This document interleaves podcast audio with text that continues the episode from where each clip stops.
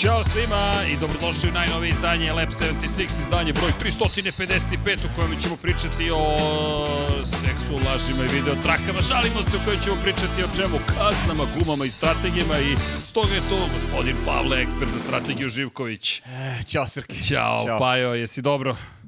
Odlično. No, fantastično. Odlično, da. Dobro mi izgledaš? Kao i uvek. E, zato što si bio na sajmu knjiga. da. da, bili smo i... na sajmu knjiga, lepo smo se družili. Još uvek smo. se, da, i bit ćemo E pa sad ne znam da li će ja biti utorak, ali, ali sreda, četvrtak, petak, subota, nelje će biti sigurno, da. Što znači da ćeš biti u sredu? Ne, bit će utorak, bit će da, laš, to je, to je već sutra, Pajo. Laž, da znaš, sutra, večeras da. je ponedljak. Ej, ljudi, pre svega želimo da vam poželimo par lepih stvari, to je da se mazite i pazite, budete dobri jedni prema drugima i vozite računa jedni u drugima, ali takođe imamo lepe vesti. U sredu je prezentacija knjige F1 šampioni i najzad. Dakle, u sredu slavimo, ozbiljno slavimo. Ide, ja idem u biblioteku, a vi vidite šta ćete i kako ćete, mislim da će to biti zasluženo. Još nemamo tačno vreme, vjerojatno u 18 časova će biti zvanična prezentacija na sajmu knjigu u Beogradu. Ko je u prilici da dođe, ljudi, dođite da se družimo. Ko je naručio knjigu, platio knjigu, stižu knjige, kojima budemo mogli da uručimo lično, uručit ćemo lično, dakle, verujte, jedva čekamo da, da, da se to desi, da i mi držimo knjigu u rukama, tako da znate, i za one koji se pitaju za NFL dinastiju, sledeće nedelje kreće i ona u štampu, tako da smo i to sredili. I krenulo je pretprodaje knjige, mnogi su pitali za Senu, još nije na sajtu, od sutra će biti od ne paš ponoć, ali 10 ujutro će biti na sajtu pretprodaja knjige Ayrton Sena, sve njegove trke koja stiže. E sad ovo znamo da stiže u januaru, pošto se je sada sve u našim rukama, da ne kažem da smo gospodin Potkonjak, Živković i ja preuzeli sve to pod svoju kontrolu i sad možemo da se malo mirnije više, posvetimo tome. Više ti je Potkonjak iskreno, ali, ali dobro. Dobro, ali, to smo. čast ažurnosti. Da. Cijela ekipa je tu, tako da nećemo više da upadamo u probleme koje smo imali. E, šarmantno je možda bilo jednom, dva puta je već problematično.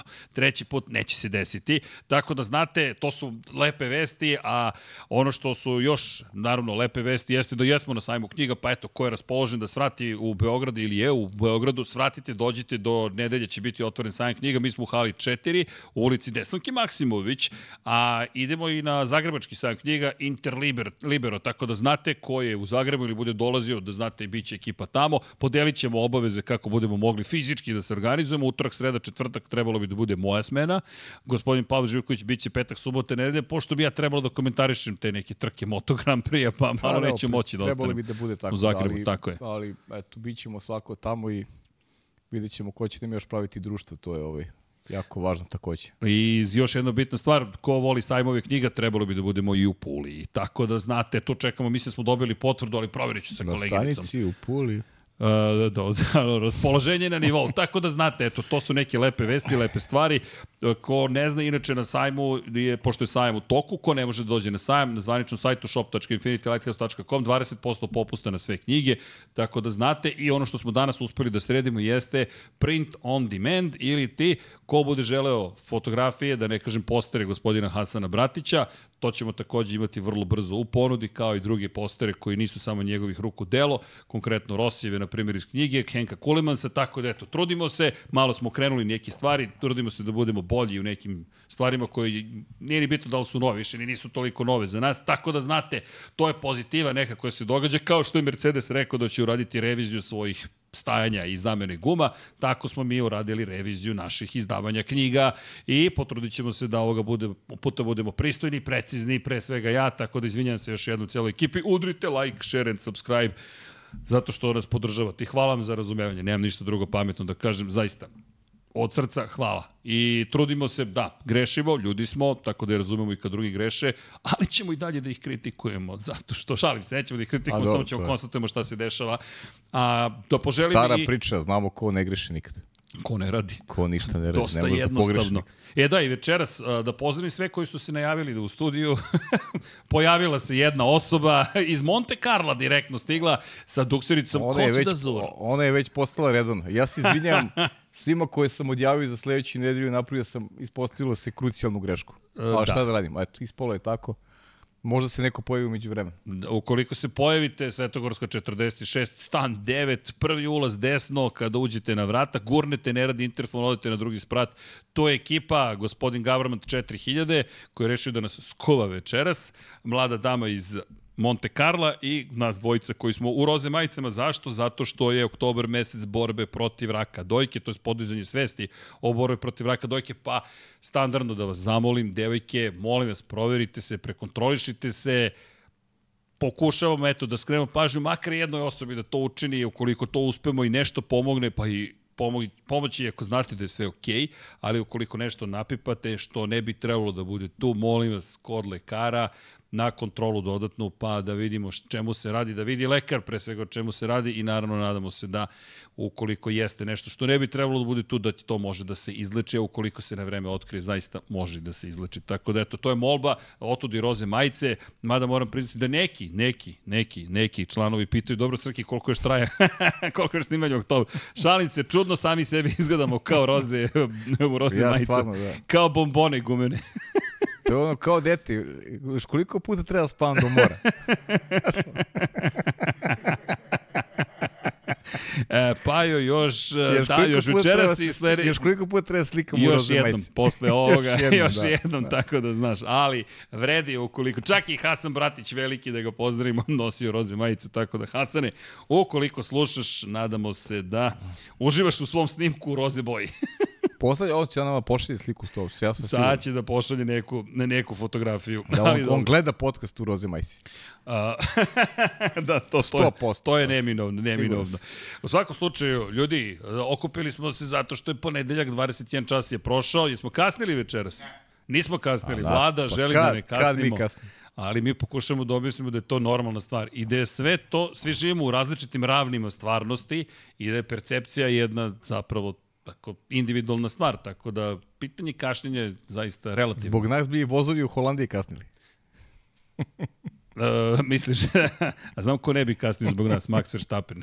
da, čovek da. nigde ne kasni, evo nije zakasnio na proslavu svoje 50. pobjede u karijeri, ljudi, 50. pobjeda. Posle spektakularne trke, 15. ove sezone, priča smo prošle godine, hoće li do 15. pobjede, 13. hoće li da izjednači obori rekord Sebastijana Fetela, sada to izgleda tako lako, 15. izjednačenje još jednog rekorda, njegovog koji je postavio prošle godine po broju pobjeda u jednoj godini, do kraja godine mi imamo još četiri trkačka vikenda, da četiri trke i jedan sprint pride, ne bi me čudilo da dođe do 19 pobjeda, iako mi deluje više 18, taj Brazil, poslednja nada, ja mislim, da. stanica za, za rivale. Pa, znaš kako, ovaj, aj može da budemo malo opušteniji sada nego u komentatorskoj kabini, pa ovaj, a realno pocepuje konkurenciju uh, Maxi. Ovo je jedno od njegovih najboljih trka iz, iz moje neke vizure, iz onoga što smo gledali do sada. Uh, uh, upravljanje trkom, uh, taktika, problemi sa kočicama,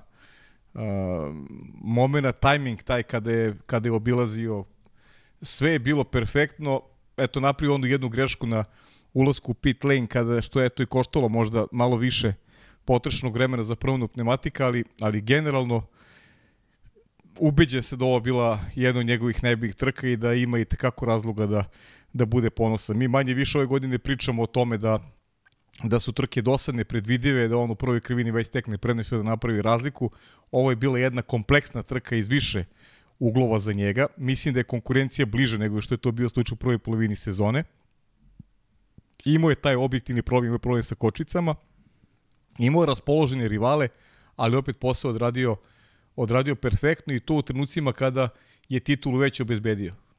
Dakle, njegov taj neki, da kažem, takmičarski moment voljni, šta god hoćeš je je onako dovede do, do savršenstva i ono što je opet utisak koji smo podelili kroz direktan prenos, što je i moj utisak kako rivali, njegovi vršnjaci, kako olako odustaju od, od tih duela od tih duela sa njim i Lando Norris i Charles Leclerc.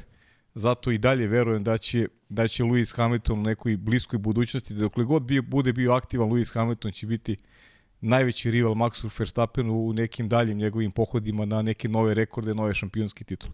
Jer ovo je stvarno bio masterclass, ovo je, ovo je bilo uh, za uživanje gledati i ništa, možemo samo da mu, da mu skinemo kapu i, i da, eto, kažemo, da uživamo u jednoj eri, u jednoj eri njegovih zaista fantastičnih vožnji i učinio nam i ovu trku posebno drago. Meni, meni najbolja trka u, u 2023. godini. Da, Sigur. imali smo pravi spektakl, otudi naslov koji smo namerno stavili. Malo smo promenili da ne bude samo čista statistika. Max 50, 15, Hamilton i Leclerc diskvalifikovani, do čega ćemo vrlo brzo doći. Da, da. Već da imamo priču, priča je zapravo o kaznama, o gumama, o strategijama. Mogli smo da ubacimo i kočnice. Kažem, seks, laži, video trake, možemo i, ne znam, neke druge nazive. Maštoviti su bili komentari, seks, droga, nasilje i strah i slično.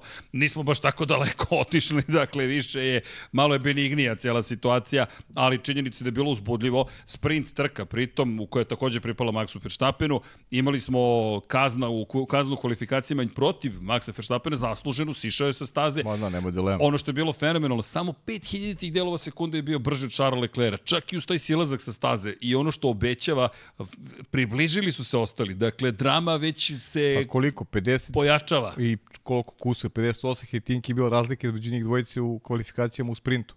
Tako je. Luis je bio na 65 recimo, a eto. Dakle, znači, u desetinki ti imaš u 70, ima, imaš, stoti, 7 tako, imaš tri vozača u kvalifikacijama za sprint. I to ono što smo znali da, da, da bi moglo da se desi u smislu da bi mogla trka da bude uzbudljivija, Jest. međutim, znaš šta smo zaboravili? Koliko je zapravo neravna ova staza i koliko vibracije koje su uticali na diskvalifikaciju Luisa Hamiltona i Charles Leclerca utiču zapravo na ponašanje bolida. Ono što je posebna priča što se te, te zapravo neravnine pomeraju, pošto je to močvarno tle, trusno je. Dakle, vi imate ta staza kao da je živa. Imate neravninu, ne znam, na poziciji 100 metara od ulaska u krivinu, kod table broj 100, toga više nema sledeće godine. Sad je na 80 metara ili neka nova na 130 metara i vi morate zapravo da provedete taj jedan jedini trening tokom sprint vikenda, pripremajući se za kvalifikacije koje odmah dolaze posle toga, sutra sprint kvalifikacije, sprint i trku i da usput učite, učite, učite. I sad koliko god sprint trebalo bi da služi nečemu, ovog puta mi se uopšte nije dopalo zato što mislim da je previše pomogao zapravo u pripremi strategije, što Maxu, što ostali. A to smo pričali, Srki, ali opet na kraju ovaj, nismo baš dobili trku kakvu smo očekivali, u stvari na osnovu onog što smo gledali u sprintu. Jer radi, bit ćemo realni. Pričali smo ti ja pre trke, pričali smo na sajmu sa, Jesmo. sa, ovim naši, sa našim dragim gledalcima. Da, I negde smo bili jednoglasni u stavu da, da će Max lako do pobede. A opet smo bazirali ovaj, e, ta neka, ajde da kažem, predviđanja na osnovu onog što smo gledali u sprintu. Jer Max je zaista imao sjajan tempo. Ti napraviš 8 sekundi prednosti za 19 krugova, stvarno je to, to, to previše na, na, na toj stazi. Ali s druge strane, videli smo juče da, da su rivali uspešno parirali, imali smo negde u najavi i, i drugačiju strategiju. Pričamo nešto kasnije, ajde kad dođemo do, do, do ovaj, ostatka sveta, što se kaže, govorit ćemo o tim nekim krucijalnim detaljima, momentima koji su možda i strateški promenili a, ono što su bile, što su bile percepcije Mercedesa i, i McLarena pre svega, ali dobili smo jednu trku, rekao bih i iznad očekivanja kada govorimo o toj, toj nekoj drami i dešavanjima na stazi, putu koji je Max prošao da bi, da bi došao do triumfa. Tako da jedna jedna vrlo kompleksna, zahtevna trka sa, sa stazom koja je prilično neravna, koja jede pneumatike i opet a, završnica koja je, koja je bila super zanimljiva i učinio je Lewis Hamilton a, na mekim gumama, na, pardon, na srednje, na srednje tvrdim gumama kada je pokušavao da sustigne Maxa Verstappena i tu je opet bilo nekoliko momenta i činjenica da, da je Luis nešto duže ostao u pit lane-u prilikom zamene guma, imao e, onako neizvestnije, da kažem, duele, trošio više desetinke odnosu na Maxa u direktnim duelima sa rivalima i to je sve na kraju dovelo do toga da, da, da je Max ovaj, svoju perfektnu vožnju i, i neku strategiju koju Red Bull pripremio krunisao triumfom.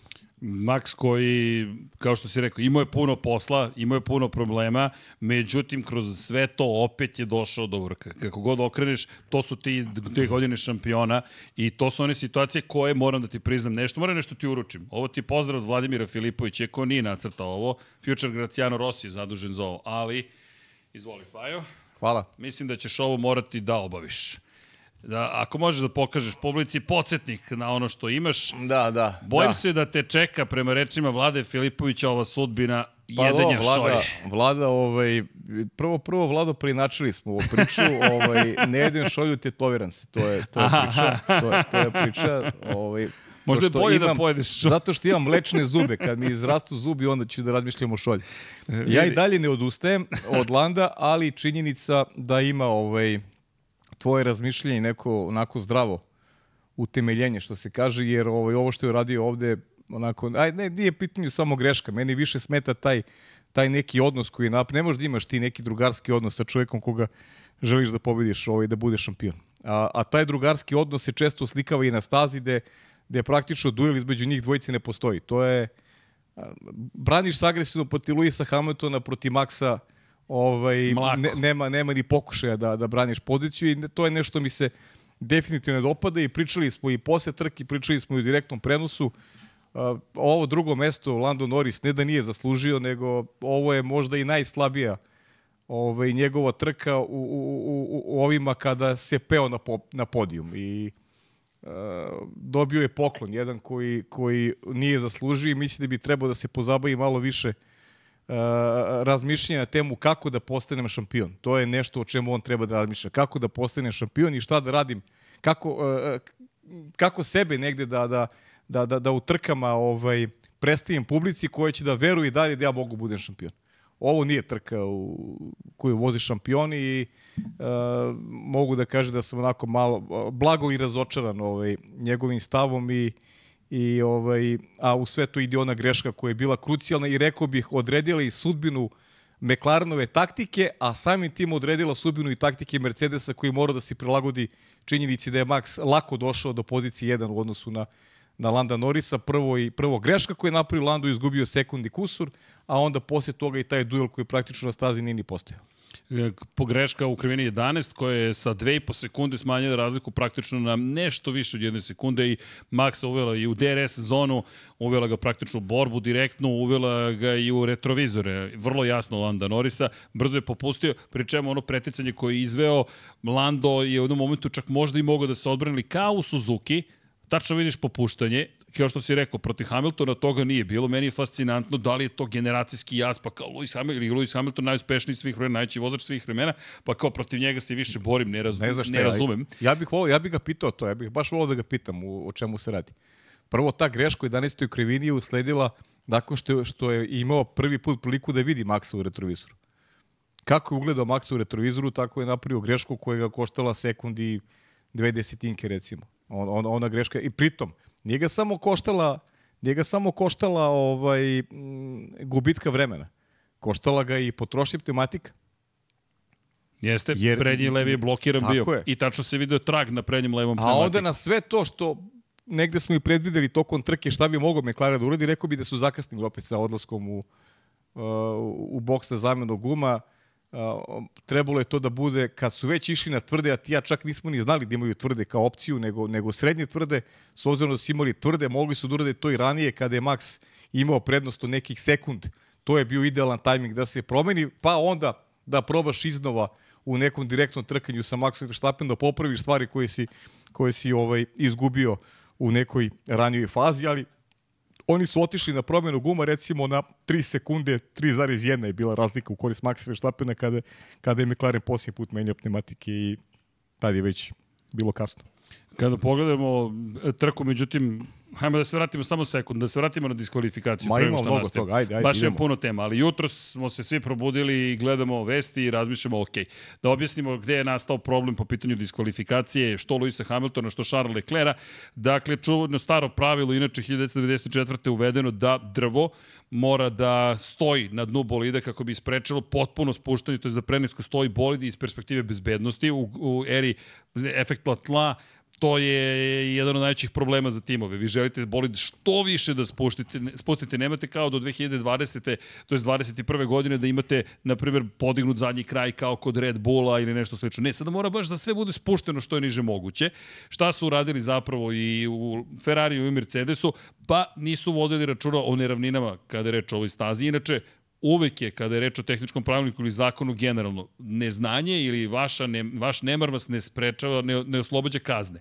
Prosto, vi ste odgovorni da sve bude po pravilima. Toto Wolf, šef Mercedesa, je rekao, ljudi, pravila su jasna, prekršili smo ih, bum, udarac smo dobili, dižemo se dalje i to je to, kraj priče. Dakle, nema tu nekih sad žalbi. Kao Sebastian Vettel svoje vreme, baš sam sa Borislavom se dopisivao 2021. u Mađarskoj, ako se dobro sećam, nije imao dovoljno goriva u rezervoaru da testiraju, da analiziraju gorivo, diskvalifikacija automatska. nije bio na pobjedičkom postolju. Nemojmo zaboraviti taj trenutak u njegovoj karijeri. S druge strane, šta se dešava? Dakle, na dnu bolida, možete ovde vidjeti ovaj brown, jel te deo, to predstavlja drvo, I vi imate tačno, a sad ovde su to šrafovi, ali imate rupe zapravo za merenje gde se može videti potrošnja drveta, bukvalno imate dasku. Ukoliko to nije od drveta sačinjeno, ali kompozitni materijali su u pitanju, to tome dosta piše autosport danas, ali mi kažemo drvo jer to je neka navika. U svakom slučaju, daska koja ovde stoji od kogode materijala ne sme da se smanji za 1 mm tokom trke. Međutim, smanjila se Prvo je oštećena u sprintu, zatim je oštećena u glavnoj trci. E sad, mogli su da podignu bolid, dovoljno da kažu, vodimo računa. Znaš kako, kad je, kad ali... je, kad je ta tehnička regulativa u pitanju, tu nema zbora i tu nema polemika zato što su regulative jasne. Jasno su formulisane, jasno napisane i ti, ti moraš to da poštiš ukoliko ih prekršiš, ovaj, e, to, je, to je doviđenja prijetno. A, šta je problem? Problem je što na ovakvoj stazi ne može da bude sprint trke. To je problem. Mislim da naručenije cele, cele priče ne može da bude ne može da bude sprint trke i sprint trke uticala na to da da, da, da imamo eto te dve diskvalifikacije jer je, jer je velika potrošnja bila i tokom, tokom sprint trka, ti imaš u dva dana imaš dve trke i to je dovelo da nije bilo sprint, sprint trke, ne bismo danas pričali o uh, smeta na tom nekom, ajde da kažemo, sportskom planu. Smeta što smo uživali u najbolji trci, a onda ujutru imamo kontroverzu gde, gde je čovek koji je odvezao fantastičnu trku, mislim na Luisa Hamiltona i njegova najbolja ove sezone svakako, i onda se budiš sa spoznajom da, da neko ko je, ko je odradio fantastičan posao je, je diskvalifikovan e, zbog u krajnjem slučaju kvaliteta staze, ne, tako je i ne mora u krajnjem slučaju Mercedes, o čemu pričao Toto Wolff, ali ostaje opet taj neki, neki gorak utisak bez obzira što, što kažem, oko tehničke regulative nema govora, ali mislim da je ta tehnička regulativa ovaj, ovde e, bila pod nekom e, posebnom lupom baš zbog toga što smo u subotu imali na istoj stazi sprint trku. Mislim da ova, da ova staza konkretno ne treba da ima upravo zbog svoje konfiguracije, ne treba da ima, ne treba da ima dve trke u dva dana. I to je, to je neki, neki moj pogled na celu priču. Znaš šta meni govori ova priča o daskama? Da je za pobedu protiv Red Bulla i Maxa Verstappena, to je protiv Maxa Verstappena, da ne pričamo prvo o Red Bullu nego o Maxu, pa onda o Red Bullu, pošto Sergio Perez pokazuje da nije dovoljno biti u Red Bullu, ponovo, bio je peti u glavnoj trci, sada na kraju to, to jest nije na kraju bio peti, izvinjam se, Carlos Sainz je na kraju, zapravo jeste bio peti, pomeren je za jednu poziciju. Pa četvrti je na kraju. Tako je, četvrti je na kraju, ali kada govorimo o Maxu, da biste ga pobedili, vi morate da idete upravo do tih krajnjih granica, Mora. morate da spustite bolid toliko da idete i možda i ne na svestan rizik, ali rizik postoji I to su i radili. Dakle, namera nije postojala, zašto? Moje mišljenje da ne ja postoje namera. Ubeđen, ja, ja, da ja zato ovo pričam, jer sam ubeđen da nije bila namera. A šta dobiješ da je ovo, bila sam, ovo je samo bila posledica činjenice da se na jednoj neravnoj stazi, a znamo od uvek je bila takva, da se voze dve trke u dva dana. Ali i pride, pa ja mislim da treba dodati u celu priču i tu potrebu da moraš da uradiš sve što je u tvojoj moći da pobediš Maxa Verstappen. Činjenica. Čak i kada startuje sa šeste pozicije, ima problema sa kočnicama, gume ne funkcionišu kako bi želeo. Zamisli da je, da je Luis pobedio u, u, u nedelju. I da je diskvalifikovan.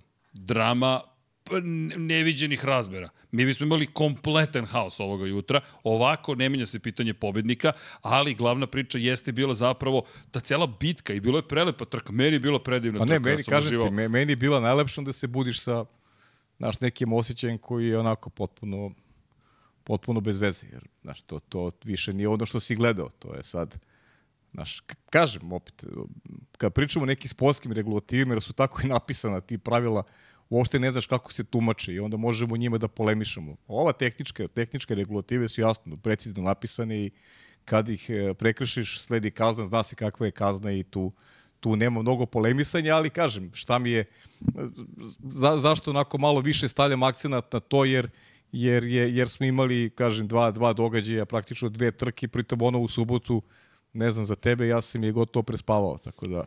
Pa, ono, ono je bila samo potrošnja svega, potrošnja i vremena tuđeg i, i, ovaj, i resursa i uh, a opet neke, negde su nas otvorili vidici, a nismo ni želi da mnogo imamo ovaj jasnih uh, pogleda na to šta će dešavati u nedelju. Ne znam, meni je subota jedan onako potrošen dan potpuno ovaj, bez, bez ikakve potrebe. Pazi, ajde, bacit ćemo sad pogled na, na, na jednu perspektivu, na, na perspektive i to je pogled i na trku i na sprint. Ako može, ovaj, ovo je pro, broj promjena, ne broj, ovo su promjene kada je reč o pozicijama na kraju krugova. Hvala Aleksi Vučević kao i uvek na, na svemu što čini.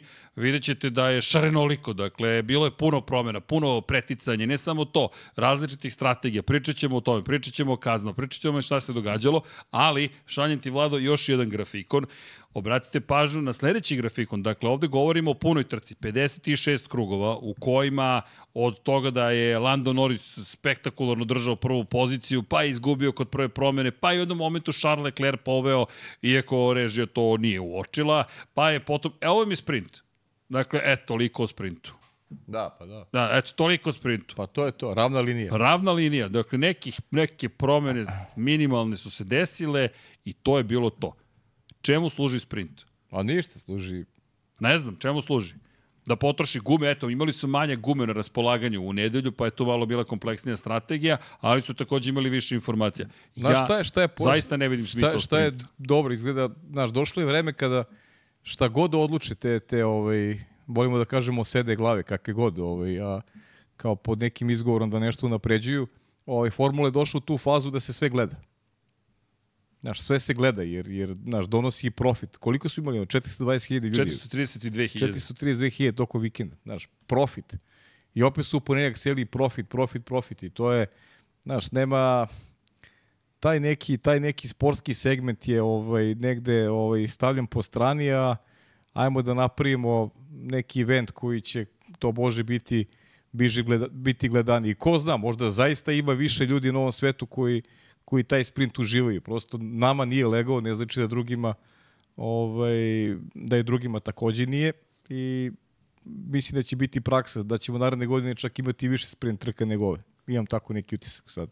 Ne znam šta će biti. Saznaćemo, ali za sada ne obećavaju. Ali dobro, vidjet ćemo šta, oni znaju šta kažu brojevi.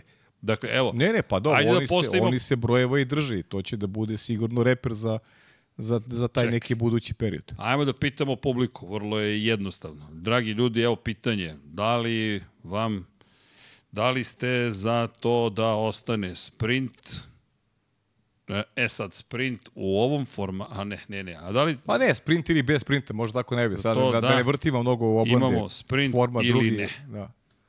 E, ajmo da ili nije, prosto pitanje, da ili ne. Dok ne promeni format ovakav kakav pa jeste. Pa ne, mislim, znaš, Evo, pitanje o, za vas ovakav kakav jeste, ne treba sad izmišljamo mi format koji, znaš, neki drugačiji kad je to samo opet neka priča koju mi ovde, o kojoj mi polemišemo. Ne vodi se nikakve debata o tome da će se sprint promeniti.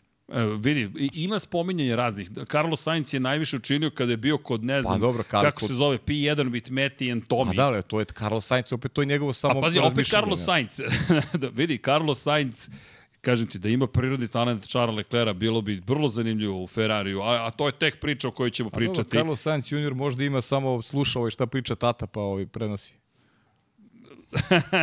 vidi, ali vidi, vidi, Carlos Sainz meni raste u očima, a poštovanje prema njemu i njegovom stavu. Kako god, Charles Leclerc ima šta da nauči, Charles Leclerc koji ne, ne znam gde će, ali ajde, to je tek tema do koje ćemo doći. Ima Prvo trka Ferrari, kao trka, trka ukupan utisak.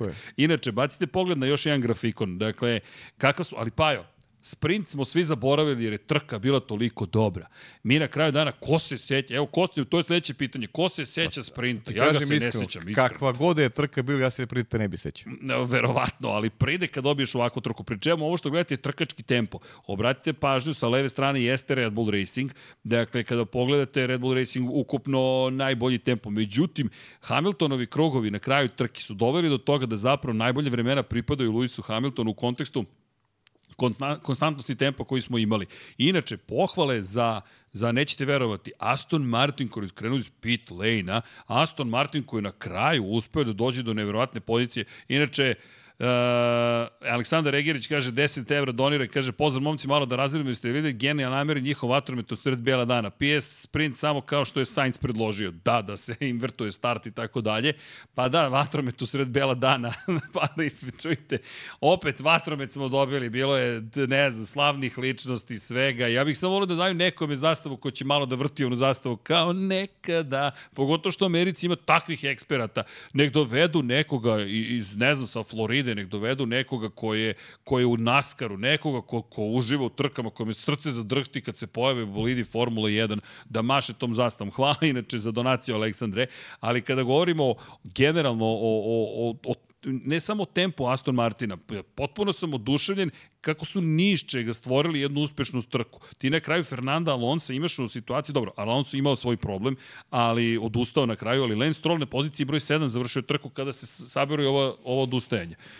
Čekaj, krenuli su iz pit lane-a. Moram da kažem, vidi, Lance Strolla stvarno često kritikom ovog puta. Zašto? Zato što ako vratimo novi pogled na trkački tempo, ko dolazi do izražaja. Dakle, idu Red Bull pa Ferrari i to zašto? Zato što George Russell imao tako lošu trku da je zapravo borio prosječan tempo, uh, borio prosječan tempo Mercedesa, ali ako pogledamo, može vlado grafika, molim te, sa, kvadrat, sa pravoganicima. Aston Martin vam je na poziciji 4 u toj celoj priči. Jednom dolazimo od toga, čekaj, Aston Martin se ovde pojavio u igri s McLarenom i Alpinom. A nije tako izgledalo u kvalifikaciji, izgledali su katastrofalno. Dakle, samo da želim da ih pohvalim. Jao, ne, Vlado, Vlado jao, daj mi kadar, molim te. Hoću like, svi koji gledate. Ako sad nisam zaslužio like, Jedan je Logan Sargent, Logan Sargent, jedan je, ukro sam od Marka Becekija pesmu, jedan je poen Logana Sargenta.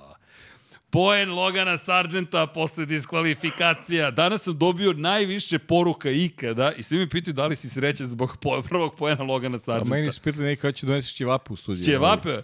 Sledeće nedelje donosim ćevape, časti kuća, dakle, ko dođe, meni je, meni uživaće. Je, meni je žao što jedna ovakva trka ovaj, koja je fenomenalno završena time da je Logan Sargent osvojio poen. Nažalost, eto, to je, to je subina jedne naj, najbolje trke ove sezone. Diskvalifik, diskvalifikovan čovek koji je, koji je odvezao najbolje ove godine i koji se borio sa Maxom a uze poen čovjek ni kriv ni dužan. I, izvini, jesmo završili trku? Jesmo, moj prijatelj Logan je. Je li prošao 12. kroz cilj?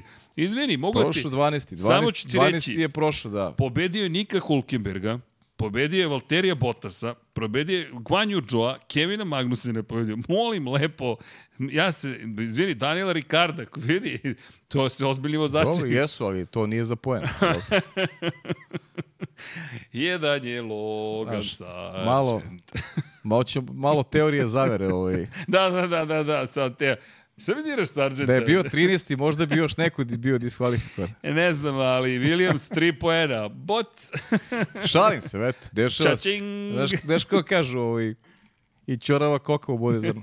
E, nema veze, ali Logan Sargent je donio prvi poen u karijeri. Možda dobije bonus, znaš, u ugovoru piše osvojiš poen, pa, evo ga bonus. Moguće, da. Tako da Logan Sargent Častiće vape. Ajmo Logane, patreon.com možda kroz dobije novi ugovor, da, možda dobije ugovor novi sad. Za ovaj vredni poen. Fascinantno, ne, Dobre, kažem imamo, ti... imamo jednog vozača sad samo bez poena. Ne znam koliko poruka zaista ko, koje sam dobio jutro svi pitaju za Logana Sargenta. Eto, o, o, obradovao me Logan. To je jedino pozitivno što se jutro desilo. Ali dobro. Naravno, to je šala, ali jače je bilo od mene, izvinjavam se. Nego, da se vratimo Ajde. mi trci da, i malo ozbiljnosti da damo ovom celom događaju. Doćemo i do Logana. Doći ćemo i do Logana. Logan je tamo negde na Logarintoskom skali negde daleko.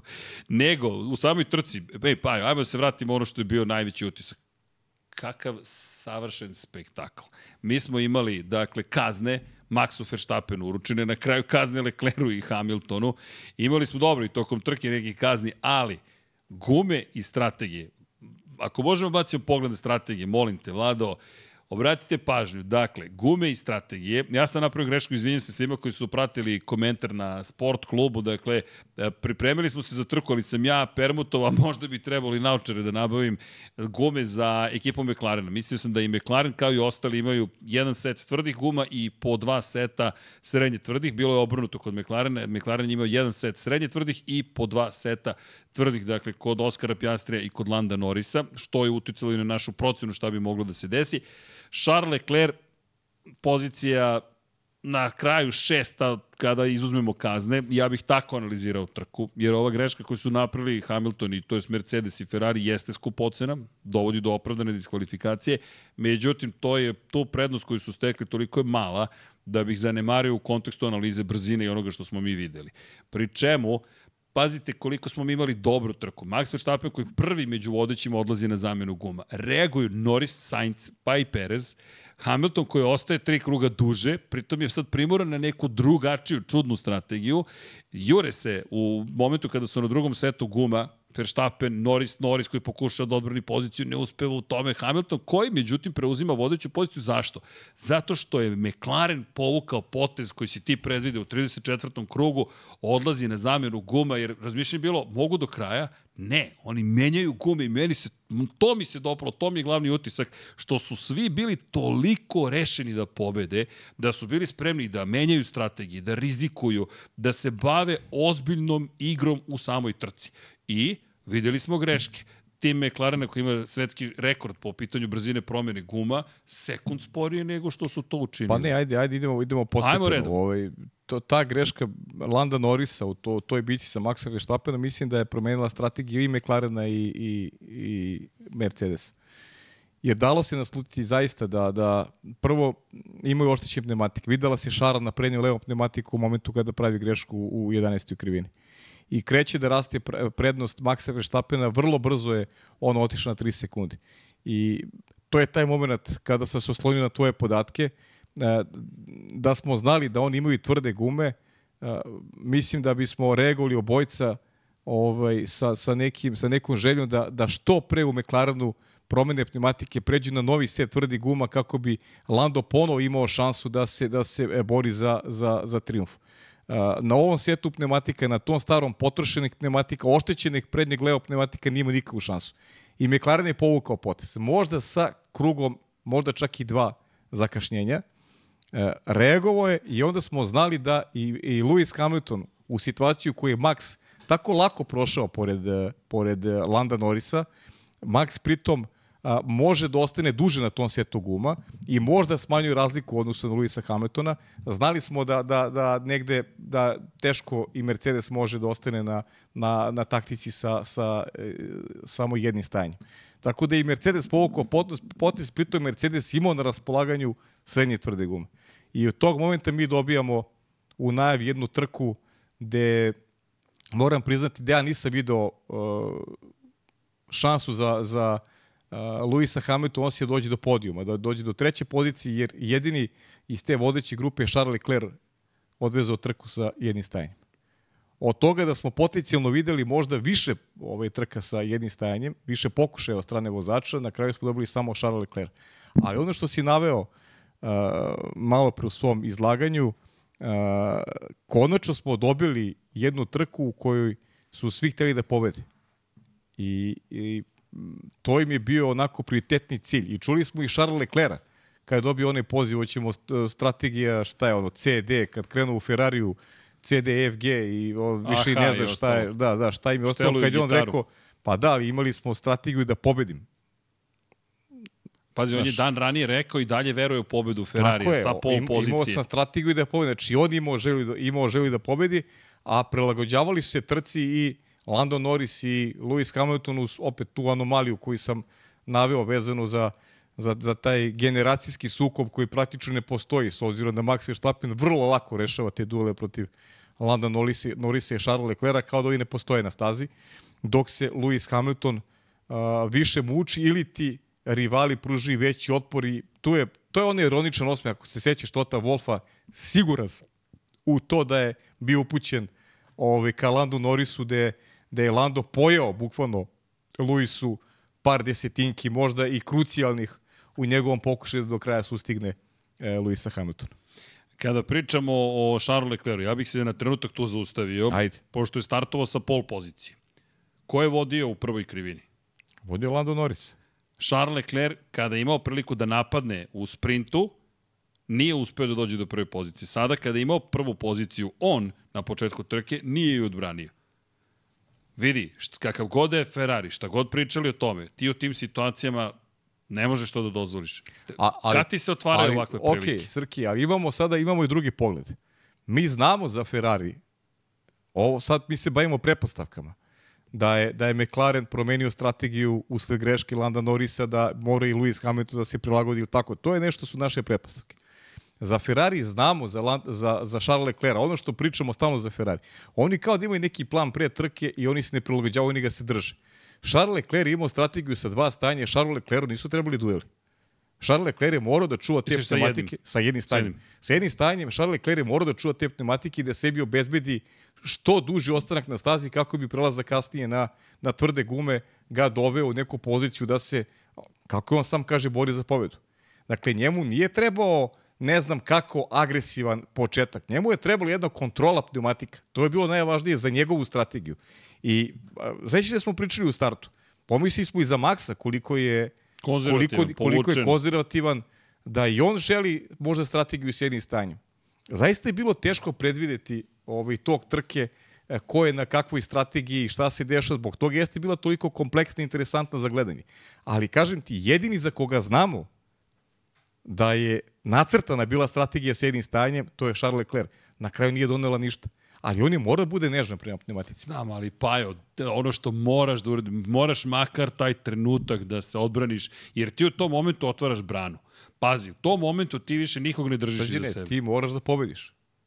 Znaš, ti moraš da pobediš, a ti da si, znaš, ta prva pozicija, ta prva pozicija, ovaj je... Moraš da, im, da ih koštaš vremena, da ih poremetiš, nešto da uradiš. Okej. Razumem kažem i tvoj ja, rezon, Ja imam, si imam, znaš, ima malo, znaš, imam Razumevanje, taj, hajde. Pa ima malo više zato što kažem ti, to je, to je jedina u stvari bila na kraju strategije s jednim stanjem. Dobro, Kako na, na stazi koja troši pneumatike ti mož, možeš da budeš maksimalno agresivan da s jednim stanjem završi trku? Pa nemoguće misije.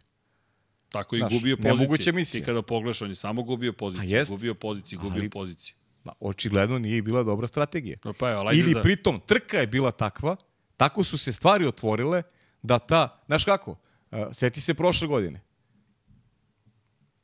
Dva, Okej, kada je dva, Hamilton dva, dva imao- vozila, ali dva vozila bezbednosti. Imaš prošle godine. Sad ti, znaš, kalkulišeš svašta nešto u strategiju da, da, da, da ti se potencijalno otvori ili ne otvori. Ove godine su imali trku čistu, apsolutno, bez, bez jednog incidenta, bez uh, vozila bezbednosti. Dakle, znaš, sve to utiče, e, e, sad, Ferrari, to je ta priča o Ferrariju, što, što često govorimo i ti o direktnom prenosu. Ferrari deluje kao ekipa koja ima nacrtanu strategiju, sve se dogovore i tu tokom trke vrlo redko ili ti nikad a, se ne prilagođavaju u trenutku, nego se slepo drže onoga što je neki dogovor, makar tako to nama deluje koji posmatramo sa strane. Kada je reč o Charles Leclercu, ja moram ipak da se zadržim na toj temi, pošto je tema prilično velika, ali znaš šta je najtužnije? Što ta tema prestaje da bude tema. Mi se Charlesom Leclercom više suštinski sve manje i manje bavimo, to je gotovo da se ni ne bavimo. Režija ga nije prikazala tokom trke. Čovjek vodi u Ferrariju, nije dobio 3 minuta kadra. Nije dobio kadar, Ne, bukvalno. znaš šta je tema? Tema je ono što se dešavalo u Fidišu, to je sad tema. E pa, Ja imam To je ja, cela priča. ja ovde, znaš, za njegov pristup u trci imam razumevanje zbog ovo što sam ti naveo. Ali priča ono kasnije, da, da tebi ekipa govori da ti prepustiš Carlosu Saincu poziciju. Što, kako bi ti rekao, ima i smisla. Jer je Sainz na novim gumama i potencijalno je pokušao tamo od Juri Landa Norrisa, tako da je, da je negde tražio i uh, podatke o tome koliko je Lando spori i da možda eventualno možda ga sustigne za treće mesto. Uh, on, nakon što je prepustio poziciju, on onda pita ekipu zašto ste od mene tražili da pustim, da pustim Carlosa. i koji je odgovor na po- kraju? uh, pruži, ne, nemoj da ga pustiš. Pruži otpor, pokaži otpor, nemoj da ga pustiš. Trkaj se sa njim, ne puštaj ga. A ne, pustio si ga i onda pitaš zašto ste, pričat ćemo o tome. A ne samo to pričat Ja, ćemo. ja i- ne, pričat ćemo o tome i sad ćemo ne da znamo, ne znam šta su priče, pričaju već, već godinu i po dana, dve godine već pričaju od, od momenta kada čovjek koji, koga vidimo potencijalno borbi za šampionsku titulu, ti vidiš da on uživa poverenje ekipe. Njemu su jasno pre dve godine stavili do znanja da on nema podršku adekvatnu ekipi. To je, to je Amin. Ali znaš šta je meni, moje mišljenje da, da i dalje tu niko nikome ništa nije stavio jasno do znanja. Da u Ferrari ništa zapravo suštinski nije ni jasno. Jeste ti jasno, ali nije ti jasno. Jer, jer vidi, ja, ja, ništa, ja ništa više ne krivim s Carlosa E, Sainca a što on na, odbija a, a znaš zašto bi bilo jasno? Ja samo bavim sada Ferrari i A menadžment. znaš zašto bi bilo jasno? Kad, kada bi bilo jasno? Da postoji uh, kvalitetniji vozač od, od Leclerca u ekipi Ferrari. Tada bi stvari bile jasnije. Ovako nisu jasne. Nisu posti, nisu definisane. Njih dvojica u kombinaciji jedan dobar vozač. Jedan ne je dobar, jedan izuzetan vozač. E, e to, je, to je poenta. Jer Leclerc ima još jednu, ovo je 21. pol pozicija. Ljudi, to, to, 21. to je najbolja stvar koju si rekao. pozicija. Carlos Sainz nije taj koji može da bude šampion sveta. Nažalost, ja moram ti kažem nažalost, volio bih da ima taj siru, tu sirovu brzinu nema, koju ima Charles Leclerc. nema, prosto taj brzi nema. krug, znaš, tu, tu, tu munjevite reflekse koje ima Leclerc. Ti vidiš da Leclerc u sebi to ima. Ima- da ima prirodni talent. talent. Ima prirodni talent, ali nema Ali- karakter. Da, pa ne za Ferrari. Ne za Ferrari. Za neku drugo okruženje, za neku drugu ekipu, u Ferrariju ne. Jer Ferrari ne, mi ne delo da je shvatio da su se vremena to je promenila. ono što pri, pričamo ti ja stalno, ne, nevezano samo za to, pričamo generalno, mnogo vremena provodimo zajedno, pa pričamo, naš, upravljanje ljudima je mnogo važna stvar. Mora da vidiš, znaš, da prepoznaš nečiji karakter.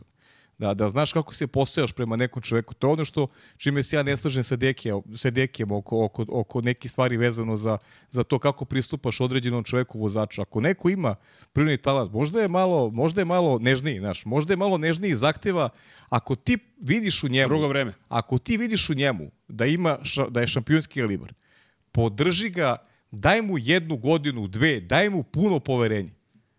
A ako ne vidiš, onda ga otpusti. Ja, to je A ne mislim. da balansiraš, a ne da balansiraš ovaj sa, sa, sa nekim ko nije njegov kalibar realno, nije njegov kalibar, a tu praviš neki balans gde, gde, gde, gde ta vrsta balansa tebi kao ekipi ne donosi bukvalno ništa. Ali pa to je... O, oni neće biti šampioni sa, ovako, sa, sa ovakvim stavom. Nema Ovako šanse. Ferrari sa ovom postavom, Leclerc, Sainz neće biti šampioni na način na koji oni upravljaju ekipu. Nema šanse. Vidi, meni, moj utisak je da nisu shvatili da su se vremena promenila. Šta to konkretno znači? Nema više vremena Ron Dennis menadžera, gde se kod Ron Dennisa znala gvozdena čizma, ljudi, nema šale. Lewis Hamilton nije imao jednu tetovažu, nije imao minđušu, kakva crna minđuša, nije imao ništa. Morao je da bude sveže, po, počišan još, što kaže Deki, Fernando Alonso je morao da se ošiša u McLarenu Da. kad je došao kod Rona Denisa. Vojnički kamp je vodio Ron Dennis. To više ne važi. Ja ne ulazim da li je to dobro ili loše, samo govorim da su se vremena promenila. Charles Leclerc ne pripada tom vremenu. Ne može tako da se upravlja njime. Ja se s tom slažem u potpunosti. Management Ferrarija nije evoluirao u skladu sa vremenima koje se dešavaju. nije. Bukvalno nije evoluirao u skladu s tim vremenima. I ti sada imaš jednog momka kojeg moraš drugačije da tretiraš ukoliko želiš da iskoristiš njegovu prirodnu brzinu. Vrlo A jednostavno. ukoliko želiš nešto s E njim, sad je pitanje, hoćemo mi da prilagodimo tim njemu i da okružimo ga ljudima koji njemu odgovaraju i podržimo ili ćemo da kažemo, slušaj, stvari se ovako rade u Ferrariju, sink or swim, ili plivaš ili, nažalost, toneš. To, I telio mi da je ovo drugo u pitanju. Srki, na, na, mnogo realnija priča je da kada budemo govorili o tome ko će otići iz Ferrarija, mnogo je realnije da ode Charles Tako Leclerc. je. Tako Mnogo je. realniji. Zato što, zato što Ferrariju treba neko šampionsko kova. Carlos Sainz će biti drugi vozač kogoda dođe sutra. Znaš, Vidi. ne može da se nametne kao, Ali- Ali, kao, kao, kao neko ko će osvojiti, on ne može da osvoji Ja šampionski mislim, izvini, da može da se nametne stavom, ne brzinom, samo čistom. I on će imati trke u kojima će biti bolje. Ja mislim da Sainz nikada neće prihvatiti da bude broj 2. Da nikada neće to dozvoliti da mu iko naredi da će uvek naći ili način ili, ili da će povu- povući potez koji će se suprotstaviti direktnoj ekipi. Ja, ja zaista mislim da on nikad neće reći važi ja sam broj 2. Iskreno. I čak i da mu dovedeš, ne znam, Luisa Hamiltona i da ga staviš, Maxa Verstappena, da bi on rekao, nema šanse. I Mislim da je to njegov stav, da je to njegova pozicija kao čoveka pre svega, Pa kao vidiš, onda, sportista. onda neće biti vozač Ferrari. Moguće. Ali vidi, ja isto mislim Znaš, da će Ferrari pre mora otići Leclerc odatle nego bilo ne, ko to, drugi. to, to, to nemam dileme, zato što, zato što Charles Leclerc je neko ko, Samo u ko kojem a- stanju. apsolutno ne uživa poverenje u ekipi, to je to je jasno pokazala ovaj ta ta prošla godina i tu tu nema nema više nema polemike oko toga uopšte. Ne 2021 nego 2022, dakle prošla sezona kada je počeo fantastično i kada smo ga negdje i videli u borbi za šampionsku titulu. Jednostavno imaš vozača koji se bori za titulu, ti ga ne podržavaš. To je, to je meni nonsens. To je, znaš, nešto, nešto što je neprihvatljivo, nešto što, što ne može se događa u, u nekoj modernoj formuli gde, gde, gde, gde očigledno može da bude šampion samo u varijanti kada, kada imaš jasnu podelu na to ko je prvi, ko je drugi. A ko je prvi, ko je drugi, definišu vozači, de, definišu rezultati. Što, a tada su rezultati bili apsolutno na strani Leclerc. Inače, Carlos Sainz, koji, koji u cijeloj toj priči nekako je došao na kraju do, do pobjedičkog postolja, pazi, uz diskvalifikaciju Hamiltona i Leclerca, on je taj koji je na kraju dobio 15 vrednih poena i ne samo to, Sainz je opet izgledao na kraju dana kao čovjek koji je pobednik u toj, u toj priči u Ferrariju. Pri čemu Leclerc koji, ja ne mogu da verujem opet da pričamo samo o, o, o strategiji Ferrari na sledećem nivou. Oni na kraju trke čoveka pitaju, hoćeš cijeli D strategiju. Šta pričate ljudi? Da, gotova trka. Da li ste, da li ste zaista gledali uopšte šta se događa na stazi u tom momentu? Charles Leclerc koji izgleda nemoćno. Pa to je ono što, što kaže devojka u studiju pre početka, ovaj, znaš, vozač koji je ispred na stazi ima, ima gubitničku strategiju, ovaj koji je bio iza dobio bolju strategiju, ali ok, ja kao, opet, opet ne želim da gledam na taj način, jer, jer i meni je delo u jednom momentu da ta strategija s jednom, s jednim stanjem možda bude, da. možda bude ovaj, dobra. Ali. Ja, ali znaš šta je naj, naj, naj, sad, najgore od svega? Na kraju, posle trke, Charles Leclerc šta je rekao? Sledeća izjava, sad pazi sad, pričat ćemo posle. Nisam dobro razumeo raz, razloge u tom trenutku. Objasnili su mi posle toga da je Perez nadolazio i da nisam da nije bilo mnogo toga što može da se učini. I razumeo sam da je zapravo bilo neophodno da zaštitim Carlosa. Tako da nisam ljud povodom tog pitanja, više sam razočaran strategijom. Ili ti, pričat ćemo kasnije, a ipak je sve u redu.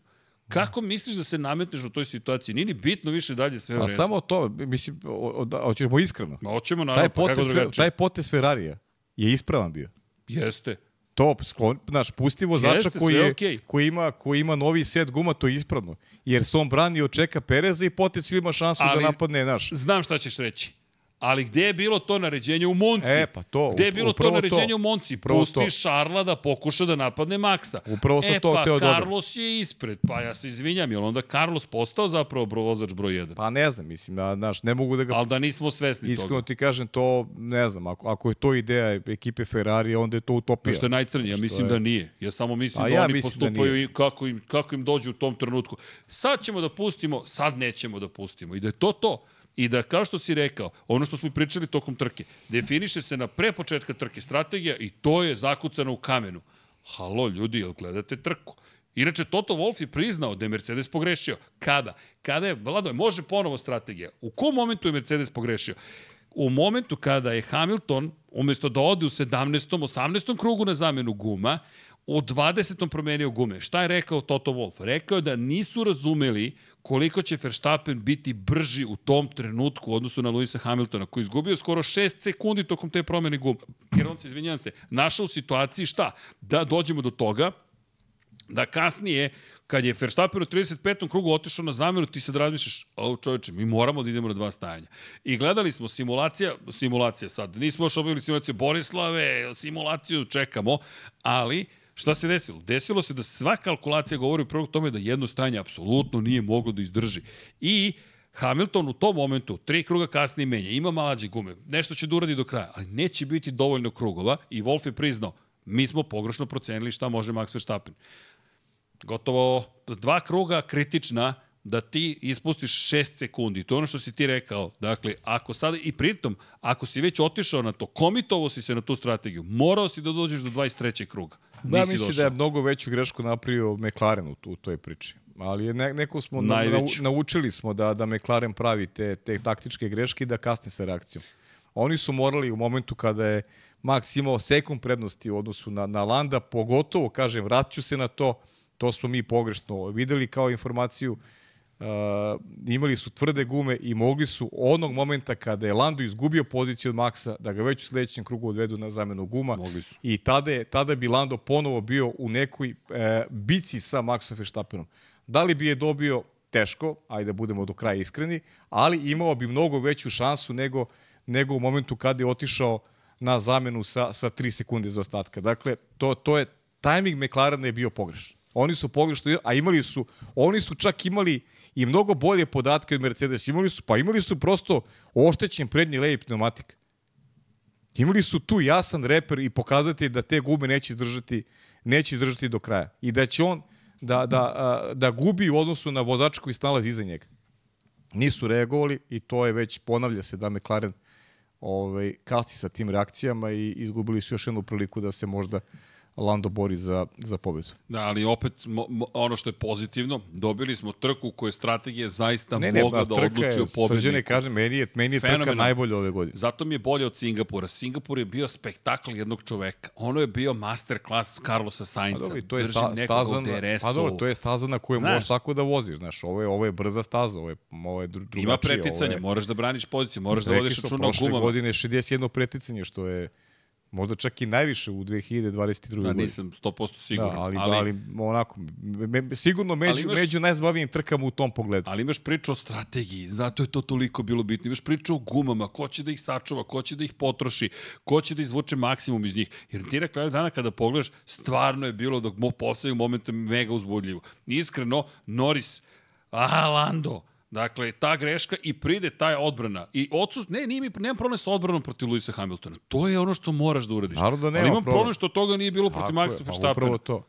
Šta smo sad, ortaci? Pa da. Ne smo ortaci ili, ne, ne, ne. ili, je, ili pa prezaš od Maxa Verstappena? Nema, nema tu drugarstva. Ne može da bude da drugarstva. Ipak, da imaju, da ih je Max doveo do, do situacije da se ga pa, se gotovo kako, plaši. Ja, ja sam ti rekao juče jed, nešto što, što mi, zaista... u glavu skroz. Zaista mi je teško to da, da, da, da ovaj, prevolim Misliš preko posle prenosa? Posle prenosa smo pričali ti ja. Rekao ste mi prvi put izgleda one, one priče o Landovom dolasku u Red Bull mi deluju kao moguće. Misliš da je ovo Pa znaš, jer, jer, jer, jer ne mogu, znaš, ne mogu da pojmim da neko ima šampionske ambicije, da ima, znaš, stalno nešto, stalno neka šala na račun Maxi, stalno neke priče, e onda je naišao Maxi i tu je bilo gotovo. Pa znaš, ne možeš, mislim, ok, možda bude zabavno jedno, drugi put, ali ti treći, četvrti, peti put šalješ već, već pogrešnu poruku. Šalješ pogrešnu poruku onima ko, koji očekuju od tebe da, da jednog dana budeš šampion. Znaš, mislim, mora tu da postoji neki, ok, da postoji neki zdrav odnos, ali bazira na, na, na rivalstvu. Ti treba da mu budeš rival, a ne da mu budeš prijatelj na stazi. Mislim, to je... Vidi, samo da se razumemo, mi ne težimo tome da ne, oni budu neprijatelji, ne, nešto pa, slično. posla. Ali je nek priroda stvari takva, da ako se borite za istu stvar, teško da baš možete da budete tako bliski. Pa, ne, pa pazi, da ti kažem... Ajmo da se zadržimo Srki, tome. Nismo mi izmislili ovaj, ništa novo. Sjeti se ona era Ferrarijeva iz 50-ih, 60-ih godina, kada je, kada je Enzo Ferrariju sugerisano da Peter Collins i, i kako se, ko je beš, beše bio šampion? Juan Manuel Fangio. Ne, ne, ne, ne, ne, ne, ne, ne, ne, Engles, Engles, prvi Engles koji, koji je bio šampion sveta. Sad si me izbacio. Uf. Nije Hot... Ne, Ko, jeste. Mike Hawthorne. Jeste, Mike Hawthorne. Peter Collins i Mike Hawthorne, koji su imali prijateljski odnos. I kad Jencu Ferrariju sugerisano da treba da otpusti ili jednog ili drugog, Zato što su bili prijatelji izvan staze. Znaš, to nije, nije izmišljeno, nije izmišljeno, ne izmišljeno mi to. Nego je to nešto što prati istoriju. Znaš, ne možeš ti da budeš sa rivalom da, da, ovaj, da imaš neki uh, prijateljski odnos, nego, nego treba da budeš rival, treba da imaš zdrav odnos, ali ako hoće da budeš šampion, ti moraš s njim da se trkaš, mora da ulaziš u duele sa njim, a ne da to neko prijateljstvo gubi taj neki, neki takmičarski naboj. Jorge Martin Fran Francesco Banjaja. Ko prati Moto Grand Prix? Bukvalno, to su bili najlepše priče, ćaskanja, jao, sve super. Se sećaš kad smo zajedno stasali u Mahindri, jao, super, delili smo, bili cimeri. Bili cimeri dok su vozili u Moto3 kategoriji. Drugari, dele sobu, jedan i drugi klinci koji odrastaju. Kako se zategla priča o tituli šampiona sveta? Pozdravi u Park Fermeo. Ćao, ćao, super, strava. Martin koji u sred Italiji kaže, kod kuće smo ga pobedili.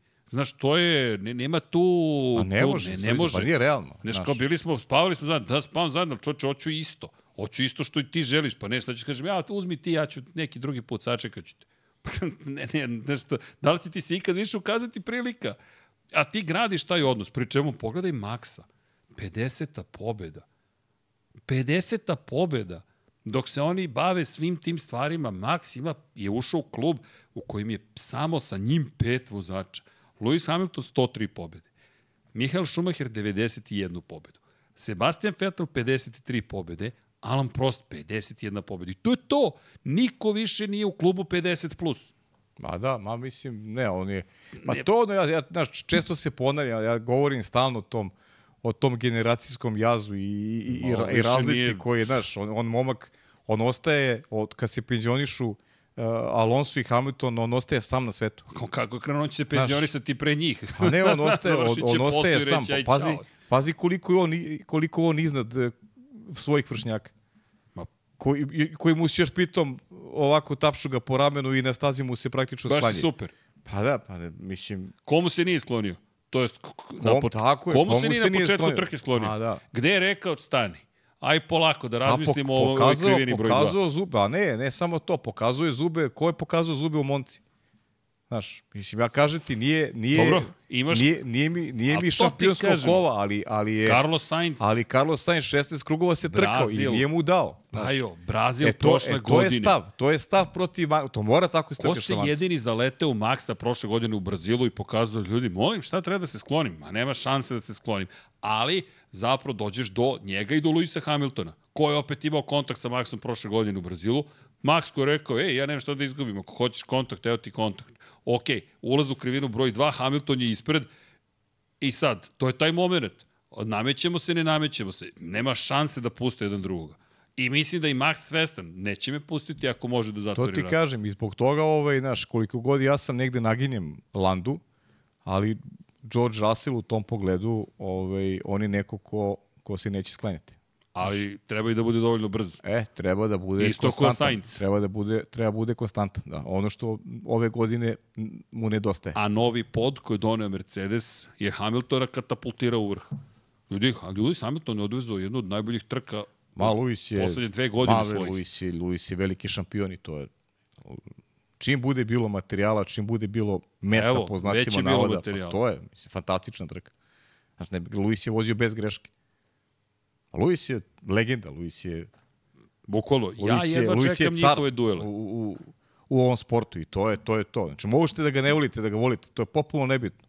Gledajte ga kroz trke. Pa poslušaj, su- izvini, jel počinju da, da zvižde i da negoduju Maxu Verstappenu? U sred Amerike. Pa dobro, Čeko, to je Luis, čeko, to je, čeko, dobro, ali to je, čeko, to je. Luisov, to je Luisov teren, znaš. Zviždali su i Luisu, tako Jeste, da, ali- imaš negde publiku, Ali negde je nemaš, govorim, znaš. to ti govorim, to, dolaziš do stadijuma, evo, koliko puta smo čuli priču, pogotovo sad nekako, ej, pozdrav svima, ljudi, ko, ko nije bio na sajmu knjiga, svratite, ne morate ništa kupiti, dobit ćete nalepnicu svakako, to smo već rekli svima, dakle, kogod, ej, čekaj, koga moramo da pozdravimo? Ja, Stani, bravo. Ne, ne, ne, ne, ne, ne, čekaj, Čekaj, čekaj, čekaj, ne, čekaj, imamo, čekaj, imamo, čekaj, imamo bravo, spisak za Srđane. pozdravljanje Nemamo sa spisak, sajma sačekaj knjiga. malo, sačekaj malo, sačekaj dakle, malo. intermeco, mora malo da se pozdravljaju Sačekaj ljudi. malo, sačekaj Imam malo. ja imam, ja imam jedan, jedan, imam jedan specijalan. Imaš specijalan, dobro? Ja imam specijalni pozdrav za, znači, onako, u tvoje i u moje ime, Naravno, uvek. za Feketić, Dobro? za Jelenu Stojnović, koju želimo što brži oporavak, Pozdrav. da, da, da ta noga što pre se zaleči i da nam dođe što pre na sajam, verovatno neće moći, ali Ili u eto, studio. ili u studio, da bude gošće ovde u studiju i eto, želimo, želimo brzi oporavak onako od srca. Eto. Eto, to je, to je jedna od želja. Kog, koga još moramo? Moramo da pozdravimo. Rastko, Rastko i Sofija. E, čekaj, to ću sutra da ih pozdravim. Dakle, bilo je danas ljudi koji može, po, ma, može i 10 pozdrava ljudi, može i za rođendan pozdrav i tako dalje tako dalje. Imam nešto što sam obećao da ću tokom trke ljudi da pozdravim, tako da. Ali koga god da sretnemo i zamoli za pozdrav ljudi, pozdravit ćemo samo da se setimo. To tako nama glave odlutaju u Formulu 1 ili Moto Grand Prix i zaboravimo, ne, ti si, zamerite. ti si, eh, hvala ti na ovome, setio bi se Pa možda pa kasnije. moram- Ne, ne, o, o- ovo je moralo, ovo je moralo da. Da. Od nekih pozitivnih vesti, evo mi još jedna vest. Izolujemo krov u novom, u novom prostoru. Tako da, kliknite like, podelite ovaj video, posetite patreon.com kroz Infinity Lighthouse. Što I- više, bit će toplije u novom prostoru. Sa, samo, ću, samo ću dodam pozdrav Milutinu ako gleda. Pozdrav Milutinu, gazda Milutine, šta treba da... Evo, join, and some, kliknite join i podržite ovu ekipu. A, gde idu pare, idu izolaciju za novi krov. Da. tako da znate, neke stvari koje smo tako mislili da su takve kakve bi trebalo da budu, nisu, pa ćemo morati malo da sredimo, ali kažu ako ne izolujete krov džaba, a momci sve ovo što dole grejete. Tako da znate ko je bio u prostoru sad dok je bilo prijetno vreme, sve kako treba, ali stiže zima, tako da moramo da obezbedimo da sve bude kako treba. I počinju radovi na studiju u okviru novog prostora, tako da znate. Pošto dosta od vas pita kada će to biti, verujte, mi verujemo će biti bombona. Poseban pozdrav za Nikolu, Legendu i Nikolinu, s obzirom na činjenicu da su nam pomogli arhitektonskim radovima. I na našu Danko, koja... Ko su ti ljudi? neki divni ljudi, anarhitektica naša. Da, moram, moram da iskoristim. Ko je da ih pod- Da, je Ne, E, nemoj sad da reagujem. Pozdrav, pozdrav, šalimo se Pozdrav za malo, šalimo se malo. E, ali vidi, kada pričamo o onome što smo gledali, jedva čekam da ponovo vidim Hamiltona i Verstappena jedan protiv drugog. Pa, to je jedino to, što to ostaje. već godinu Pogledaj, dana, već godinu dana jedva čekam. Inače, da, koliko ljudi je reklo, navio sam za Maxa pre dve godine samo da se nešto promeni. Sad navijem protiv Maxa samo da se nešto promeni. to E, pa tako dobro, ide. znaš kako, e, to su, to su, da, to su ti navijači Formule 1, znaš. Formula 1, da. To su navijači Formule 1, jer, jer isto tako ja navijam, znaš. E, a znaš, Mislim, navijam. Želim da bude, želim dramu, želim ovakve trke. I sad, to što je pobedio Max, pa neka je pobedio Max. Dajte nam ovakve trke i to je nešto što nas, što nas čini srećnim. Ali-. To, znaš, posjeti se kako smo sedeli u kabini. kako smo sedeli, sedeli Pa ja, smo... ja ću e, kažem iskru, ja sam u sprintu maltene digo noge na sto i, i, ovaj, i, i samo što nisam zadremo. A juče ono gledaš, gledaš na nogama, gledaš ono, Bukvalno, ono mislim, ono je, ono je stvarno fantazija. jeste. Tu ne znaš gde da gledaš. Ne, pri čemu, da znate, mi se Gume, no, tad, ne tad malo gledaš. komuniciramo na Twitteru, tad nema vremena za Pa. Twitter, dakle, ljudi ne otvaramo Twitter u tom momentu, A ne nešto ono će da mozak, nam promakne. mozak radi 200 na sat, ono, znaš. Šta ti, znaš šta se meni desilo za Moto Grand Prix trku u Indoneziji? Martin dominira i sad dominira, dominira, dominira, ja razmišljam, ok, neka priča postoji, sa Džankija počinjemo da pričamo, u gornjem levom uglu malom, Martin pada, mi to ne konstatujemo, pokušavamo nešto sad da izmislimo neku priču otprilike, Martin pada, ustaje, gleda motor, hvata se za glavu, ništa mi to ne konstatujemo, meni se gleda, Martin je pao, dok smo mi shvatili da je pao. E, da se to ne desilo u Formula 1, onda ne komuniciramo preko Twittera. Ali, vratit ću se opet na ovu priču, ti dueli su, jedva ih čekam. Inače, šta mi je zabavno, pre dve godine, navijači Luisa Hamiltona, kako se pojave negde, kad, za koga navijate? Za Luisa Hamiltona. Znaš, to nekako nije bilo toliko popularno, ima ih mnogo, ali kao toliko pobeđuju da... Da, Da, da. Sad, za koga navijete? Za Maxa Verstappena. pa recite slobodno kakve veze ima. Čujke je 15. put pobedio ove sezone. Ljudi, samo da, se, da, da, da, da, da, da nekako stavimo tu perspektivu. Imao je 35 pobjede na početku sezone. I pitali smo se, hoće li doći do 50 ove godine. No, ti si pitao, ja sam, zato što ja ne želim da prihvatim da su takve stvari realne, znaš, da.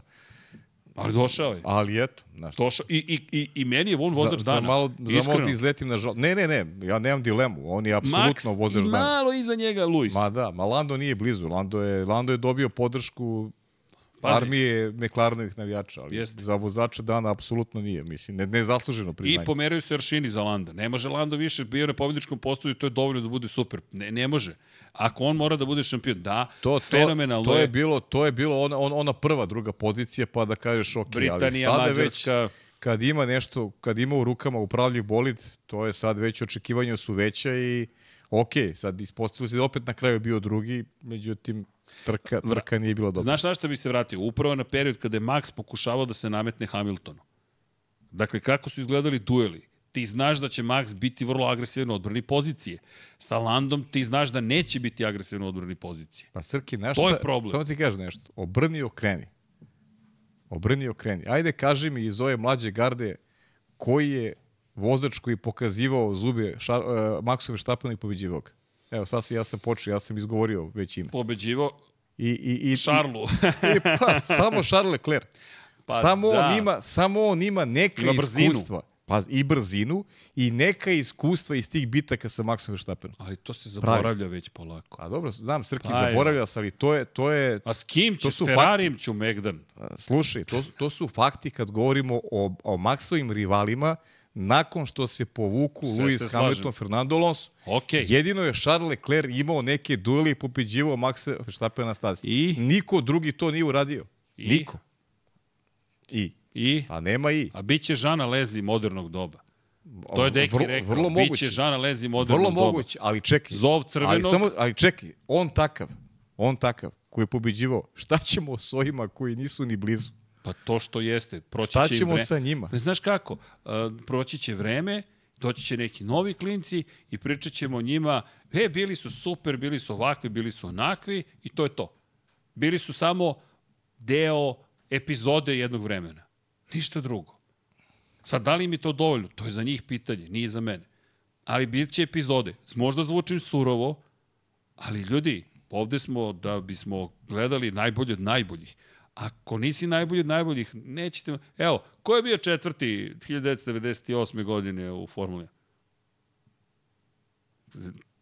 Ne, ne, znaš, ko je imao, ne znam, tri pobede ili dve pobede, to ćeš zapamtiš neku pa, pobedu. Samo si šampion i pamtiš, to ono što smo pričali i I što se pričao s Dekijem da. prošle nedelje. To je to, je, to je to, ali, ali Ništa kažem ti, ne mislim, ne, ne, ne, ja ti šta samo, će da se desi, ja ti ćeš samo da pričam iz, iz neke perspektive onoga što treba da gledamo nakon što se povuku ovi, znači otišao je Fetel, Onda će Max si, da ima 200 pobjeda scene, ako, siće ako sa se scene, siće sa scene i, i Lewis Hamilton i, i, i narodni Fernando Alonso, što je popuno logično. Prosto to je, kažemo, neke godine idu već i nema tu, ni, ni, ni refleksi više nisu isti, ni priprema je onako popuno zahteva neki drugačiji pristup. Ja verujem u tu jednu godinu Luisovu, ubeđen sam Bukvalno da će doći, jedna godina. verujem u tu jednu godinu Luisovu, a šta će biti posle, pa je, zaista veliko pitanje. Lewis Hamilton. Ljudi, Lewis Hamilton puni 39 godina u januaru sledeće godine. 39 godina će imati 2024. Pa, da. On je rođen 1985. godine. On će sad još malo 40 godina. Koliko je tu još ostalo prostora da se sve kockice poklope? Pa ne, znaš kako, to je samo zavisi od njega, njegovog tela, koliko on spreman da, Ali, da i dalje svoje telo dovodi u neki, neki optimum kako bi mogao da, da parira ovaj da parira mlađima realno momcima kojima je mnogo lakše da da da dosignu taj ali, neki optimalni nivo fizičke spreme. Ali su ti potrebne i kockice. Potreba ti, ti se sve sklopi. Ali, ali, Kao Leclerc. Ali je mnogo teže sada. Jeste teže. Sa 39 godina je mnogo teže da ti dovedeš svoje telo optimum da sada se čak si poveća, povećava broj trka, mi naredne godine imamo 24 trke. Ove dakle, 22, više. ili šta, tako da, 23 je, šta, trebalo. Šta ako bude bilo i više sprint trka? Znači, 12 ti, ti je neko sebe, napisao. A da, ti, ti sebe dovodiš, znaš, neko ko ima 39 godine, to je onako zahteva jedan ozbiljan fizički napor. Koliko ti možeš da pariraš mlađim momcima uz taj napor. To je zaista veliko pitanje. Ali, kažem ti, ja i dalje verujem da, da je Luis spreman da sebe dovede u to neko stanje optimalno još jedna godina, još jedan pokušaj, jer mislim da Žarko želi da, da dobije još, još tu jednu šansu. Uh, da li će mu Mercedes to omogućiti, sad je na njima da, da pripreme bolid mnogo bolje nego što je bio slučaj prethodne dve sezone. Ja se nadam da hoće. Ja bih voleo, zato što je to potencijal najveće rivalstvo danas koji imamo je, je Lewis Hamilton i Max Verstappen. Slušaj, Keti McLaren kaže, ruki godine će preskočiti Norisa, Russella i Leclerc i postati šampion. Ili ti Oskar Pjastri? To nije nemoguće. Oskar znaš, ozbiljno nije tamo. To nije nemoguće. Inače, e, da pozdravim Calm Relaxing Music.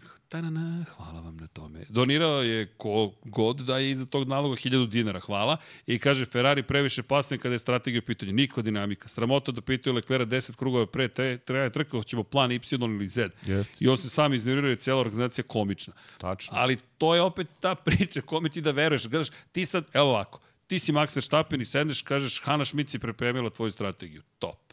Ja sam već opušten. Ja ne moram da razmišljam o tome imam nekoga ko vodi računa o meni. Imam nekoga gde ne moram da se okrećem iza leđa. Charles Leclerc sedne u boli, di? On nema pojma šta će Čavi da mu saopšti sledeće. Hajmo sada pa, dobro, ali, ali, ali, da ti kažem, ali, ali opet to ono što pričamo, karakteri. Znaš, Max je drugačiji karakter. Max je spreman da i da preuzme rizik i da kaže, alo, stavite me na miru i, znaš, Charles je to, Došao to, to, to, to, to, ono što pričamo, znaš, moraš da, da, da, da ovaj, uzmeš obzir da, da nije, nisu svi isti karakteri. Svaka glava je različita i moraš Ješe. da imaš drugačiji pristup. Ako, ako nekom prepoznaš potencijal, moraš da, da budeš prema njemu u skladu sa onim što, je, što njegova narav nalaže i da vodiš računa o svakim detaljima da bi ga doveo do cilja. Neko prosto traži da bude vođen. Znaš, nekom treba, neko hoće da ga vodi. Neko kome, kome veruje. A ti ako si takvog karaktera, a nemaš kome da veruješ, ti će onda nekom rasulu. Max je drugačiji tip. Max je tip koji može ekipa da mu traži nešto, onda kaže ja sam video ovako i bit će ovako. I on će da uradi kako je on video. I to je nešto smo već imali prilike da, da, ovaj, da uočimo i u nekim njegovim pobedama, u krajnjem slučaju Monako, koliko je pogrešio Fernando Alonso, toliko je Max Verstappen, seti se Monaka. Max Verstappen je uradio ono što je on hteo. Onako kako i on video uslove na stazi. I to mu je donelo pobedu. I to nije bilo jednom, to se dešavalo i više puta. Tako da, pored toga što on ima a, dobar tim u sebe, on ima i vrlo dobru percepciju onoga što se dešava i, i taj o, svoj osjećaj koji, koji e, poštoje taj svoj osjećaj i spreman je i da ignoriše ono što, što čuje kao, kao neku informaciju.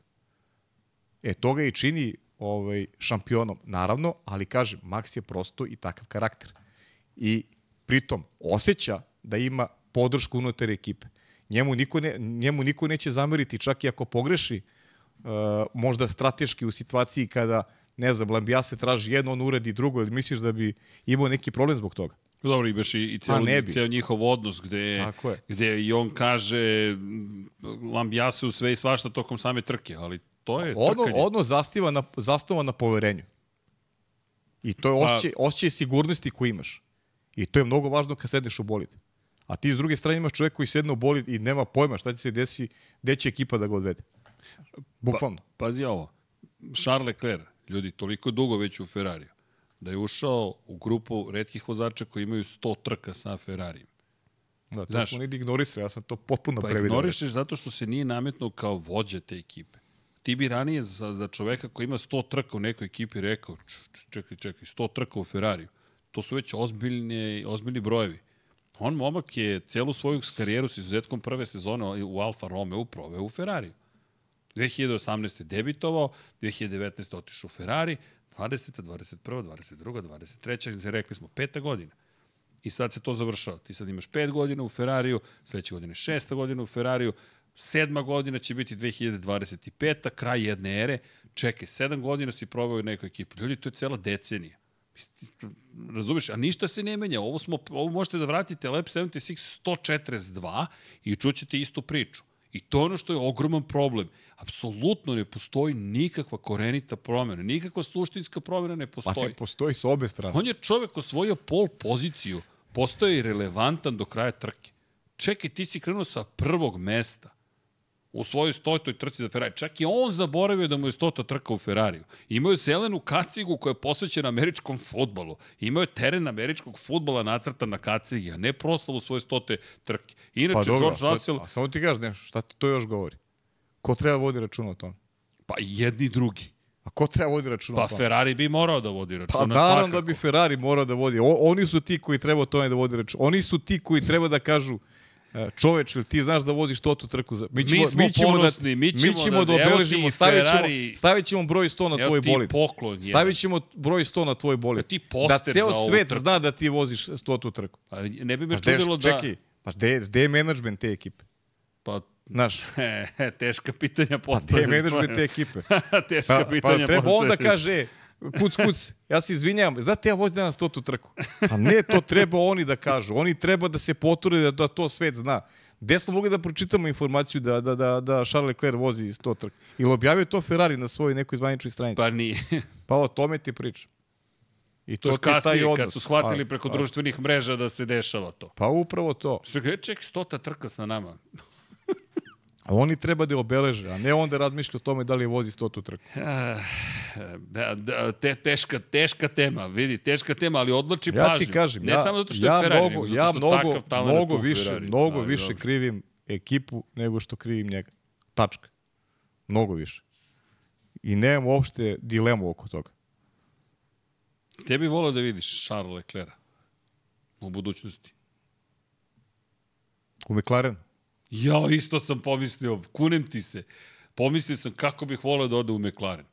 Znam da su vrata zatvorena, ali kako bih voleo da ga vidim pa u McLaren. Pa ko zna da li su zatvorena, znaš? To je... Ako Lando pa ko zna, znaš. Izabere neki će? drugi put. Pa, Ja sam ubeđen da će Lando izabere neki drugi put. Da, vidim da, si, da ti Red Bull pa, teorija Pa ne, ne, nije, nije mi, rekao, rekao sam ti, ja, ja, ja, sam, ja sam ovde rekao, ja, ja čak, ja sam više njega video u neki, neki projekat, ali možda čak i Ferrari, ali ja kad je Ferrari u pitanju gledam malo na duže staze i, i stvarno verujem u, ovog momka, on mi je nekako postao, neću kažem, to je sad pogrešno, sa, sa te pozicije govorimo o nekim ljubimcima ili nemam pojma, ali neko ko je na mene ostavio i u tim nižnim serijama najjači utisak, to je Oliver Berman. I, i negde verujem da, da bi on možda mogao da bude ovaj neki neki novi projekat Ferrarijev koji može da bude uspešan. Da, inače kada pričamo o tome, samo da potvrdimo da je danas stigla zvanična vest da je Kimi Antonelli, Andrea Kimi Antonelli promovisan u vozača Formule 2 i da će nastupati za premu naredne godine. Mm -hmm. Ode u Formulu 2. Čovjek iz regionalne evropske formule skočio Preskočio na prag Formule 1. razvoja, da. Do, to je poslednji put kada se desilo, se desilo sa Maxom Verstappenom. Jeste. I sad pitanje, on je inače Mercedesov vozač, šta sada? Čekaj, e, Mercedes ima opcije. Williams je jedna od opcija svakako za Formulu 1. Iz Williamsa može i da se ode u Mercedes. Pa da vidimo kako će se Znaš, kako Znaš, će se da pokaže u Formuli 2, 2, da, naravno. da, da ne žurimo. A da s kim će sedeti i deliti garažu u premiji? Sa Oliverom Sa Oliverom Bermanom, Bermanom, da. koji je već vozio Ferrari. Znaš, nova generacija je tu.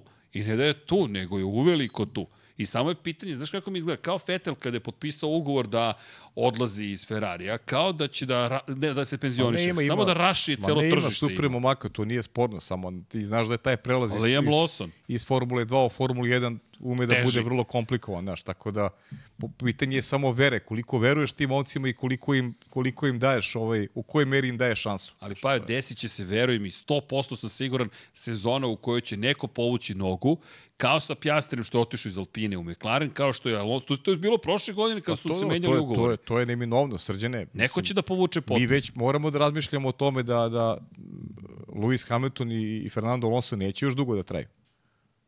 Znaš, neke, neke nove nade, neki novi klinci će da zakorače na najveću scenu.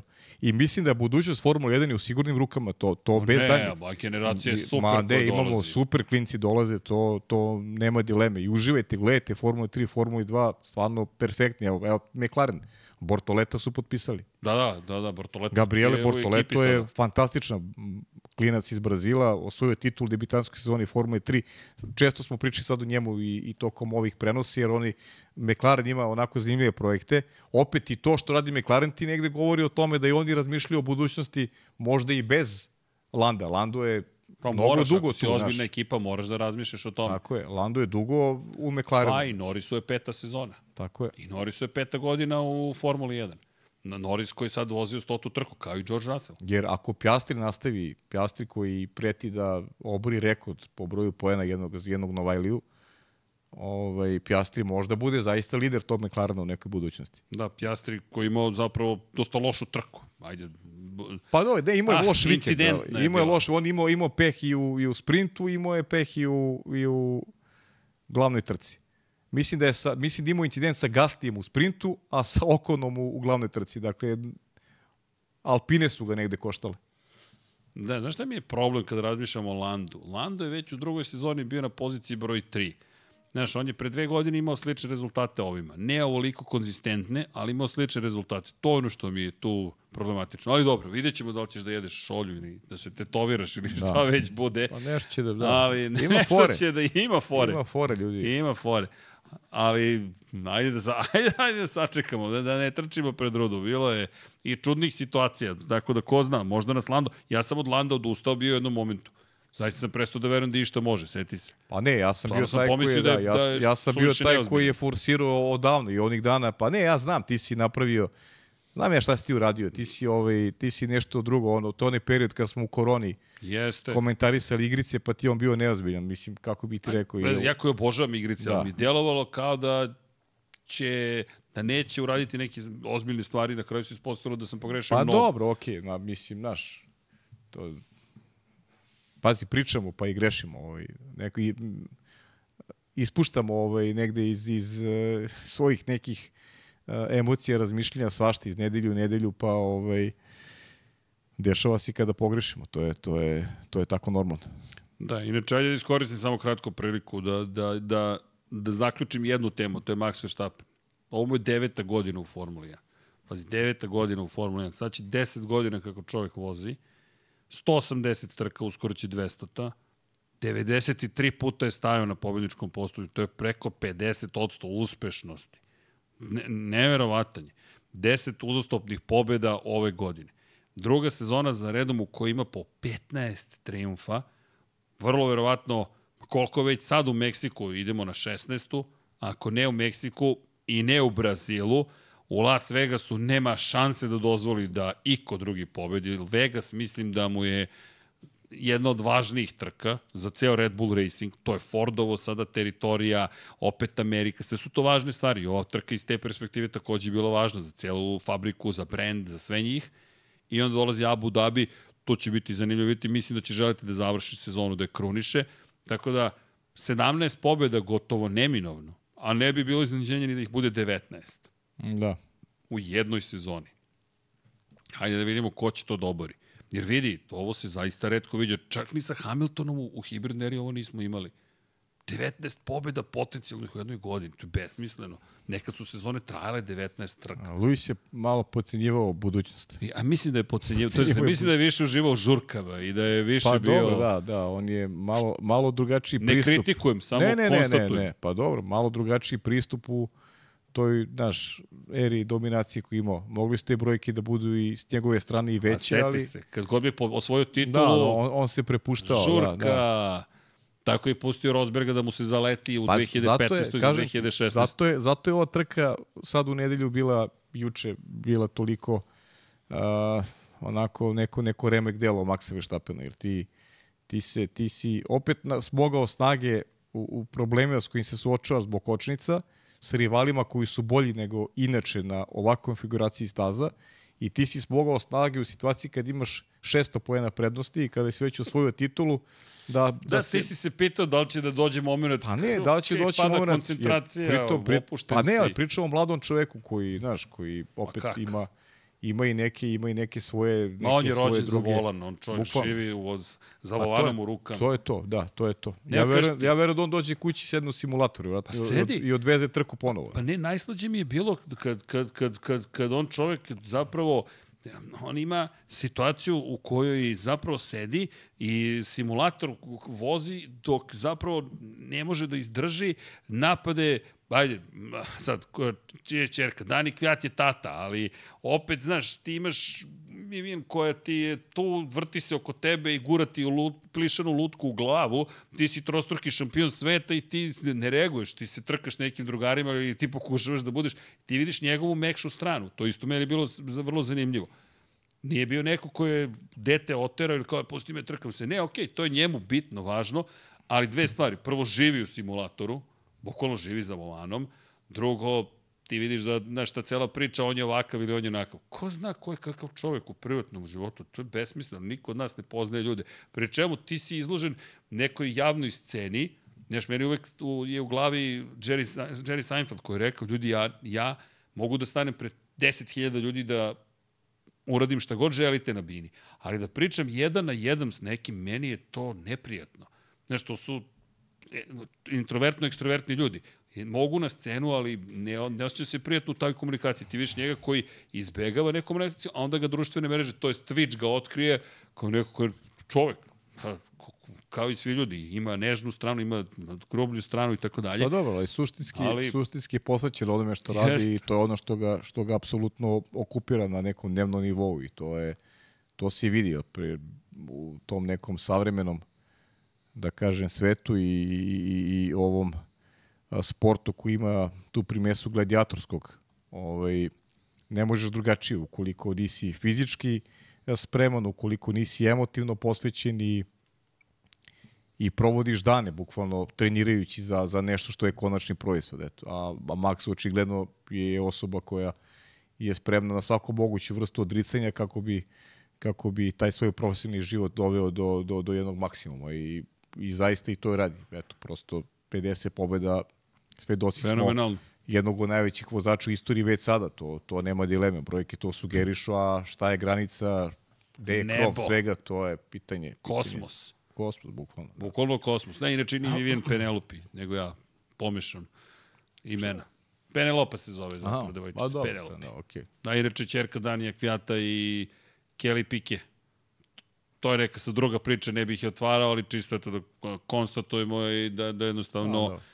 me prosto i kažem, ko je sad tu roditelj, to su kompleksne priče, Ma, dobro, svakako to su, to, to, to su i privatne voli Penelope i to je to, i mi to ne ulazimo previše.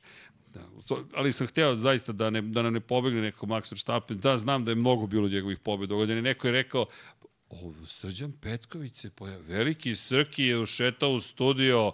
Pa gde si, Srđane? U devet smo počeli. A ne, ne, on, on je slušao, on je slušao. On je slušao, da, da, udario like, share and subscribe. Slušao, sigurno je slušao, da. To što se pozdravili, to su drugari koji su u studiju, pa eto, nisu se dugo videli, od sinoć otprilike. U svakom slučaju, e, samo sam hteo da, da, da neko je predložio, ajde stavimo nešto drugo na thumbnail. Ne može. Zašto? Ne može, zato što je čovjek došao do 50. pobede. Ljudi, Šta sad, zato što je mnogo pobeđivao, ne, treba ne, da ga sklonimo. A čak i, nije, čak i nije brojka u pitanju koliko, koliko I sve što je način, celog vikenda. način na koji je pobedio, je. to je više. Znači, način na koji je pobedio, ne da ne može da se ignoriš, nego treba da se naglašava. Jer to je, znaš, to je opet priča, pobjeda. priča isto kao i za Luisa Hamiltona. Vi nekog možete da volite, da ga ne volite. To je neki subjektivni stav ali ne možete da ne poštujete ovaj, nešto što, što evo, konkretno ova dva vozača rade. I stvarno su fenomenalni svako na svoj način, pritom tu jeste sudar generacija i, i, i nema uh, u karavanu Formula 1 uh, boljih vozača od Maxa Verstappena i od Luisa Hamiltona. I to je to, to je to rivalstvo koje nam je donelo sjajnu trku i, i u nedelju. Max je bio bolji i nadam se zaista da će naredne godine prosto Mercedes imati, pronaći način da da Luisu Hamiltonu da materijal koji bi mu omogućio da, da nastavi tamo gde je stao 2021. i da uživamo u još jednoj epskoj godini ove borbe, ova dva, ova dva fantastična vozača, dva velika šampiona.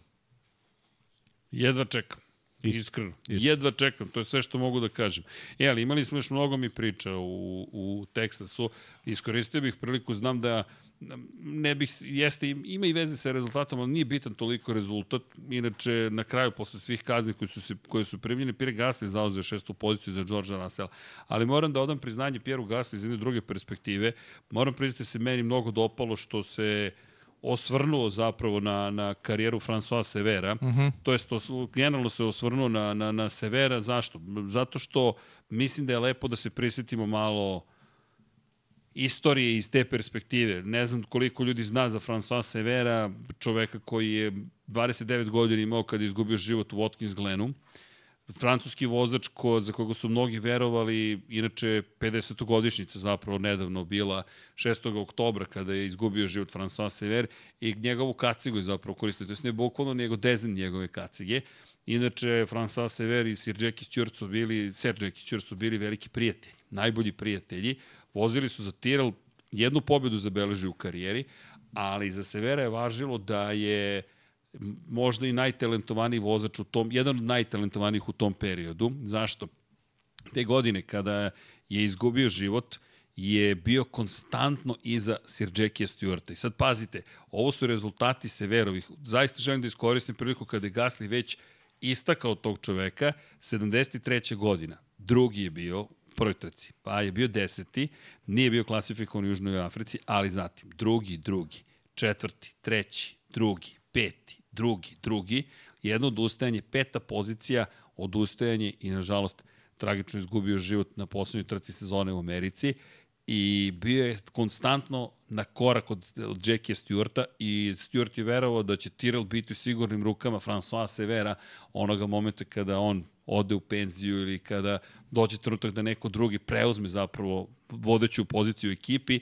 Inače, pobedu zabeležio upravo na stazi u Watkins Glenu gde je izgubio život dve godine ranije. Generalno čovek koji je u kratkoj karijeri ostavio jedan dubok trag, baš velika žalost je bila za François Severon 70-ih, prema svim informacijama do kojih smo mogli da dođemo, pričama vozača, treći bio u šampionatu sveta 1971. i prosto vidjeti njegovu kacigu u nekom potpuno drugom dizenu odnosno na sve što je trenutno moderno i popularno. Ne kažem da je dobro ili loše, ali drugačije. Baš je bilo lepo nekako vidjeti i samo eto pohvale Pieru Gasliju što se setio tako nekog iz istorije i ono što je bio mnogo lep moment, seo je sa Sir, Jack, Sir Jackiem Stewartom i zamolio ga za njegovu dozvolu da kacigu, to je dezen kacigi njegovog prijatelja iskoristi, Sir Jackie Stewart je pričao François Severu, eto, znam da znam da, da, da te nekako priče prosto blede, ali tu smo mi, to je pa da. gasli, tu smo, to je pa, lepo. Posjetiš se, posjetiš se nekog perioda kada su se momci trkali u nekim drugačijim okolnostima, kada je svaki, svaki put kad sednu u, u bolid je onako stavljaju život na kocku, bukvalno. Jer i neki onako incidenti koji su danas, danas tumačimo kao onako blaže, nekada su, nekada su odnosili živote, a koliko se uradilo na, na polju bezbednosti, to je nešto što što zaista treba stalno isticati i, i, i radi se kada, kada govorimo o nekom periodu koji, koji danas živimo i lepo je posjetiti se nekih ljudi koji su u ime Formule 1, koji su zadužili u krajnjem slučaju Formule 1, a, a živote su ostavili na stazi. A Pierre Gasly je bio, Pierre Gasly je odradio i dobru trku, što je još važnije, i bio je u centru pažnje zbog uh, Joshua, legendarni bokseri, da. legendarni bokseri, ovaj, imali su one, one vežbe refleksa pre početka ovaj, trke zajedno njih dvojice i Joshua mu poslali poruku. Interesantno kako je Alpina okuplja neki jet set ovaj, u poslije vreme i mnogo ljudi koji ulažu u, u taj koncert, sad ne znam da li će to nešto doneti Alpini u godinama koje slede, ali, ali vidim da se pravi neka dobra konekcija oko ekipe, a pritom Pierre Gasly ovaj, vozi fantastično, Okon imao pek pa je morao da se povuče iz trke, Okon je počeo bolje trku od Gaslija, imao bolji start, međutim zbog, zbog onog incidenta i koji imao sa, sa Oskarom Pjastrijem da mora da završi trku, a Pierre Gasly na kraju šesta pozicija jako dobro i eto Gaslija sada među 10 najboljih konkurencija vozača. To je bitno. Lensa Strola, odličan rezultat, eto Joshua mu je donao, ovaj, možemo reći, i dosta sreće ovaj, u ovoj trci i Tako da Gasly iz, iz mnogo aspekata je bio u, u nekom fokusu tokom, tokom trkačkog vikenda i bravo za njega. Da, da, baš je odradio lep posao. Bio je inače sedmi u sprintu, jedan uspešan vikend, da. dakle osvojeni poeni u subotu i u nedelju. Iako Alpina, nekako stalno pričamo o tome šta će biti s Alpinom, šta će biti s Alpinom. Ljudi, Alpina uopšte ne deluje tako loše i iako je posvetio kacigu zapravo američkom futbolu Charles Leclerc, ja moram da iskoristim priliku da skrenem pažnju na činjenicu da Patrick Mahomes jedan od najboljih quarterbackova savremenih, čovjek koji ima već dva šampionska da. prstena, zapravo investitor postao ja u Formulu 1. Pa to, to je naslednik na neki način Toma Brady-a. Mnogi smatraju da je to novi Brady za novu generaciju, iako do Brady još ima mnogo, sedam titula svoje Tom Brady, ali Patrick Mahomes inače multimilioner, njegov ugovor desetogodišnji vredi preko pola milijarde dolara. Dakle, govorimo o čoveku koji ima neke, neka sredstva na raspolaganju koja su potpuno nevero, neverovatna.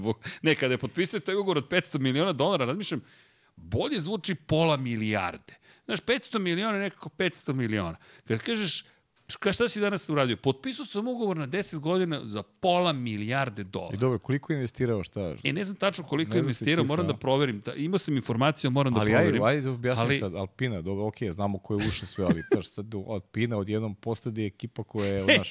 Vidi, pa jo, znaš, To ti je dobar, dobar da. prodavac da. neki, verujem da je tamo neko dobro prodaje možda će, Možda ćemo Holmes insistirati da Logan Sargent vozi za Alpinu.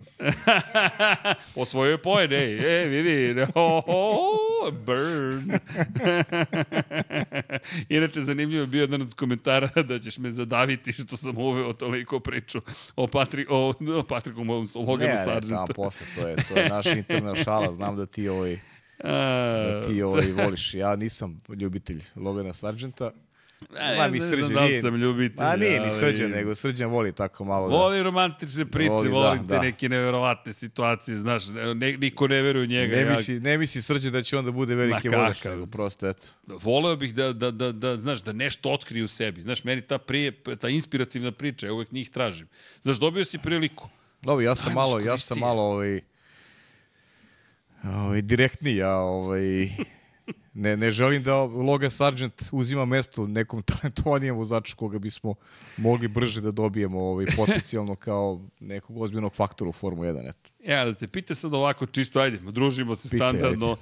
Šta misliš, zašto je Mahomes investirao u Formulu 1 generalno? Pa ne, nemam ideju, pošto ne znam... Ne, nisam rekao Alpinu. Da, da. U Formulu 1. 1 generalno. Pa da, ne, znaš, Formula 1 generalno, pa ne znam, eto, može da nam otkrije tih 432.000 ljudi koliko je ne, bilo pa, toko vikenda. Ajmo, naš, pa evo, pazi, je... očigledan ti je odgovor. Malo te sad navodim, ali znaš zašto?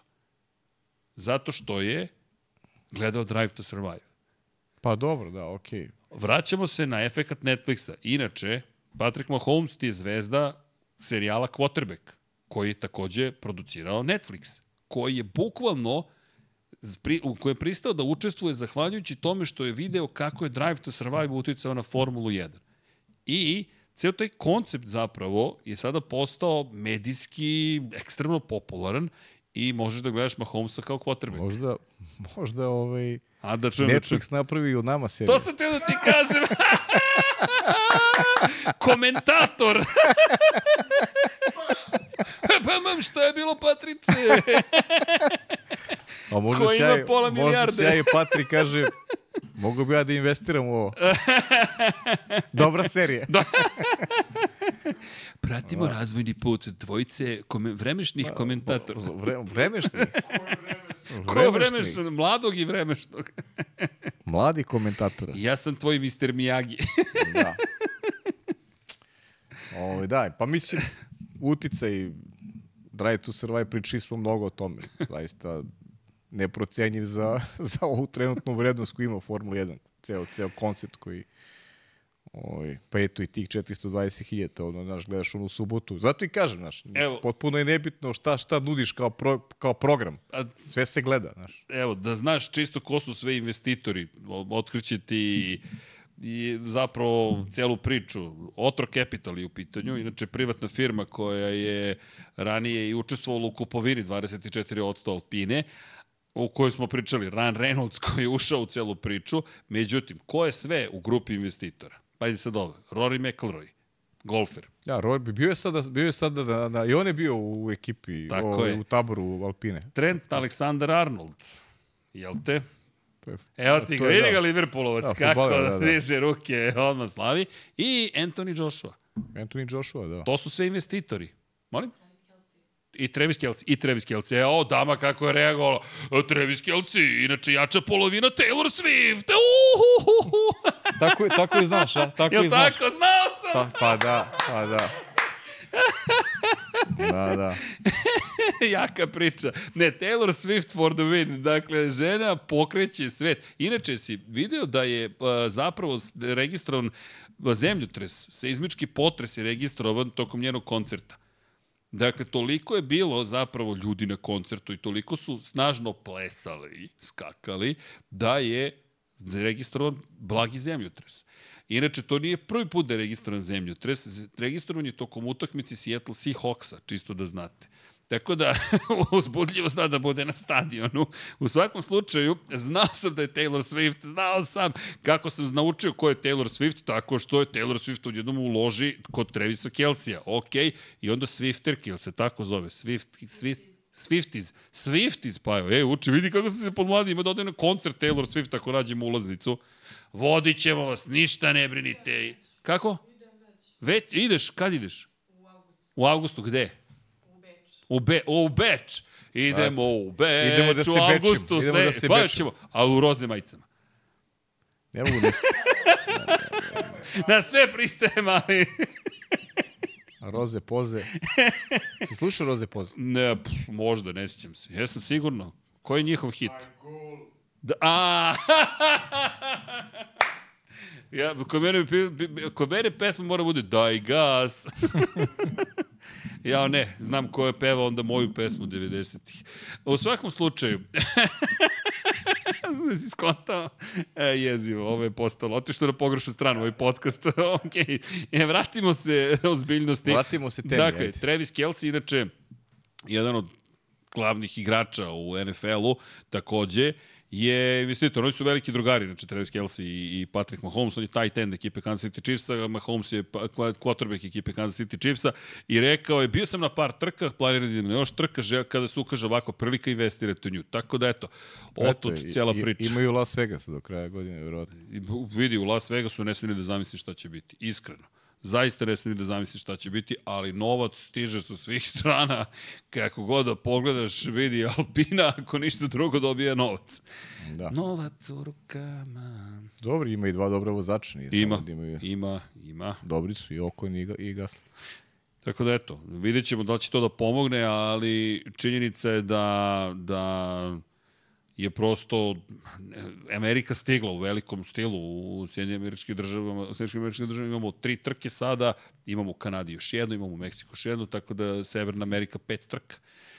I postoji mogućnost da ćemo dobiti trku u Njurku, gde ćemo gledati, jel te, kako New York izgleda, da, da, da, priča se ponovo, se življava priča o New Jerseyu zapravo i na obali zapravo reke Hudson, je li Hudson između New Yorka i New Jersey, dakle East River je gore na severu, dakle, inače East River nije reka, ali dobro, da, ako nekog zanima iz perspektive geografije, nevažno, u svakom slučaju, tako da znate, u pozadini bismo mogli da gledamo New York dok se vozi New Jersey.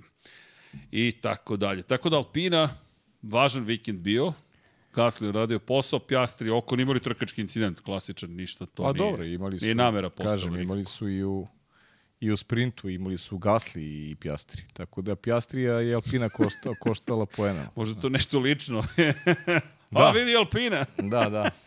Šta god da je, Pjastri ovaj, nije uspeo da ovde nešto dopiše u saldu. E, da, i to je jedna od redkih trka gde nismo baš videli Oskara Pjastri na onom nivou koji od njega očekujemo. Prva Ali trka... zato Leclerc, to, to sada tak, diskvalifikacija, imaš sada Landa Norisa koji da. čak može da prestigne oba vozača Ferrari do kraja godine, što i nemoguće. Pa kako je, kako je formi trenutno. Poena i McLaren koji je otišao do četvrtom mestu, sada su skinuli sa te pozicije Aston Martin i, i eto i to nadoknadili su nekih 80 poena bukvalno za četiri trkačka vikenda. Inače, velika šteta za Fernando Alonso, prvo njegovo odustajanje ove sezone. Od kad je stigao Aston Martin nije odustao u trci. Bukvalno, Alonso je sve trke završio, jednu samo nije završio među osvajačima poena u Singapuru kada je bio 15. I sada kada se ukazala prilika i fenomenalan su tempo imali. Kažem ti, Aston Martin je uradio fantastičan posao čak nevidljivo dobar posao. Ako može, Vlado, molim te strategije još jednom. Ovo mora da se, mora da, ja zaista moram da napomenem, kada pogledate Aston Martin... Nismo videli, šta su oni menjali uopšte? Što, oni, su, oni su startovali iz pit lane. A, pod su... je bio. De, ne, ne, oni su, da, oni su na kraju rešili, ali pazi šta je bilo zanimljivo. Alonso uopšte nije startovao na novim srednje tvrdim gumama. Stroll nije imao dva seta srednje, novih srednje tvrdih guma, vozio 20. do 40. kruga na korišćenim gumama. I generalno Aston Martin je izveo jednu sjajnu trku. Zaista sve pohvale za, za, za, za, za, celu, za celu trku. S tim izuzetkom što su na kraju morali da odustanu. Jednostavno, šteta je ogromna u trci stvorena, ne čak ni pre trke. Iskreno mislio sam taj start iz pit lane da ih prosto eliminiše iz bilo kakve zbiljnije priče. Međutim, došli smo do toga da zapravo je njihova trka, da nije bilo odustajanja, Fernando Alonso bila jedna od boljih. I moram priznati da mi je baš bilo drago da, da vidimo Aston Martin da je toliko dobar u samom trkanju. Da su bili bolji u kvalifikacijama, to su sad za njih problemi. Inače su na kraju rekli da ipak jeste bio rizik što su doneli u napređenju, novi pod su doneli u, u, u Texas, u Austin, da na kraju dana su došli do toga da je jednostavno imaju potpuno novi bolid na neki način i problem je bio optimizaciji zapravo podešavanja. Gde mislim da je nastao problem? U tome što je samo taj jedan trening bio njima nedovoljan da zapravo pripreme bolid kako treba. Mercedes je pročitao situaciju bolje, Aston Martin nije i mislim da, da, da možemo da očekujemo bolje izdanje u Meksiku. Pa ne samo Martin. to, ima, imaš i dodatni problem što je Stroll taj trening imao 15 minuta tog treninga. Da, bukvalno, imao je kvar. On imao kvar i završio trening, tako da nisi imali dovoljno podataka svakako i to ih je onako dosta iskompromitovalo ono što se dešavalo tokom nastavka vikenda, ali ovo Strolova vožnja, znaš kako njemu sigurno znači ovaj, dosta, što je u svakom slučaju bolji od Alonsa u ovoj trci, bez obzira na to odustajanje, ne, nešto je doneo u bodovni saldo i i dovezao, dovezao se u garažu konačno. Da, inače razlog što su startovali iz pit lane je bila promena podešavanja bolida. Dakle, njime je bilo e, pre svega važno... Se, da, pismo ošte obraćali pažnju na te detalje jer nekako nismo ih ni računali Znali smo, nismo, faktor, ali da. nismo, ih, nismo ih preneli to mm. što nije trebalo bolji posao da obavimo i mi iz te perspektive. Zašto? Zato što na kraju dana se to ispostavilo da smo ih mnogo pocenili što ne smemo da učinimo. Neće nam se ponoviti, ali pojenta jeste bilo u tome da su oni sprint iskoristili zapravo da mnogo nauče o tome kako pripremiti bolid manjak vremena. Prosto je bio manjak vremena i mislim da rizik nije bila staza u Ostinu, nego da je, staza, nego je format takmičenja koji su imali, jer nemaju trening 2, nemaju trening broj 3. Tačno ono što im je nedostajalo da se bolje spreme za kvalifikacije, to je trku. E sada, posle sprinta su imali mnogo više podataka i došli u situaciju da kažu, ej, ok, ovo moramo da promenimo, isto uradila ekipa Hasa, S, tom, s tim što Hasu to nije donelo to što su želeli, iako je Has baš ozbiljno, ozbiljne promene doneo, usna, uvodnika vazduha, Bortnih je, je primjenjena čista kopija Red Bulla i velika kopija Aston Martina zapravo. Kada pogledate kanal koji stoji uz telo bolida, oplotu koja se spušta kada znanje kraju, mnogo podsjeća na Aston Martin zapravo, ne toliko na Red Bull. Međutim, nisu baš dobili ono što su želeli. Pa dobro, Haas imao, imao je, imali su grešku sa Niko Hulkebergom, loš tajming u, u, u Q1 delu kvalifikacija ih je koštao eto jednog vozača u startu su izgubili su ga za za ulazak u Q2 i samim tim njegova trka je bila automatski kompromitovana. Pocenili su ovaj rivale i, i njega su u nekoj kasnoj fazi, tačnije izvinjavam se, u ranijoj fazi e, Q1 je vozio taj posljednji krug što nije bilo dovoljno za, za, za rezultat među 15 najboljih. Tako da, eto, tu je još bila jedna, jedna onako greška, da kažem, taktička u pristupu uh, kvalifikacijnoj sesiji, što je, što je niko onemogućilo da se da se možda bori za poene u trci. Kako se odvijela trka sa brojem odustajanja, sa, sa uh, diskvalifikacijom Hamiltona i, i, i Leclera, možda je niko taj koji imao, koji imao priliku da čak istrki i, i donesi neki poen, ali kažem, ta, ta greška u, u kvalifikacijnoj sesiji bila krucijalna. Ali dobro, eto vidjet ćemo šta ta ona pređenja mogu možda da donesu za, za Las Vegas. Hasu je jako važno da, da, da tom domaćem tržištu napravi neki, neki dobar rezultat i mnogi su iznadili što je, što je Hasa tako, ovaj, tako agresivno pristupio ovaj velikoj nagradi Sjedinjenih američkih država u smislu poboljšanja eto, pred kraj sezone. Dobro, vredi probati, u krajnjem slučaju pa da, približava se okay. 2024. A oni moraju pre svega da, da nauče kako da upravljaju tim pneumaticima. To je ono što je pogotovo zadnji pneumatici koji se mnogo troše, to je nešto što je već postao onako trademark, što se kaže, ovaj, ekipe, ekipe Hasa i nadamo se tu neće biti slučaj da, da, da, će, da će imati u tom pogledu bolju pripremu za ono što sledi pre svega za 2024. sa istom vozačkom postavom Magnussen i Hulkenberg. A, nedostaje ti prosto trka da, da uradiš nešto više. I sad ove trke postaju praktično priprema za sledeću sezonu. Jer kako pogledaš i McLaren i Mercedes su u poteri za Red Bullom. Mi nemamo pojma šta Red Bull trenutno radi. Pa, naravno. Dakle, Red Bull svoje karte krije, znamo da je Adrian Njuj dovoljno sposoban da ne mora ništa sada da testira revolucionalno ili evolutivno. On može da sačeka januar, februar i da kaže dobar dan, ovo je novi Red Bull. I da mi kažemo svi, ups, šta se sad dešava, nemamo predstav šta čovjek sprema za sledeću sezonu. Ljudi svake godine, kao što je Mercedes imao prednost, pa su svi jurili za Mercedesom, tako sada ima Red Bull. Ostale ekipe moraju da koriste svaku trku zapravo da, da naprave korak, ozbiljan korak u napred. Inače, kada pričamo o koracima u napred, da moram da iskoristim priliku, zaista, kažem, Aston Martin, sve pohvale, vidjet ćemo u Mexico City šta će se dešavati, ali bih iskoristio zaista priliku da pohvalimo zapravo Yuki Tsunodu i generalno Alfa Tauri.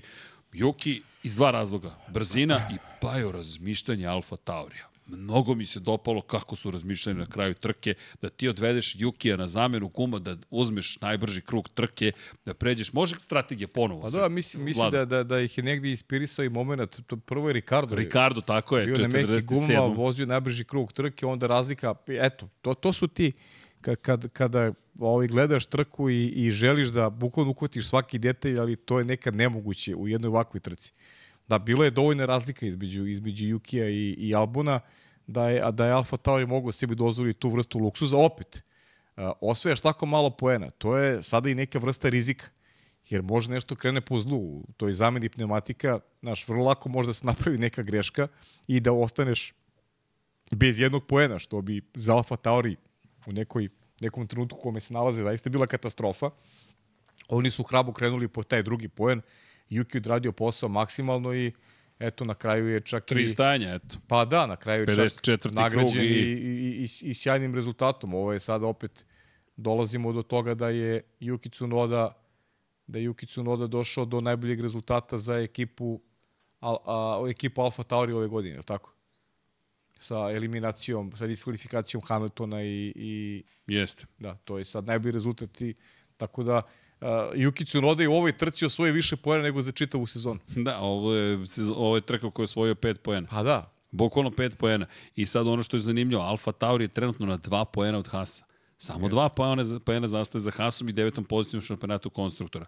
Williams je pobegao, pošto je Williams došao do 9. i 10. pozicije, jednom je dobio o, o, iz trke u kojoj nema poene, dolazi do toga da zapravo osvoji tri Ima, poena. ima dva vozača po enima, da. ima dva vozača u poenima. U stvari ima, ima, ima jednog vozača i ovaj pokušaj vozača isto u poenima.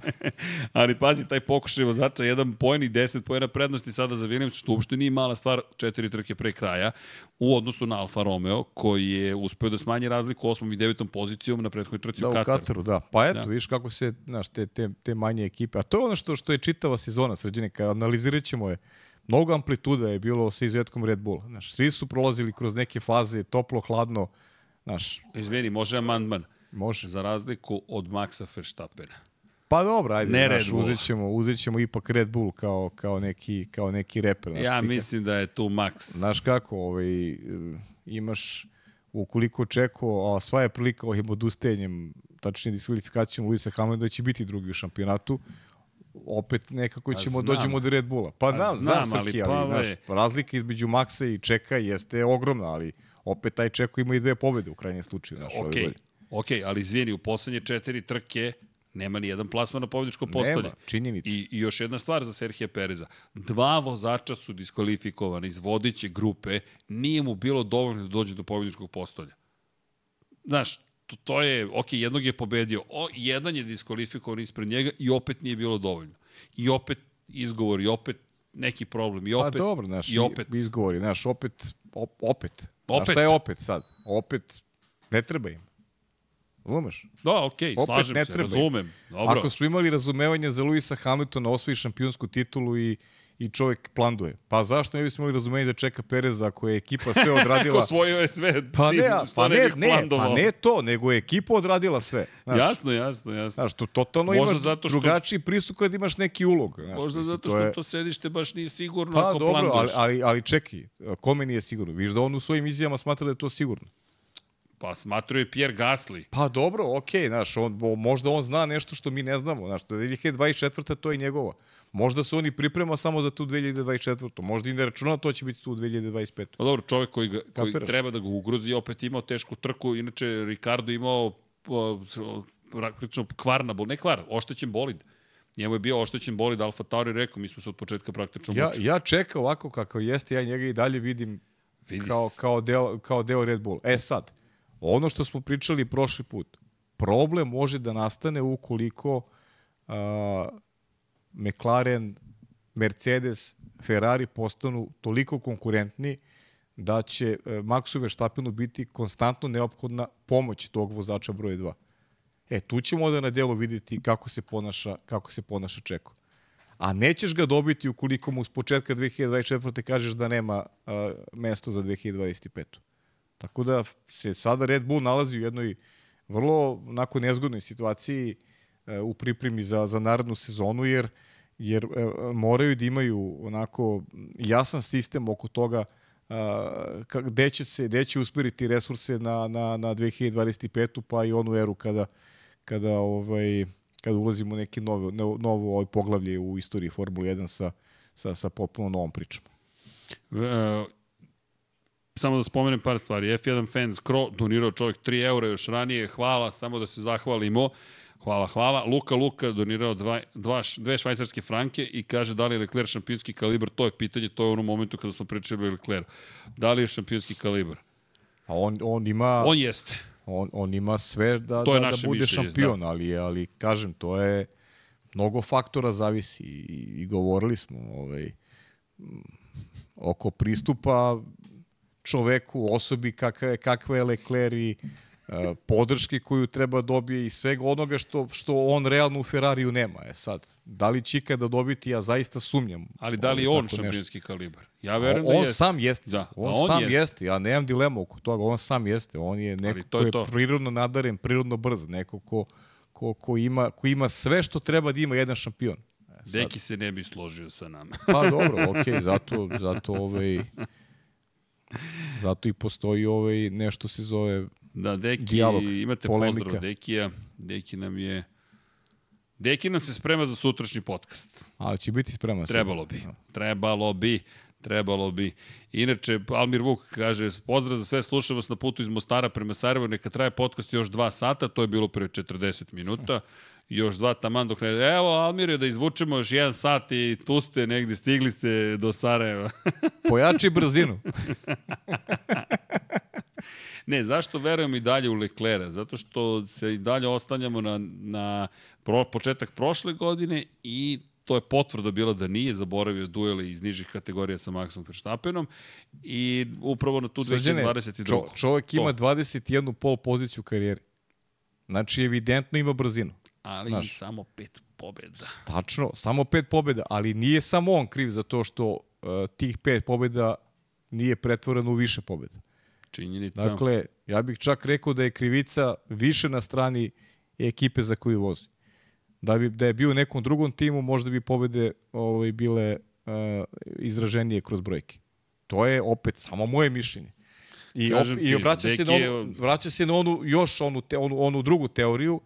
Kažite mi vozača koji je, a ne zove se Lewis Hamilton, stavljao na veće iskušenja Maxa Verstappen ovim šampionskim godinama. Samo jedan, samo Charles Leclerc. I to je to.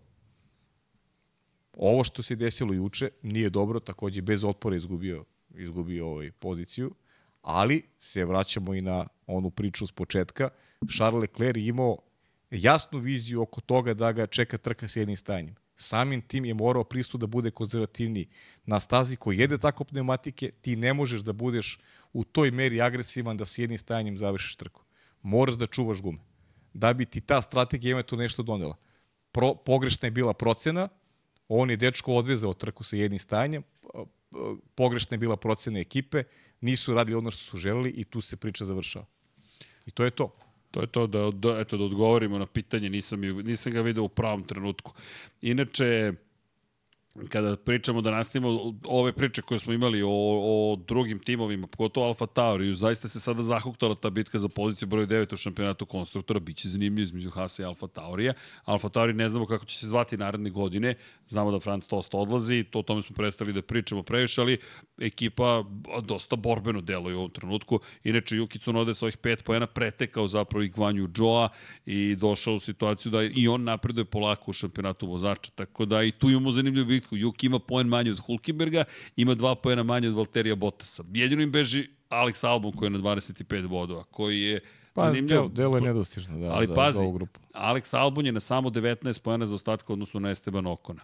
Okon koji je imao ove godine mnogo odustajanja. Baš mnogo mm. odustajanja. A i kada pogledaš, pazi, 25 poena ima o Albonu Williamsu, 44 Okon u Alpini.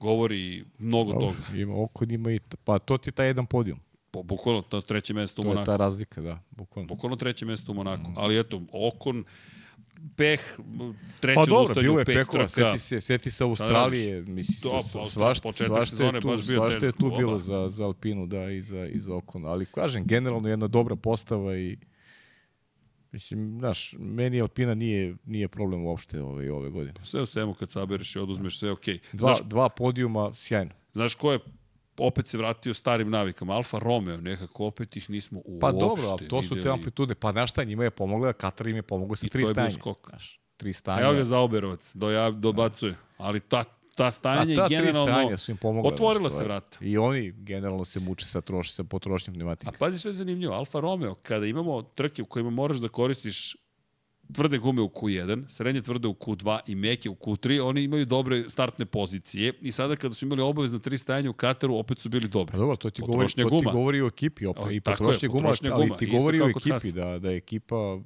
ume da, da, da napravi ovaj strategiju koja je, koja je dobra. Znaš, to, je, to je nešto što je, što je dobro za, za, za neku budućnost. Ajde da vidimo, budući Audi, da li će sledeće godine biti bolje. Upravo to. Ali ima tu nekih zanimljivih signala, hajde da ih tako nazovemo. Nema nešto pretredno pohvalno da dodamo na celu ovu priču, ali, pa jo, iako da kažemo smo završili trku u Americi, daleko od toga da smo završili zapravo neke stvari. Zašto? Zato što idemo u Meksiko već sada. A smo, smo završili Ameriku? Nismo, nismo završili, nego samo hoću, da, pa mislim završili. Imamo, imamo mi, uvek imamo još stvari o kojima možemo da pričamo. Samo ne bih da zaboravimo i da imamo Meksiko koji nam dolazi.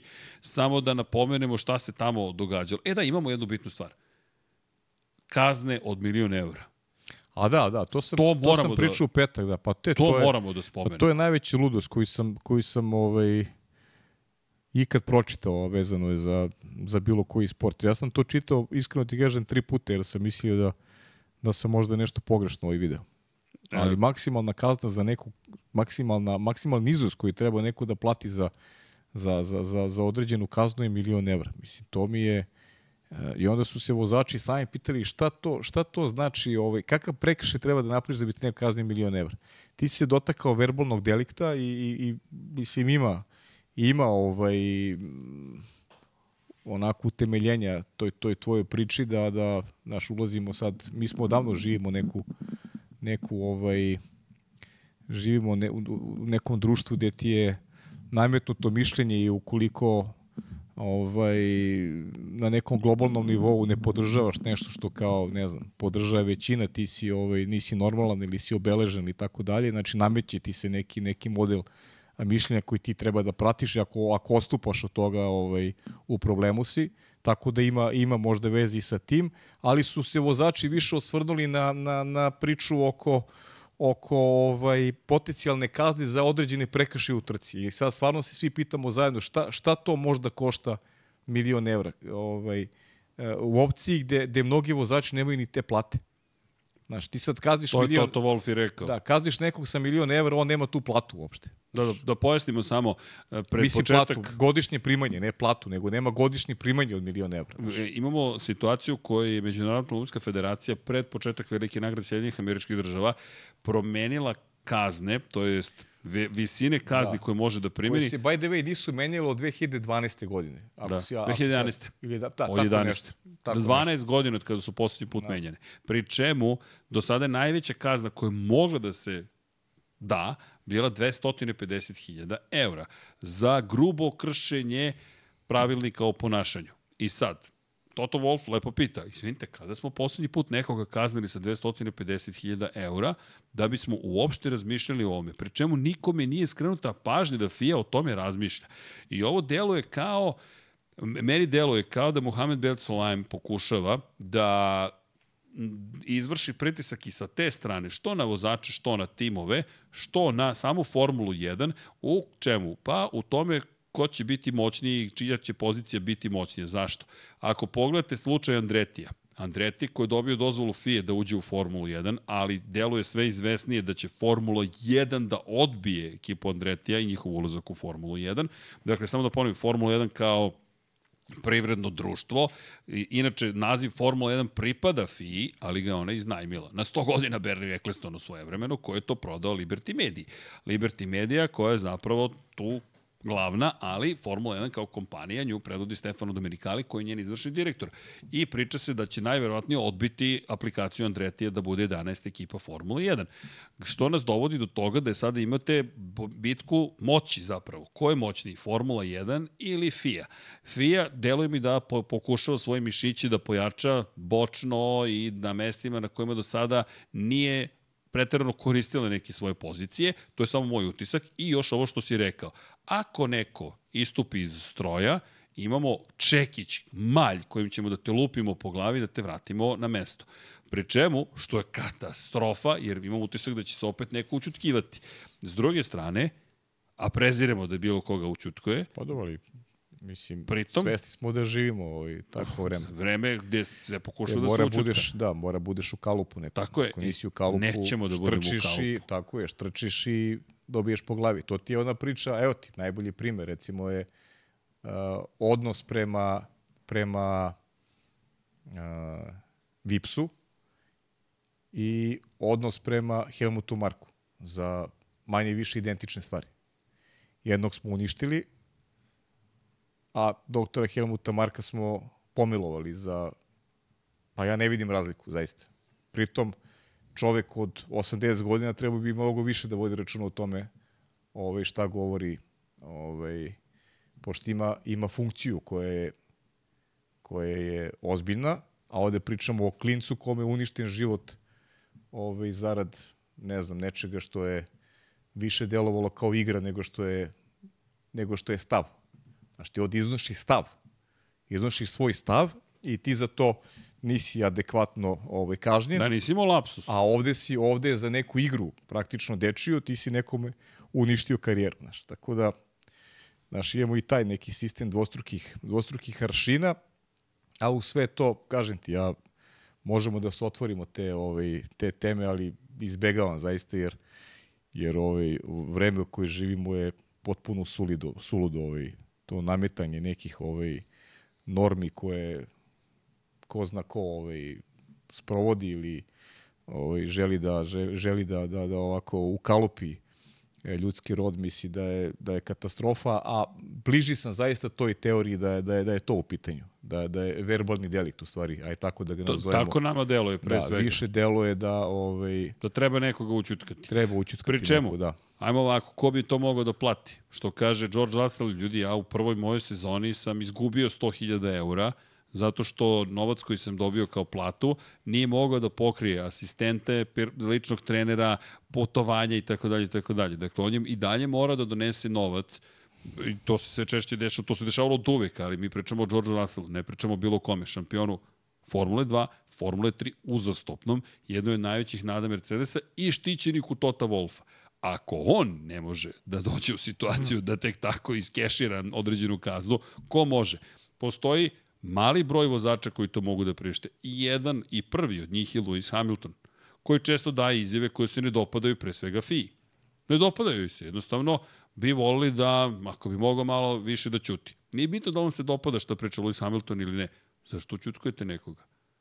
On je taj koji je najglasniji po brojnim pitanjima, Max Verstappen nije toliko, nije nikad ulazio u te situacije, to pa, nije ni kritika mislim, ni pohvala. Kako bi ti rekao, ja, ja više volim što iznosi stavove, pa makar si ne slagao sa njima, Pa, to je nešto što on, kritičko nešto društvo, što on pričamo. živi, znaš, to je nešto što on živi, to je popuno okej, okay, ali da si, znaš, da si javna ličnost, a da nemaš stav ni o čemu, pa to je malo, znaš, malo čak kao ne tiče i, i degutantno je. Misliš znaš, dok to, te se ne bude ticalo, ne da, tiče to je kao ne tiče te se, a tebe baš, ti si taj onako uzor si mladima i ti treba da ih postakneš na, na nešto što su ovaj, neke društvene prilike koje nisu dobre i koje trebaju da budu bolje i tako dalje. Znači, tvoja obaveza da da učestvuješ u nekom javnom životu, a ne, a ne da ignorišeš sve to oko sebe. Kao meni je dobro, pa kao baš me briga šta se dešava oko. Dok ne dođu po mene. Tako je. A, a onda ću da kukam pomoziti drugari i drugarice. A iskreno ti kaže sa, sa nekim naš javnim nastupima Luisovi mogu i da se ne služim, ali, ali kažem ti poštojem što što ima neki stav i što se, što se za neke stvari ovaj, Znaš ono? bori, pa makar one bile i ne znam, kako god, ko sam ja, ili, znaš, ne moram mi da procenjujemo sad da li su oni pogrešni ili nisu, nego prosto to je nešto za što se on zalaže i to je potpuno okej. Okay. Znaš ono čuveno? Ne moram da se borim za to za što se ti boriš, ali ću se boriti za tvoje pravo da se boriš. Bravo, tako je. Tako I to je ono što je naš stav. Konkretno tvoj moj baš jasan i Infinity Lighthouse-a. Imate pravo da se borite za svoje stavove. I mi ćemo se uvijek boriti za to. Kao što pričamo, nema vređanja, nema ružnih reči, diskusija. Uvek na mestu. Pa to ovde smo pričali, ono što često ljudi govore, znaš, ovde uđemo u diskusiju, znaš, ti, ti ja, Deki, Deki ja, kako god. Znaš, ti i Deki, popuno je nebitno, ali to je to mi, znaš, da, razmenjujemo neka... To nije normalna stvar. I, I tu negde ljudi prepoznaju, znaš, na, gde su, znaš, uh, prosto učimo i mi jedni od drugih, jer, jer ovaj, ukoliko ukoliko živim u uverenju, pa to je ono, znaš, samo, samo glup čovjek ne menja mišljenje. A kako možda promeniš mišljenje? Ako pa ne čuješ tuđe ćeš, mišljenje. A da, tako što će čuješ nešto što, što ti ovaj, pa, što, što si prepoznao kao kao bolje od onoga što si ti mogao da spoznaš. Čekaj. Znaš, to je, to je smisao vajda nekoj To redko pričamo, izvini, ali koliko puta se ti ja ne složimo ili se nismo slagali, Ma, milion ništa, puta. idemo preko toga, onda, ali nešto mi je najlepše, posle pet minuta ili pet meseci ili posle pet dana, ej pa evo, Bio si pravo, razmiš, razmišljao sam nešto onome što si rekao. Da, e, kao, ili, da, da, ili ja tebi kažem isto, potpuno je, naš... Obostrano je, tako je, znaš, ali tako rastemo možeš, zajedno. A da, tako možeš da učiš i, znaš, ni nema veze ni koliko imaš godina, ako, ako ne čuješ neku zdravu konverzaciju, ako, Znaš, ovaj, I nije ne radiš na sebi nasilje. kroz, tako je, ne, ako A, ne radiš o... na sebi, na, najviše možeš kroz neki razgovor i da radiš na sebi u krajnjem slučaju. Tako znaš. je. A ovo je forma nasilja. Ovo je da, forma nasilja. Ovo, ovo ti je, ovo je tiha pretnja. Pazi šta radiš, mi imamo sada malj od milion eura. Da, Pazi šta radiš. Lupit ću te po glavi, vodi računa. Vodi da. računa. A pogotovo što je tako napisano sad šta je grubo kršenje Pa ne, to ti kažem, ajde, ajde pričamo da pričamo o stazi. Ponašanje. Šta ti treba da uradiš, recimo, da se vratimo na, na teren, na stazu. Na šta šta ti treba da uradiš na stazi da bi dobio kaznu od milion evra? Ne znam. A šta, šta to treba da se desi da uradiš na stazi? Je li neko namerno nekoga izbacio sa Imam staze? ideju da. da nije stiropor. Koji stiropor za izolaciju prostora? Iz Monci. šalim se, Iz šalim se, znam na šta misliš. šalim se malo, prosto, znaš, ne, ne znam. Toliko, Čekaj, toliko, mi je, toliko je besmisleno da, da ne znam, ne znam šta bih šta bih pametno rekao za, za, vezano za trkanje, za stazu. Čekaj, naš. pa evo, ajmo da se vratimo u poslednjih 33 godine, ajde. 32 godine, 30, ajde, 30 godina. Da. Mi smo imali ne, mora malo više, 35 godina. Imali smo dve situacije za koje pouzdano znamo da je vozač izbacio drugog vozača. Mihael Schumacher 1997. kada je pokušao da izbaci Žaka Vilneva i Ayrton Senna kada je izbacio u Suzuki 1989. Da, Alana Prosta. Prost, da. To su dve situacije za 35 godina. I ti sad izmišljaš malj od milion eura, šta, šta, da, šta treba da uradim da bi ti mene kaznio sa tih milion eura? Da, da. Znaš, i sve tako otvoreno podložno tumačenju. Ko ti tu, ko, a ko? Kad je te tuži, kad je te sudi. Katastrofa. Šta bi onda naskalo trebali da rade? Koje bi bile kazne? Oni, oni na svakoj trci namrno. Svake trci namrno izbacu jedan drugi. Pa, to, to, to, to je deo sporta, ali, ali bukvalno se ne, politizuje to, situacija. Toga nema u Formu 1. Meni to, ovo toga nema u Formu 1. Smrdi tog, na da, politizaciju. Da, da, isto, iskreno. isto, isto. Znači, najiskreniji. I uopšte mi se ne isto, dopada, klasična, ali... Klasična politika, da ti ja ukalupim, pa Pa ćemo da pričamo. se neke norme ponašanja i pazi šta pričaš. Da znaš ko ti gazda. Da, da. Pazi šta pričaš. Da, nemoj da kritikuješ ništa. Imaćeš novac, sve u redu, ali ćuti. Iskreno nadam se da neće ćutati. Pa. Najiskrenije. Pa znam, ali ako ti, ako ti lupi sa milion evra, znaš šta? a ti imaš, a ti Neka... imaš godišnje primanje od 600.000. Ne, ne, znam, znam, znaš. ali, ali zato znaš ko onda treba da prvi okine tu kaznu. Onaj ko može da priušti. Pa aj ga opalite sa kaznom od milion evra. Baš me zanima kako će publika da reaguje.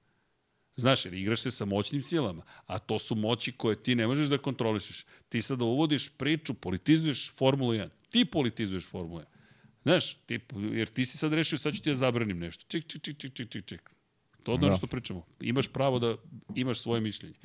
Ali dobro, situacija koja koja tako nekako tiho prolazi, ali treba ispratiti. Inače, što se tiče drame u Red Bull Racingu, Helmut Marko je rekao, kakva drama, ljudi, previše da. nije gledate kao tim rečima, ali na nivou previše gledate jeftine filmove. Rekao, ljudi, ja se u Red Bull Racingu bavim strategijom, Christian Horner se o njihovom ilaženju bavi operativnim stvarima. Mi smo ovo stvorili zajedno. Uživamo u najuspešnijem periodu u istoriji Red Bull Racinga.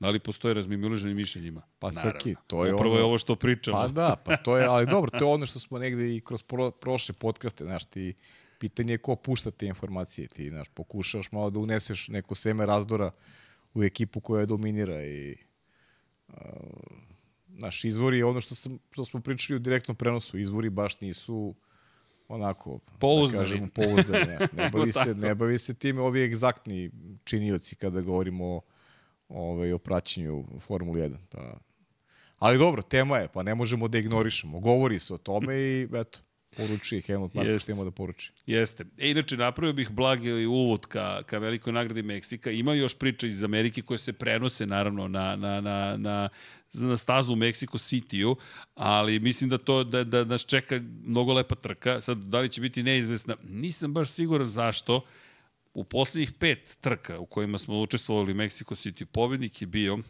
Max Verstappen, Max Verstappen, čak pre ere dominacije, Lewis Hamilton, Max Verstappen, Max Verstappen.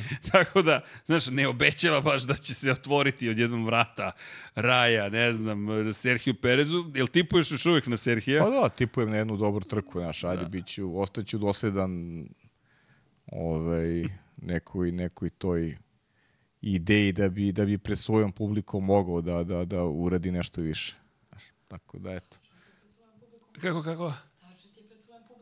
Sargent da, je pred svojom da. publikom uzeo poen, tako, tako, je, tako je. Stavi mi onu fotografiju što je poslala Andreja. Ne, ne, ne, stavi, sad je pravi trenutak. Pajo, jesi spreman? Fotografija koju si čekao celo veče. Ta-da-na-na! Ovo samo Andreja mogu da nađe u fotografiju. Nema više Goatifija, sad je, ne znam, Sargentifi, nije Goat, Goat, Gotant. Gotant, God Sargent, nemam bojem, nema bolje da prestanem. U svakom slučaju, u Mexico City šanse Serhije Pereza su male Inače, Jenson Button je izjavio na, apropo cele priče o, molim vas, jedan ding, e, u, o stanju u Formuli 1, da je, da je po njegovom mišljenju Red Bull Racing zapravo ekipa broj 4, da nema Maxa Verstappena. Ne bih se baš složio sa, sa Jensonom Buttonom, mislim da je malo senzacionalistički. Ali Sergio Perez ovde bi zaista morao da iskoristi svoju priliku, jer e, svoju priliku, da, da iskoristi taj bolid. Ono što mislim da će biti problem i mislim da ćemo gledati dominantnu pobedu Maxa Verstappena jeste nešto što, ha, ne zamerite na, na vulgarizmu, ali mi smo imali lep porn prošle godine. Se sećate krugova Maxa Verstappena iz Meksika prošle sezone? Kada je imao onu piticu, tak, tak, tak, tak, tak, tak, tak, tak, tak, sve je bilo ravno kada je odvezao savršenu trku, kada je sve preverio zamenom strategije, kada je Mercedes stigao iz Amerike, ubeđen da će strateški moći da nadigra, koji je izabrao srednje tvrde gume, a ne tvrde Red Bull Racing Max Verstappen ne. i odvezao briljantnu trku. Ja, ja bi se vratio malo na ovo. Mislim da je onako pretiran taj amonizitet koji, koji sad svi podgrevaju nekako kada je u pitanju Čeko Perez i počne da mi iritira, iskreno ti kažem. Bez obzira što, što on, on vozi loše u poslije vreme, to, to nema dileme. Opet, s druge strane, mi ne znamo, znaš, ta, ta budeš, mi znamo da je Max Verstappen vozeš broj 1 u, u toj ekipi, to, to nema nikakve dileme. E, može da pričamo o postavkama bolida, može da pričamo o svemu i svačemu, ali taj Čeko Perez je, je deo, deo uh, ovog trofejnog niza koji, koji Max ima, te tri šampionske titule I ja ne želim da zaboravim te trke u kojima je on značajno pomogao i doprineo da, da Max Verstappen osvoji šampionsku titulu. Tako da, uh, ne vidim koji bi se drugi vozač uh, koji bi drugi vozač obavio bolju, bolji zadatak od onoga što on trenutno radi. Ne, ne znam ko je taj koji bi mogao doći u mesto Čeka Pereza pa da mi dobijemo ne znam šta. Jer ljudi, uh, mi nećemo dobiti bitku unutar Red Bulla za šampionsku titulu. I nemojte da se zavaravamo, to se neće nikad dogoditi. To se neće dogoditi u eri Maxa Verstappena, to je nemoguća misija. Max ne želi pored sebe da ima vozača koji može da ga ugrozi. I to, to, to je, mislim da tu priča počinje i završava se. A ko je taj ko može umesto čeka Pereza da pravi, da pravi ovaj rezultat koji, koji je Red Bullu adekvatan? Ja, ja zaista ne vidim ko je taj. Pazi, čak, izvini, evo, ne kažem da, da bi bio taj, ali Daniel Ricardo se pozabavio tom temom eventualnog povratka u Red Bull i rekao je da bi da to bilo dosta drugačije trenutno, s obzirom na različite faze karijera u kojima se nalaze Max Verstappen i on i rekao to bi bilo mnogo, mnogo, mnogo drugačije nego kada sam prvi put bio u Red Bull Racingu. Ali ostaje isto to čuveno pitanje prvo da li bi bio dovoljno brz Daniel Ricardo, mi to ne znamo. I drugo, ukoliko je dovoljno brz, da li je spreman da kaže važi, puštam Maxa, blokiram Hamiltona, blokiram Norisa, blokiram Russella, blokiram Leclera, to je moja uloga sada. Srđane, samo jedna trka ove godine. Samo jedna trka u kojoj Čeko nije iskoristio hendikep Maxa Verstappena, to je bio Singapur. Gde nije imao ovde, šansu. Ovde nije ni mogu da koristi, jer, jer ovde čekao nije, nije, pa nije, nije, ne, nije on imao prednost u maksimum da, handicap. Da, da, da. Jer on se nalazio iza Maxa svakako na početku trke. Samo je Singapur bila staza u kojoj Čeko nije iskoristio Maxov handicap. A nisam siguran da je čak i u Singapuru u startu ispred Maxa Verstappena, to sam zaboravio iskreno. Tako da mu vrlo moguće da je u Singapuru bio iza Maxa na početku trke. Da nije ni prošao uopšte ni on. Nije prošao Q2, ni, ni Čeku. Je li tako bilo? U Singapuru kvalifikacija. Nije, nije, nije. nije. Tako je. Nije I, I u Singapuru je bio iza Max. Tako da, e, u suštini, sve one prilike koje su mu se ukazale e, u ovoj dominantnoj godini Maxa Verstappena, Čeko je realno, realno iskoristio. I stvarno ja ne vidim zašto se potencira a, toliko ovaj, ta razlika kada su i drugi imali iste prilike, pa su takođe prolazili ovaj, sa, sa, sa onako ubedljivim gubicima odnosu na Maxa Verstappena, da je forma loša, da, forma je loša, ali mi ajde recite mi vi ko je taj koji bi mogao da bude naslednik ovaj, Maxa Verstappena uh, u timu koji je postavljen tako da je Max apsolutni broj 1. Eto, to je, to je moje pitanje.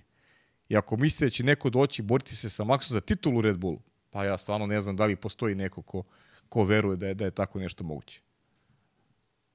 Odgovor je kratak, nije. To je ste, ili imate vi odgovor, ko bi mogao? Pa smo rekli prošle Kako?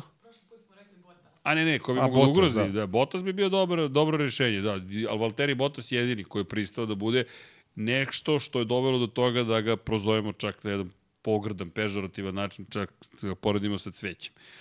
Da ne potrebim bukvalan termin koji je dosta dugo živio u ovom studiju, malo me je sramota, moram ti priznati. Ali dobro, nije da nije zaslužio. Ali dobro, čak smo dobili cveće, ne znam gde nam je nestala paprata, ali studio je pojeo. U svakom slučaju, e, slažem se s tobom, i dalje ja insistiram to. Možda sam ja ljut na čeka jer sam očekivao da se bori za titulu u jednom momentu, ali nemam prava na to. Činjenica da Perez je u teškoj jednoj fazi, ali takođe i prošle puta smo se složili, ja stojim pri onome što ste rekao, mislim da treba da ostane vozač broj 2, radi tačno ono što treba da radi vozač broj 2 za Red Bull Racing i to je to. E sad, pošto je Meksiko malo drugačija situacija, hajde da vidimo da li može ta inspiracija borbe na domaćem terenu nešto ipak da donese drugačije da kažemo ok. Ti sa ovakvim, sa ovakvim Red Bullom njima i ne treba vozač broj 2. Ne, ali ja ti zaista kažem da ja, ja čekam ponovo da vidim Maxove krugove. Jer Max i u ovoj trci u Teksasu, kada je trebalo da vozi tačno iste krugove, opet isto uradio 1.40 2, 2, 2, Jednostavno, ti kada pogledaš njega iz te perspektive, znaš, nema tu mnogo diskusije. To je još jedna trka u kojoj radi ono što se od njega očekuje da uradi. Ništa drugo, ništa više, ništa manje. Jednostavno ti gledaš čoveka koji je u nekom svom filmu i kome je rečeno, ej vidi, odvezi te i te krugove. Evo, Aleksa Vuče bio vredan, Vlado, šaljem ti nešto što zaista mislim da treba da se... Inače, Aleksa prošle godine, ako se ne bio Twitter zvezda u jednom momentu, zahvaljujući tim krugovima iz Mexico City-a, ako mene sećanje dobro služi, a još uvijek me koliko toliko služi. Evo, Vlado, poštam ti nešto na Slack, pa ti molim te ubaci. Ako se sjećate, ti krugovi su bili zaista toliko savršeni. E, to je bio Mexico City. I to je jedna od zaista velikih moći Maxa Verstappena, takođe sada kada je to bilo potrebno. Tako da Max meni deluje da će ovo biti, da nije, nije kao trka u Americi gde su se stvari otvorile, ali hajde A, vidimo napredak da. McLaren i, i Mercedes. smo očekivali da će biti ovaj, lagan posao. Može, pa... Udri. Pa evo, pogledajte taj jedan period, tamo 40,3, 3, 4, 2, 0, 3, znaš, ti imaš te krugo, to ono što smo gledali. Evo, i tamo početak, pogledajte, to su desetinke razlike na stazi koja je prljava, gde se kliza, gde imaš puno problema, zaista može biti vrlo zadovoljno. Opet nije savršeno ko Meksiko prošle godine. Meksiko godine, prošle godine zaista ostaje zapamćen kao nešto ekstremno, ne, ne znam, nešto posebno. Za mene je zaista ona prošle godine bila, ono što je uradio, bilo wow. Šta uradio ovaj čovjek? Ali dobro. Mexico City inače staza koja je na preko 2000 metara nadmorske visine. Iz te perspektive očekujemo, ne, da, imate sreće, ne mogu da vozim večeras pošto je jel te, simulator na sajmu, pa ukoliko neko želi nek dođe, Sledeći nek vozi sajam, tako ja. je, na sajam knjiga, neka dođe pa nek uživa na 2200 metara nadmorske visine, kao i Mexico City ceo konačno, iz te perspektive manja količina kiselnika, malo trećeni će biti, jel te, kompletne pogonske jedinice, to je turbo, moto, turbo pogon i motor sa unutrašnjim sagorevanjem. Istovremeno, pošto je manja gustina vazduha, veće maksimalne brzine, ali manji negativni uzgon, gde bolidi koji inače bolje funkcionišaju kada je manji negativni uzgon i kada je klizavija staza, imaju i tekako šta da traže u celoj priči. Tako da, očekivanja, ne znam tvoje, da li su drugačija u odnosu na, na pa ovo nisu, što ja ne, pa vidim. Pa mislim, kako bi, znaš, ovaj, ono što smo rekli, idemo sad u trke do trke, pa Znaš, nemam neka, neka ovaj, Divlja velika, da, velika očekivanja, hoću da, hoću da se iznenadim, kao što se iznenadio ovde u Ostinu i da i dužio, nadam se da je tako nešto moguće. Da. Znaš šta, e, imam još jedan problem, izjava Landa Norisa koji je rekao da smatra da su sve prilike za pobedu McLarena sada nestale da u ovoj godini, da je propuštena poslednja prilika za pobedu. Pa, Meni, me, ne znam, ne želim da previše kritikujem sada Landa Norisa, pa sada da ispadne... Ja mislim da će Brazil biti ovaj, baš, baš zabavan, naš. Ba, baš zabavan, da. Vrlo moguće za Mercedes, pa mislim, ne bi mi znalo čak i za Ferrari, naš. Ovaj, Brazil.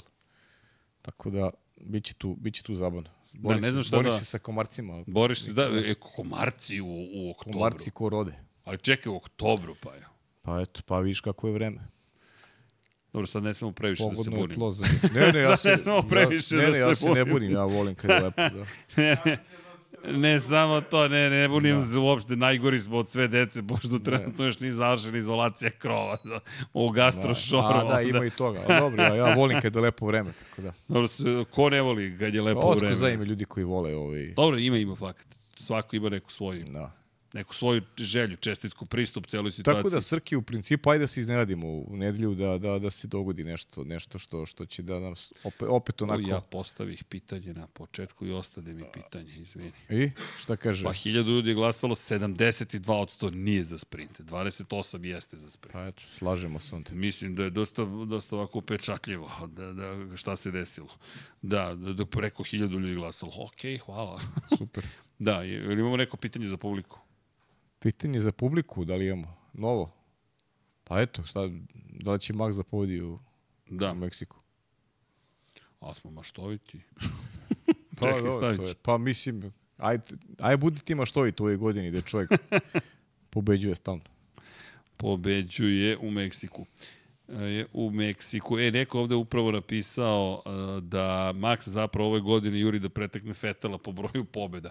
Što nije nemoguće. Po, sledeća pobjeda izjednačenje sa Alanom Prostom, 54 može da ostvari do kraja godine i da bude treći na, na listi svih vremena, iza Schumachera i Hamiltona. Već ove godine.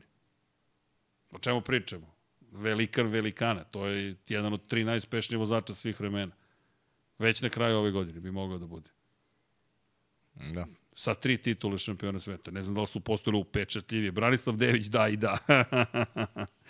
a, a, Juso Đanović, pozdrav svima, molbu za srđana odgovori na poruku koju sam poslao na Instagramu, pitanje je fakultet, pa mi je zaista bitno. Čekajte.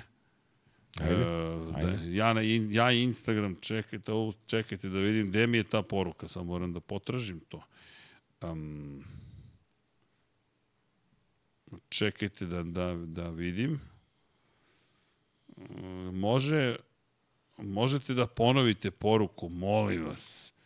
Pa da, da, da vidim, pošto je stiglo dosta poruka. E, dobro. E, eto, ako mogu, možemo oba sada pošaljete da, da nadam se da ću to uspeti da vidim. E, evo. Ako može sad, to bi bilo... Uh, ju, ju, ju. Nisam na dobrom Instagram nalogu. Izvinite, upravo sam nešto re, regramisao sa Infinity Lighthouse-a. Neka mi ne zamere moje kolegi.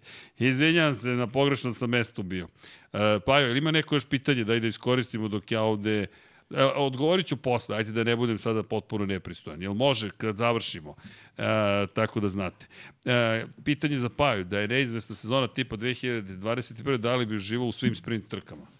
E, sad, nije loše pitanje, Branislav Dević. Pa iskreno ti kažem, nisam uopšte uživao ni tada u sprint trkama. Format mi jednostavno mi se, mi se ne dopada zato što favorizuje opet one koji su, koji su najbolji i ne, ne, ne daje nam ovaj ne daje nam ništa specijalno ovaj u, u pritom su svi konzervativni jedina sprint trka koja je vredila to je onaj Brazil, Brazil 2021. A, to je jedino što što je ostalo meni onako urezano. Sve ostale trke, verujte da sam ih izbrisao onog momenta kada su bile završene. Ali ta trka baš je bila zapamćena. Ali opet, to a, a je kada, izuzetak a kada bude odlučivale o šampionskoj tituli, siguran sam da će opet biti uh, akteri konzervativni zato što im je ipak glavni ulog ono što se dešava u nedelju, jer u subotu mogu mnogo više da izgube nego da dobiju. Potpuno je drugačije od, od, od, od, od MotoGP-a. Dobro, MotoGP i generalno kao disciplina je drugačija, više odgovara prosto sportu. Da, pa da, Rekao bih motociklizmu da više potpuno, odgovara. Da. A čak i tu nije svaki sprint da padneš u nesvest. Prosto dešava se kada neko ima prosto takvu dominaciju nad ostatkom sveta da da nemaš nikakvu neizvestnost pa, zapravo šta će se desiti. Ne, ne, znaš da ti nedelja bitna. Ne, ne, ne, naravno, naravno, ali, ali i mnogo toga možeš da nadoknadiš kroz subotu, i drugačije nekako ograničenja budžeta u Formuli 1 su dovelo do toga ti zaista nemaš nikakav interes da ti rizikuješ bilo što. Što možda nije loše ovo. Žao mi što nije održan ovaj da glavna trka bude pre sprinta.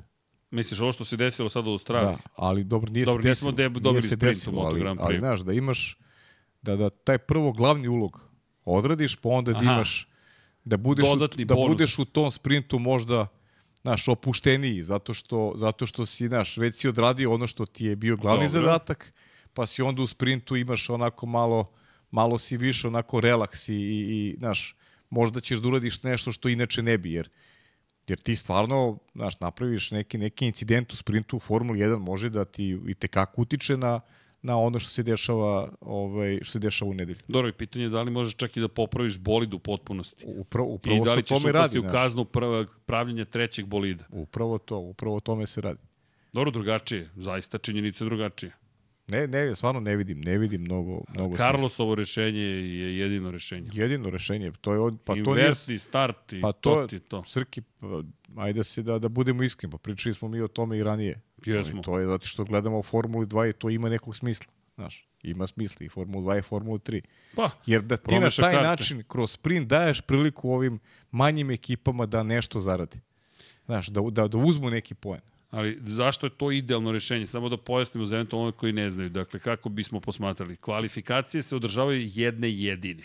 Definiše se startni poredak za glavnu trku. Tako je. Ali za sprint te kvalifikacije određuju startnu poredak kako? Tako što oni od 11. pozicije naniže startuju od 11. pozicije naniže, a oni koji su među vodećih 10 imaju inverziju. A što- 10. je prvi. Što od 11. Znaš zašto? Zato što možeš da šteluješ zapravo Pa, možda pa situaciju. bolje od 12.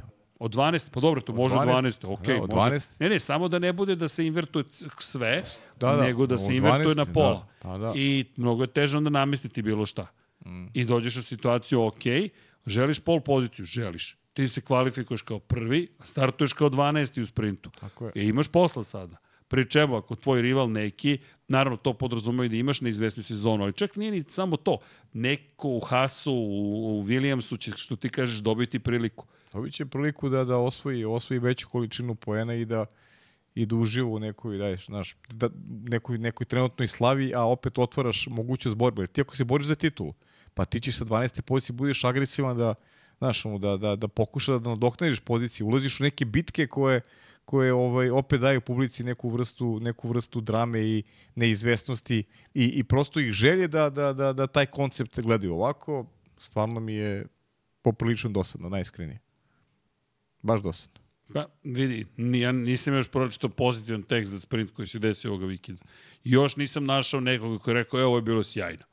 Zaista, ne. nisam našao, osim promotera trke. Dobro, koji su, kojima je to posao da kaže da je ovo bilo Pa dobro, sjajno. I navijačima Max Verstappen. Da. Jeste. pa dobro, uživaju u novim poenima, u novoj situaciji koja samo pojačava to što ima već u šampionatu, ali čak i tu već mislim da se gubi praktično smisla.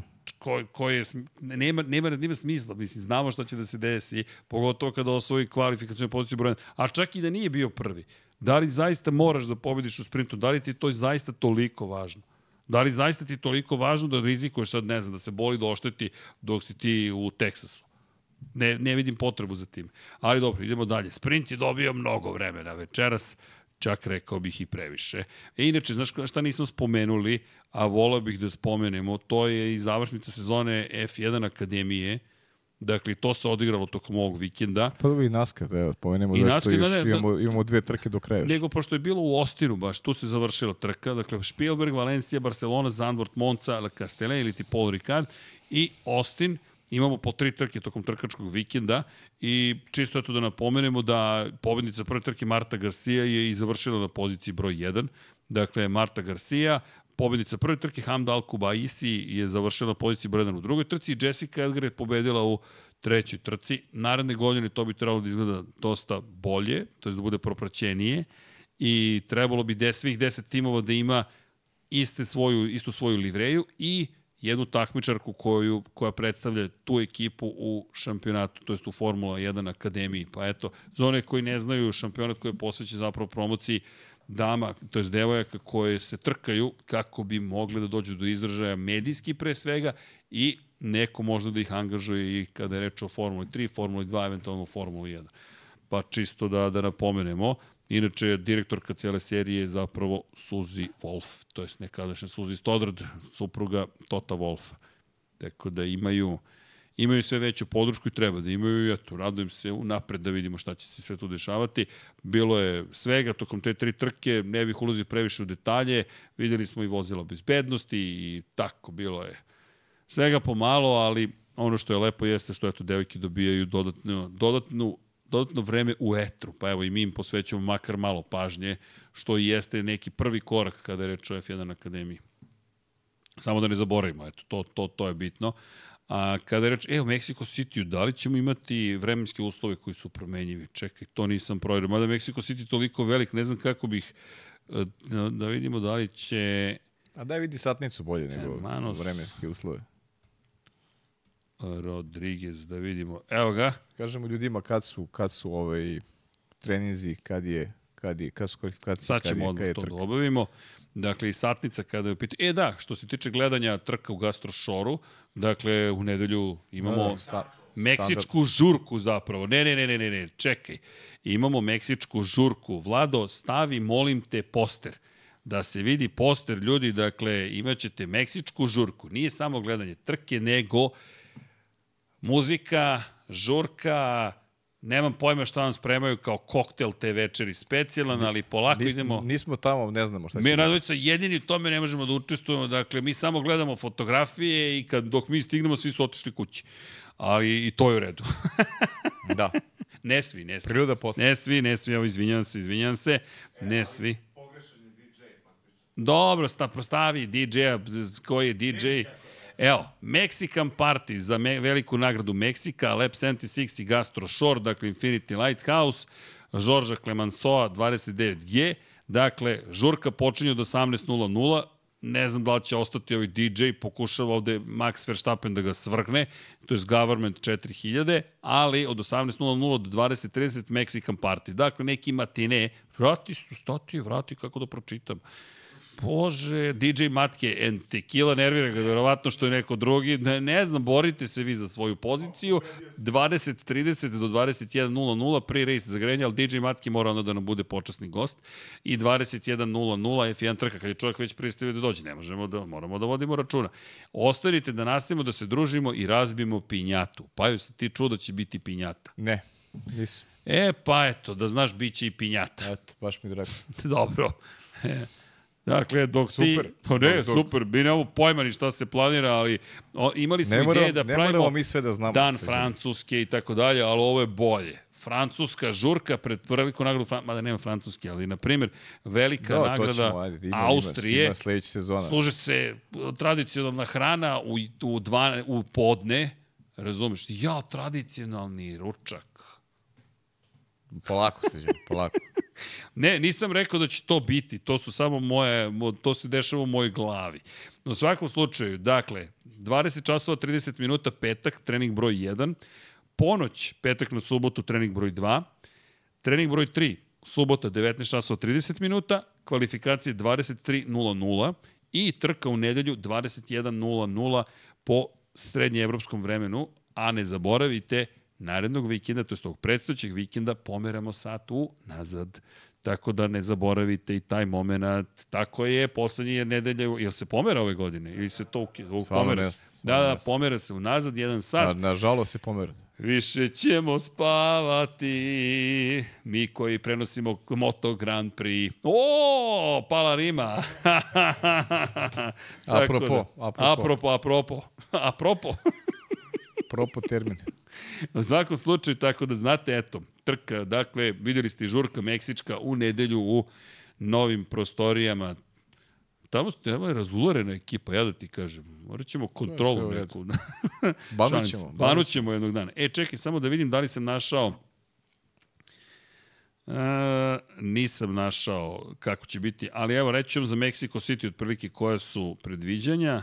Mexico City kaže kiša bi trebalo da prestane do vikenda i trebalo bi da bude dobro vreme. Eto. Tako da, sunčani stadion nas zove u Mexico City i polako li sigurno se pripremamo za poslednje trke sezone. I završava se još jedna sezona, pa jo. Evo, kažem ti ja, NASCAR još dve nedelje. Da, je da, NASCAR, to nismo spomenuli. Christopher Bell je pobedio, neizvestnoj završnici Rajana Blaney, on je obezbedio ulazak u veliku finalu u Phoenixu. I, I sad nas čeka Martinsville, stari dobri Martinsville, koji će da promoviše tu četvoricu koja će se boriti za, za titul. Dakle, Kyle Larson, Christopher Bell, onako vodit će se interesantna bitka. Imao sam pol poziciju. Pa da, ali nešto se dogodilo u trci, vidiš da je, da je Martin Trujek sada ispod crte i to dobrano, Jeste, jeste. mislim da ne može bez pobede da, da, da ode u veliku Ne, ne, finalu. samo pobjeda. Baš samo, ili da ostali imaju katastrofalne Pa trke, da, svi, da. a to se teško dešava u Naskaru. Da. Tako da držim palčeve. Ali eto, pozivnica, mada poklapaće se termini, ali malo bacite pogled ovaj, kad se završi formula, prebacite se na vidite završnicu Mart Martinsville i onaj kratki oval, milju dugačak i tu su uvek incidenti ovaj, manje više re, redovna pojava i, i eto, dobit ćemo četvoricu koja će se u Phoenixu naredne nedelje boriti za šampionsku titulu. E, znaš da je Max Verstappen najuspešniji vozač ikada za veliku nagradu Meksika? Sa četiri pobjede. Svi ostali imaju najviše po dva triumfa. Pa dobro, eto, i to idemo, idemo u prilog. Sve mu ide u prilog. Idemo u prilog. A Red Bull Racing najuspešniji konstruktor na ovoj stazi. McLaren je imao tri pobjede, Williams 3, Mercedes 3, Lotus 3, ne računamo trke van šampionata i Ferrari imao Pa dvoje dobro, u ovoj novoj eri, od kako se Meksiko vratio na kalendar, Red Bull je dominantan. Da, pobeđivali su inače samo Red Bull i Mercedes. Poslednja pobjeda Ferrarija ovde 1990. godine. Pre 33 godine dama je samo zatvorila oči i to je, to je otprilike, to je to. Dakle, tako da Za sve postoji prvi put. za sve postoji fakat. Prvi put Niko Rosberg inače isto pobeđivao ovde ne samo Lewis Hamilton, ali eto, Mercedes i ekipa Red Bull Racinga, Williams Renault je pobeđivao sa Ricardom Patrezem i Nigel Mansellom tamo nekada, davno. Da li znate ko je pobedio poslednji za Ferrari? Čovek s kim bi mogao da se izjednači Max Verstappen ovoga vikenda po broju pobjeda. A, Alan oprosti. Alan oprosti. Alan Prost, tako da znate, pobjeda na, sta, na stazi braća Rodriguez. Pa joj, sam nešto zaboravio, nemam pojma. Pa nismo zaboravili ništa, mislim da smo baš bili onako lepo detaljni i da da smo dali odgovor manje više. Tači dali neku svoju onako Pa, percepciju onoga što smo gledali. I stvarno ja sam uživao baš, baš sam uživao Baš je ovog bila vikenda. dobra trka. Naj, meni, kažem ti, najbolja, eto, ponavljam se, ali stvarno sam, to mi je bio utisak kada se završila, da, da je baš bilo maksimalno uživanje i žao mi je samo što se dan kasnije, eto, dogodilo to što se dogodilo, da smo ovaj, ostali bez Hamiltona i Leclera u plasmanu, pogotovo Hamiltona koji je vozio fantastičnu trku. Ali dobro, eto, to su, to su stvari koje se, koje se dešavaju. Da, inače ima, ima, jedna, ima jedna anegdota koju nismo ispričali sa trke u Teksasu, Yuki Tsunoda, kada je dobio poziv da ode na zamenu guma, pomislio da nešto nije redu s bolidom. Kažu, malo nisam dobio srčani udar, jer ono, osvaja poen čovek i sve ide kako treba i samo dobija poziv da ide na zamenu guma, nisu mu rekli zašto. Aha, pa da, pa I- to je... Pa da, to, I tek su mu onda ono što rekli smo, zašto. to što smo analizirali, to je, to je rizičan potez generalno. Jeste zato kako što- nije. Jer ti nešto, nešto krene po zlu, ti ostaješ, ostaješ bez poena, ovo je bilo je hrabro, ideš, ti nisi išao po dva poena, ti si u stvari sa, sa, sa, sa tim poenom išao po pet na kraju. Jer, Uz sve kazne, tako je. pozicije, a zamisli da je krenuo nešto po zlu, sve kazne, mislim da bi Juki danas ovaj, ne, bi, ne bi razgovarao ni sa kim iz ekipe. Ne, ne, zamisli ekipa koja mu uopšte ne govori zašto. Ide box, box, i onda sad čovjek treba da zameni gume, ali nema informaciju zašto se to radi. Da, da. I ti sad ideš prvo taj stres, potom ti kaže idemo na najbrži krug, e tad mi je bilo malo lakše. tad malo lakše, ali opet ti sad rizikuješ, treba sve da prođe kako treba, ali ispalo je super. I hrabar potez, ali na kraju Jeste, da, uspešan potez. Isplatio se, da. Jeste. Treba Ina- biti hrabar. Pa mislim, ako znaš, ne preuzimaš nekad neki rizik, neć, nema tu ni, ni, ni profita, u krajnjem slučaju. E, Inače, nismo samo spomenuli jednu stvar za Aston Martin, mislim da je to bitna napomena, to, jer treba ispratiti ko navije za Aston Martin. Oni su na bolidu Fernanda Alonso se vratili zapravo na konfiguraciju bolida, fizički konfiguraciju koja je bila korišćena u Kataru, a ostavili su na sa novim podom Lensa Strola i jedan i drugi su imali dobre trke, tako da su skupili podatke, pa će biti zanimljivo vidjeti Pa, kojim razvojnim Meksiku, putem da vidimo dalje. u Meksiku, pa, da li će biti neka dobra refleksija na, na, na, na, ovaj, na ovaj trku, na dobro izdanje u Americi. Jedva čekam. Da, Vi? Gde ćete gledati? to, to Da. vam kaže, meksička žurka. Meksička žurka, da. Meksikan party. Bo- Blago tebi. Da, blago vama, blago svima da, koji će da. biti na žurci. Jeste. Nemam pojma šta sprema ekipa, ali očigledno da se sprema. Dobro, će biti do tad završen krov na izolaciju? Ne, još nije. E pa ne znam, to, da, to, to nam zavisi da od To zavisi od majstora. Da, to nam zavisi od Nadam, nadam se da hoće, ali...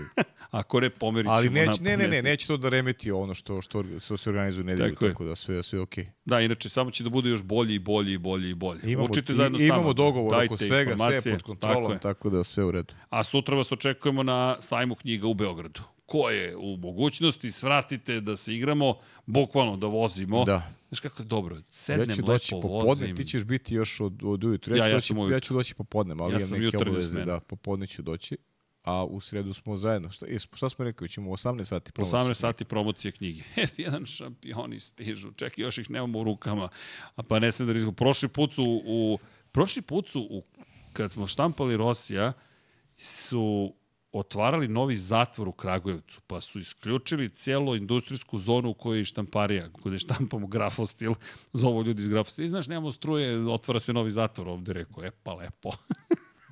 Dobro, nas neće biti. Bilo je svega, što ne veze sa njima, prosto takva situacija. Ali dobro, tako da hvala svima koji su bili dovoljno Ali strpljivi. Ali svakako ćemo vred. najaviti taj, taj događaj u sredu, mislim, promociju knjiga, tako da pratite Jest. ovaj... I dinastija će krenuti u štampu sledeće nedelje. NFL dinastija. Kako su Tom Brady, Bill Belichick i, i Robert Kraft pokorili i dve decenije dominirali NFL-om. To više nije slučaj, mada NFL... I znao sam da će New England da pobedi, znam da te to potpunosti ne zanima. Buffalo Billse i pobedili su ih, ali dobro, iako sam, previše sam ih kritikovao.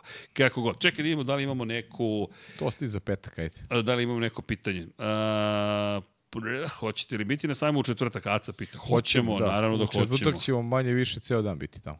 Na, da, inače da vidimo da li Max pobeđuje u Meksiku, 79% da, 21% kaže ne. A, a, a hoćete li biti, ček, to sam, op, ček, nešto mi sad miš poludeo. Albon je, e, jesmo sutra, jesmo sutra smo s nama. E, Aca, Tasi, da li ne za, te za neki vid kvalifikacije gde se vozi samo jedan krug? Pa to je Fernando Alonso spominjao, Fernando Alonso, inače za koga je Ben Sulajem rekao da kada ga nešto nervira, zove ga šefe, predsjedniče i psuje mu u telefon, ali to je u duhu, pretpostavljam, ljutog Fernanda Alonsa, ali to je predlagao, tako da ne znam, za, za ne znam prosto da li je to izvodljivo, da li smo za to, da li bi volio da vidiš jedan krug kvalifikacijani samo? Pa ne. Znaš, ne znam, ja nemam ne, problem znaš. sa ovim što se trenutno, kako se ne, voze sa kvalifikacije. Sa kvalifikacijama nemam ni, ni malo, nemam problem. Nemam. Ne, ne baš. Jer ti u principu u Q3 imaš po dva kruga. Um, I da. da neko, ukoliko napravi grešku, da može da je, da je ispravi. Zaista, zaista mi, kont, ovaj, ceo forma kvalifikacije mi je potpuno u redu. E, da. E, da. Čekaj da imamo. Srki, imaš dobar predlog na X-u da se naslov Lab 76 MotoGP tri različite himne u Australiji. Dobro, hvala. E, da li smo u petak na sajmu? Jesmo. E, Jesmo, da. Aca Tasić uh, A u principu smo ljudi, svaki dan smo, ali možda nećemo da se poklopimo, nas dvojice budemo isto vreme. Eto, to je jedina... Ali smo tamo svaki dan. Boško Desničić provocira ovde da li pobeđuju Jetsi i Džance, naravno. A, posle ove trke Logan ide u Red, pozdrav, Boško šalim se samo, posle ove trke Logan ide u Red Bull, Helmut već sprema ugovor. naravno, tako je Sovo, tako je. Jeste, treba im neko da otvora konzerve. Uh, aha, ne, Aca Tacić, ne kvalifikacije, nego kvalifikacije za sprint, na primjer da budu one shoot qualifying. Što da ne? To bi bilo okej. Okay. Pa makar nešto malo da bude drugačije. Da, pa dobro, da. Mora Neka bude, se sprint mora iskoristi za testiranje. Slažem se s vama, Aco. Za sprint može, da. Može. I to da ide tako što od najlošeg ka najboljim se vozi. Kao u skijenju. Pa, izvoli. Imaš stazu za sve. Mislim, nije to samo u skijenju. Naravno, imate Superpol, na primjer, u svetskom šampionatu Superbike i Formula E koriste taj format. Dopada mi se za sprint da bude tako. Meni može, se makar isto, dopada. Može, može. Što da ne? Ti jednostavno izađeš na stazu pa ajde da te vidimo ko je najbolji. Ali da li bi bolje jedan bilo, jedan. ali čekaj, da li bi onda bilo bolje, pošto se staza ubrzava, da najbolji bude prvi? Bolje bi bilo. A onda najbolji ide prvi, Bolje bi bilo. Do tako poslednjeg. Znaš šta bi se desilo? Prvi bi vodio, vozio po suvom i pala bi kiša. Šalim se, pa naravno. Pa dobro, šta god, ali, ali, ali bolje, da, ajde. bolje bi, pravo si, bolje bi bilo da, da prvi ide prvi. Kaže, Bane, možda svratim na sajma, ali da prvi, niko ne. Da, da prvi, prvi bude... Kako se okay. rekao? Kako sam rekao, Čekaj. Max, Max se bori protiv Verstappena. tako je, Max se bori protiv Verstappena, da, da, pa dobro, i imao si i Lewis i Hamilton. Imao sam, da. Izgleda da, izgleda, pa, ali pazi, to jesu u stvari borbe, znaš. Jesu, pa to su unutrašnja Luis se bitka u i to jaka. vreme borio protiv Hamiltona, kao što se Max danas bori protiv Verstappena, da. Inače, Almire, jeste stigli do Sarajeva? Evo mi... Almire, da. Pa, Almir Vuk, nek se javi. Ako je gazio preko stotke, možda i Tako je, kaže, bare i upozna se sa Pajem. Tako je, dođete da se upoznate. Može, naravno. E, Mario Krok, šta mislite o Alonsove u godišnjoj sezoni? Koju ocenu biste me za sad dali? Pozdrav najčiste. Hvala, Mario. A ne, znam, a ne znam koje su, šta E. Mario, ako ste iz Hrvatske, ako ste u Zagrebu, Interlibero, Sajam, ljudi, mi ćemo biti tamo. Prvo je pitanje da li ćemo uspeti da prodajemo knjige, pošto sad rešavamo pitanje kase u Hrvatskoj, nije baš tako, je sve jednostavno. Ne u, konkretno u državi Hrvatskoj, nego konkretno dok mi naučimo što treba da uradimo. Ali držite nam palčeve, ali bit ćemo tamo ako ništa drugo. A, šta mislite o Alonso epizodi? Ja bih mu dao osmicu, iskreno. A, a do 10 ocena? Da. A? Pa ja, ono, teži mi nekoj 8,5 ka 9 Pa to, naginjem. ne znaš što, samo nije desetka jer nema Ne, ne, ne. pobed, ne, nema, onaj ne, Monako je ne, bio za desetku. Monako, tako je. Sve ostalo, A ovo sad, super. pa da, možda i vi, ne vidim da je nešto previše grešio. Nije, nije, Znaš, nije. Ma jo. u, u datim Ma ne, on mogućnostima... postavlja, postavlja visoke standarde, Jest. on, on tu ekipu čini boljom nego što jeste. Nego što objektivno jeste. Kaže, dolazimo normalno, tako je Mario, vidimo se.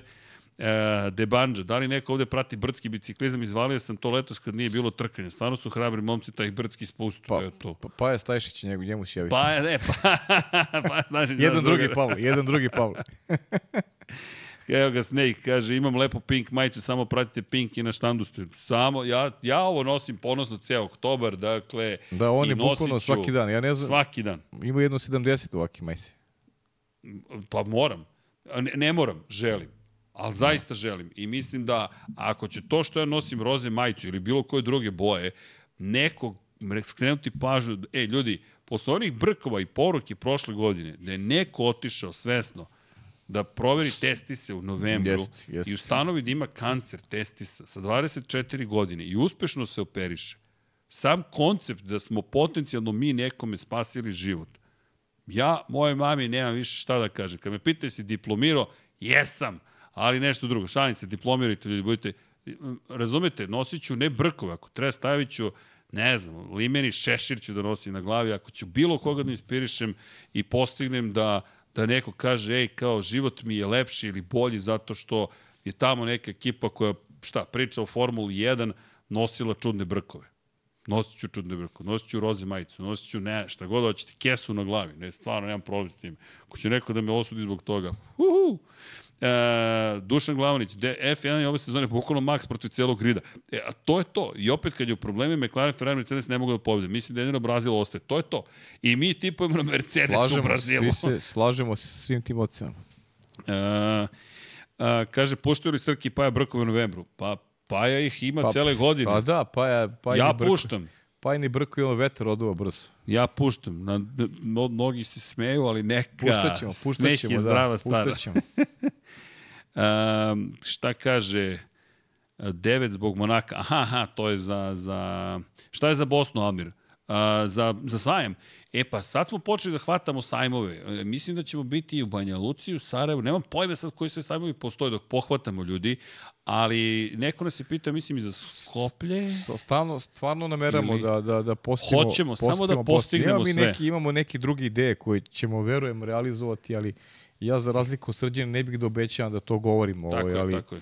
ajde da, da pustimo da, Pa je da, mudri. da vreme, da vreme ovaj, malo prođe, pa, pa ćemo, u kontaktu smo svakako i nameravamo da napravimo neku, ajde nazovi, nazovimo je turnejom gde, gde bismo se družili sa svima vam. Evo ga, Snake kaže, Majok majice super, tako je, nisam ja ni mislio da je loša, a kampanja za zdravlje uvijek je okej, ja nosim brkove već pet godina.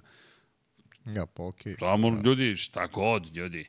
Um, e sad pitanje, Amar Obradović kaže, prošle godine se ja slikao sa Srkim, sveća se priča o konzervativnom kraju trke u Abu Dhabiju, pozdrav iz Mostara, pozdrav za Amara. E, imali smo, da, imali smo ovaj na sajmu, ovaj, dragi gosti iz, iz E, Mostara, ne, ali dve kako se gošće. sve, ali ne, ne, izvini što se me, kako se sve završi, uvek pričamo o Formuli 1, dođi se na sajam, Da. sedite lepo, e, ljudi, sad smo uveli i kafić. Dakle, imate najbrži kafić na sajmu u Beograd. Dakle, profesionalna kafa, barista, dakle, dođete, da, morate da platite, ali ne, trudimo se budu cene pristojne. Cena prava sitnica. Cena, ali, Halo Bin, kako brate? Ali imamo najčeg baristu kog možete da zamislite. Jest, Tako je. Jest. A, Srki treba drži sliku Maksa kao neka su su dodali Tiletovu, Predrag Pižurica. E, nisam znao, sad sam obožavalac Maksa, okej. Okay. Pa dobro sad. Pozdrav za Predraga Pižurica. Sve, sve okej. Okay. Ove, šta mislite? Svako ima pravo na mišljenje. Ne, naravno, naravno. Ove, Tome smo pričali večera, zar ne? Pa dobro, ranije sam optužen bio za Hamiltona, je li tako? Pa dobro, ne, svaka dobro, era, svaka era ovaj, povlači navijačke priče. A svi znamo da navijam za Sargenta. I da me neko mi pitao za koga navijam, ja sam objasnio, rekao. On zašto? za Sargenta, zato što voli, voli dede Sarme i onda mu je to asocijacija. ne, ne, ne, ne, ne. Zašto volim da navijam za outsidere? Ljudi, ja vo, bih volio da mogu da navijam za nekoga u Formuli 1. Ne navijam za Maxa, ne navijam za Luisa, ne navijam za Šarla, ne navijam za Carlosa. To je bez veze, zato što to je moj posao. Dakle, mi ovo volimo više, Formulu 1 pre svega volimo, ali volim da navijam za nekoga. Kome smeta što ja navijam za Logana Sargenta? Kome smeta kome što smeta za Logana kome Sargenta? Kome smeta dobar Logan Sargent? Razumete? Dakle, kome smeta što je Logan Sargent osvojio jedan poen ili da odveze dobru trku? Ako uđe u neku drugu kategoriju Logan Sargent, neću navijati više za njega. Ali zar nije zabavno za nekoga navijati? Samo što neću to da radim sa favoritima ili pozivim, to sad bi se mešalo u stare stvari. Kaže Branislav Dević, Srki stari Markezovac. Stonerovac, Branislav, aman, ljudi, šta vam je? e, Slavko Krstić, dobro večer, imam pitanje za večeras, ali moraš da odgovoriš srđene na ovo pitanje. E, dobro.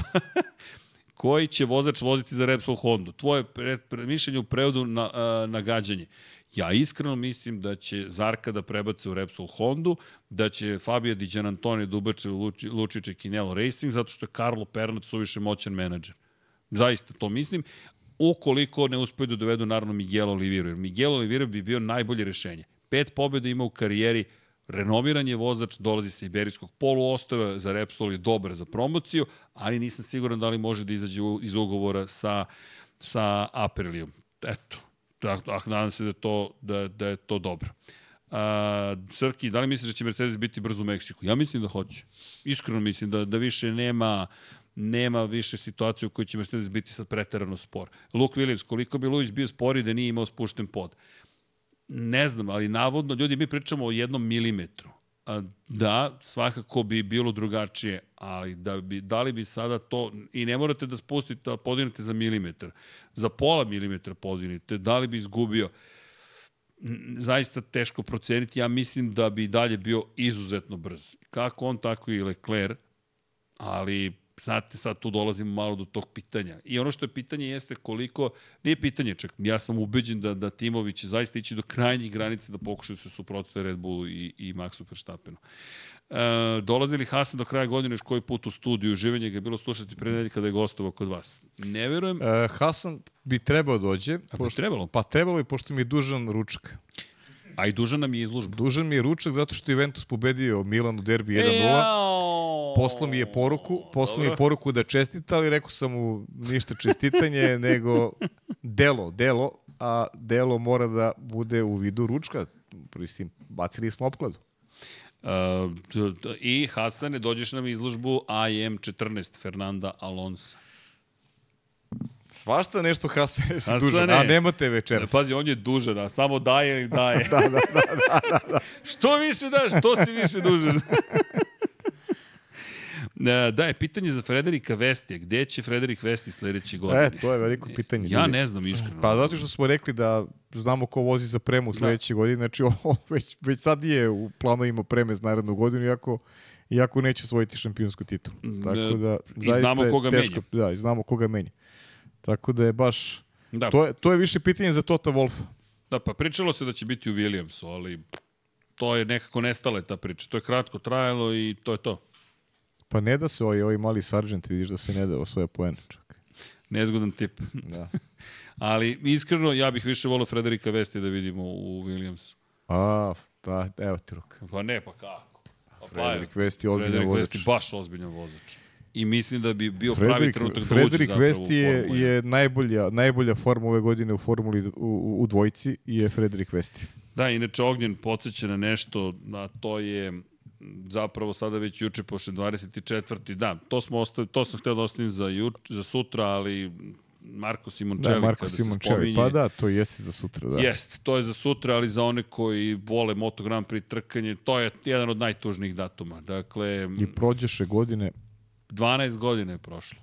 23. oktobra 2011. Nažalost smo ostali bez Marka Simoncellija. Jedna od najvećih tragedija koje smo komentarisali čak. I stravične ne samo scene, nego cela ta priča o tom momku koji nas je osvojio. Znate kada nas neko osvoji ne samo trkanjem, nego nešto ima u Da. sebi da, da vas natera da ga zavolite prosto. Nije to pitanje navijenja, jednostavno imali smo priliku i da ga upoznamo i intervjuišemo i tako projete vreme neko s tim ljudima i taj neko nestane. Baš je tužna bila cela ta priča, pogotovo i način na koji je izgubio život, stravične scene i tako. Pričat ćemo sutra više o tome, ali da, treba se podsjetiti broja 58 i pamtimo ga svakako, a Marko, njegov osmeh, frizura, sve to je nekako nešto što, što mi pamtimo. Ne znam zaista novije generacije da li pamte, da li se sećaju Marka Simoncellija, njegov otac ima ekipu Sić 58 mm. u Moto3 klasi i ceo taj tim zapravo je posvećen, to je neka vrsta omaža i legata zapravo Marka Simoncellija. I njegova fotografija stoji i uvek će stajati na, na, na zidu u garaži i prosto Paolo Simoncelli, njegov tata je zapravo neka vrsta očinske figure svima u Moto3 kategoriji i to je pretvorio neku lepšu priču, pozitivniju, gde otvara prilike vozačima i ne samo italijanskim, već svima kojima je potrebna prilika. Mala ekipa, srčara koja otvara šanse. I meni je mnogo lepa ta ekipa zato što Paolo je uvek neko ko je baš kao otac svima njima i otvara vrata. I onda odlazite u neku veću ekipu, a Markov duh nekako živi, setimo se u njegovim je bojama, San Carlo i dalje nekako tu kao sponsor, to je čak i kada nije jeste, tako je. Da teška priča, ali istovremeno, kažem, premlad život zapravo pre svega izgubljen, to je ono što je velika tragedija. Momak koji je u tom momentu imao 24 godine.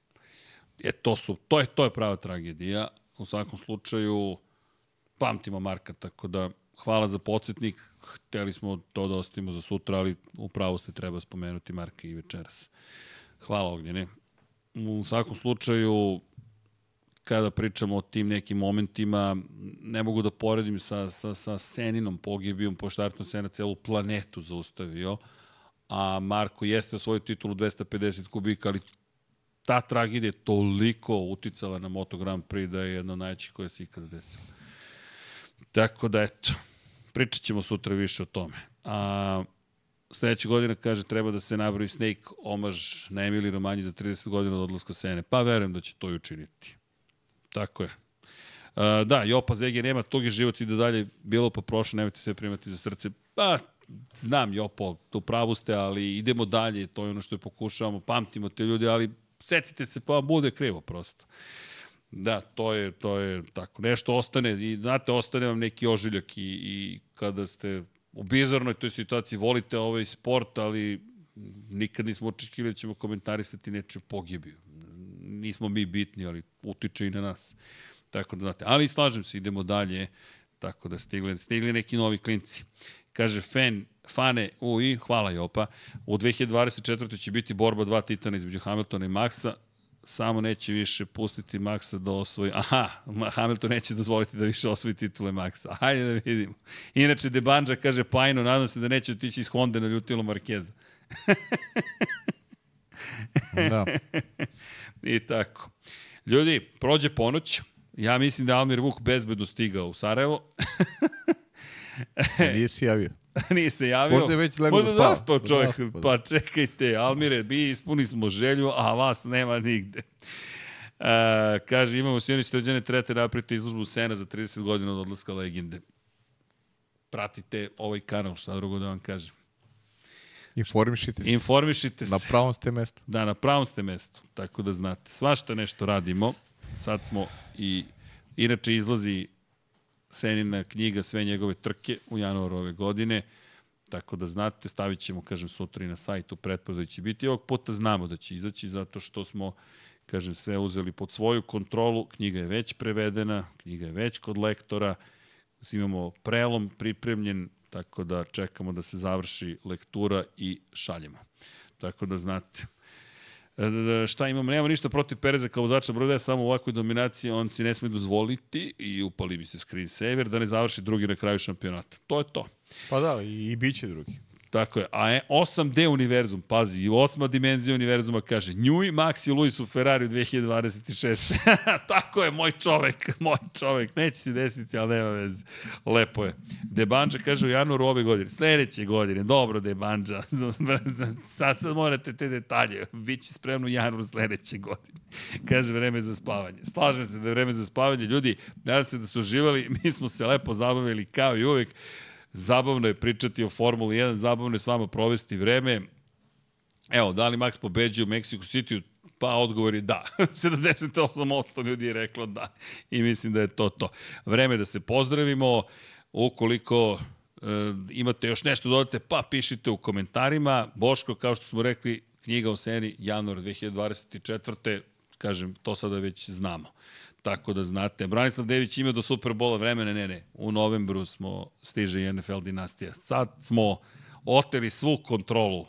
Prošli put sam mislio da smo to uradili, ali sam pogrešio. A dama iz Monte Carlo sa brojem 7 odlazi, pozdravite Kimija Konena, kao i uvek, laka vam noć, čao, vidimo čao. se za parti i, i tako dalje. Dobro, ovde počinju prozivke upućene meni i ja ću se shodno tome sakriti sada iza čitanja imena, naravno Patreon i YouTube rešanic, nećemo nigde pobeći, tu smo, ali Muhamed Hajdari kaže Red Bull kolaps u Meksiku u režiji Pereza scena 2015. Mercedes Hamilton Rosberg Mercedes 1-2 u Meksiku. Ajde da vidimo da li će se i šta i kako desiti. Ljudi, nadam se ste uživali, ostanite naravno uz nas, nemojte nigde da idete. Zašto? Zato što treba saslušati imena svih ljudi koji su patroni. Ako vi želite da postanete patron, patreon.com kroz Infinity Lighthouse. I evo Marko Z, Marta Garcia u F3, tako je, pratit ćemo i njen razvojni put.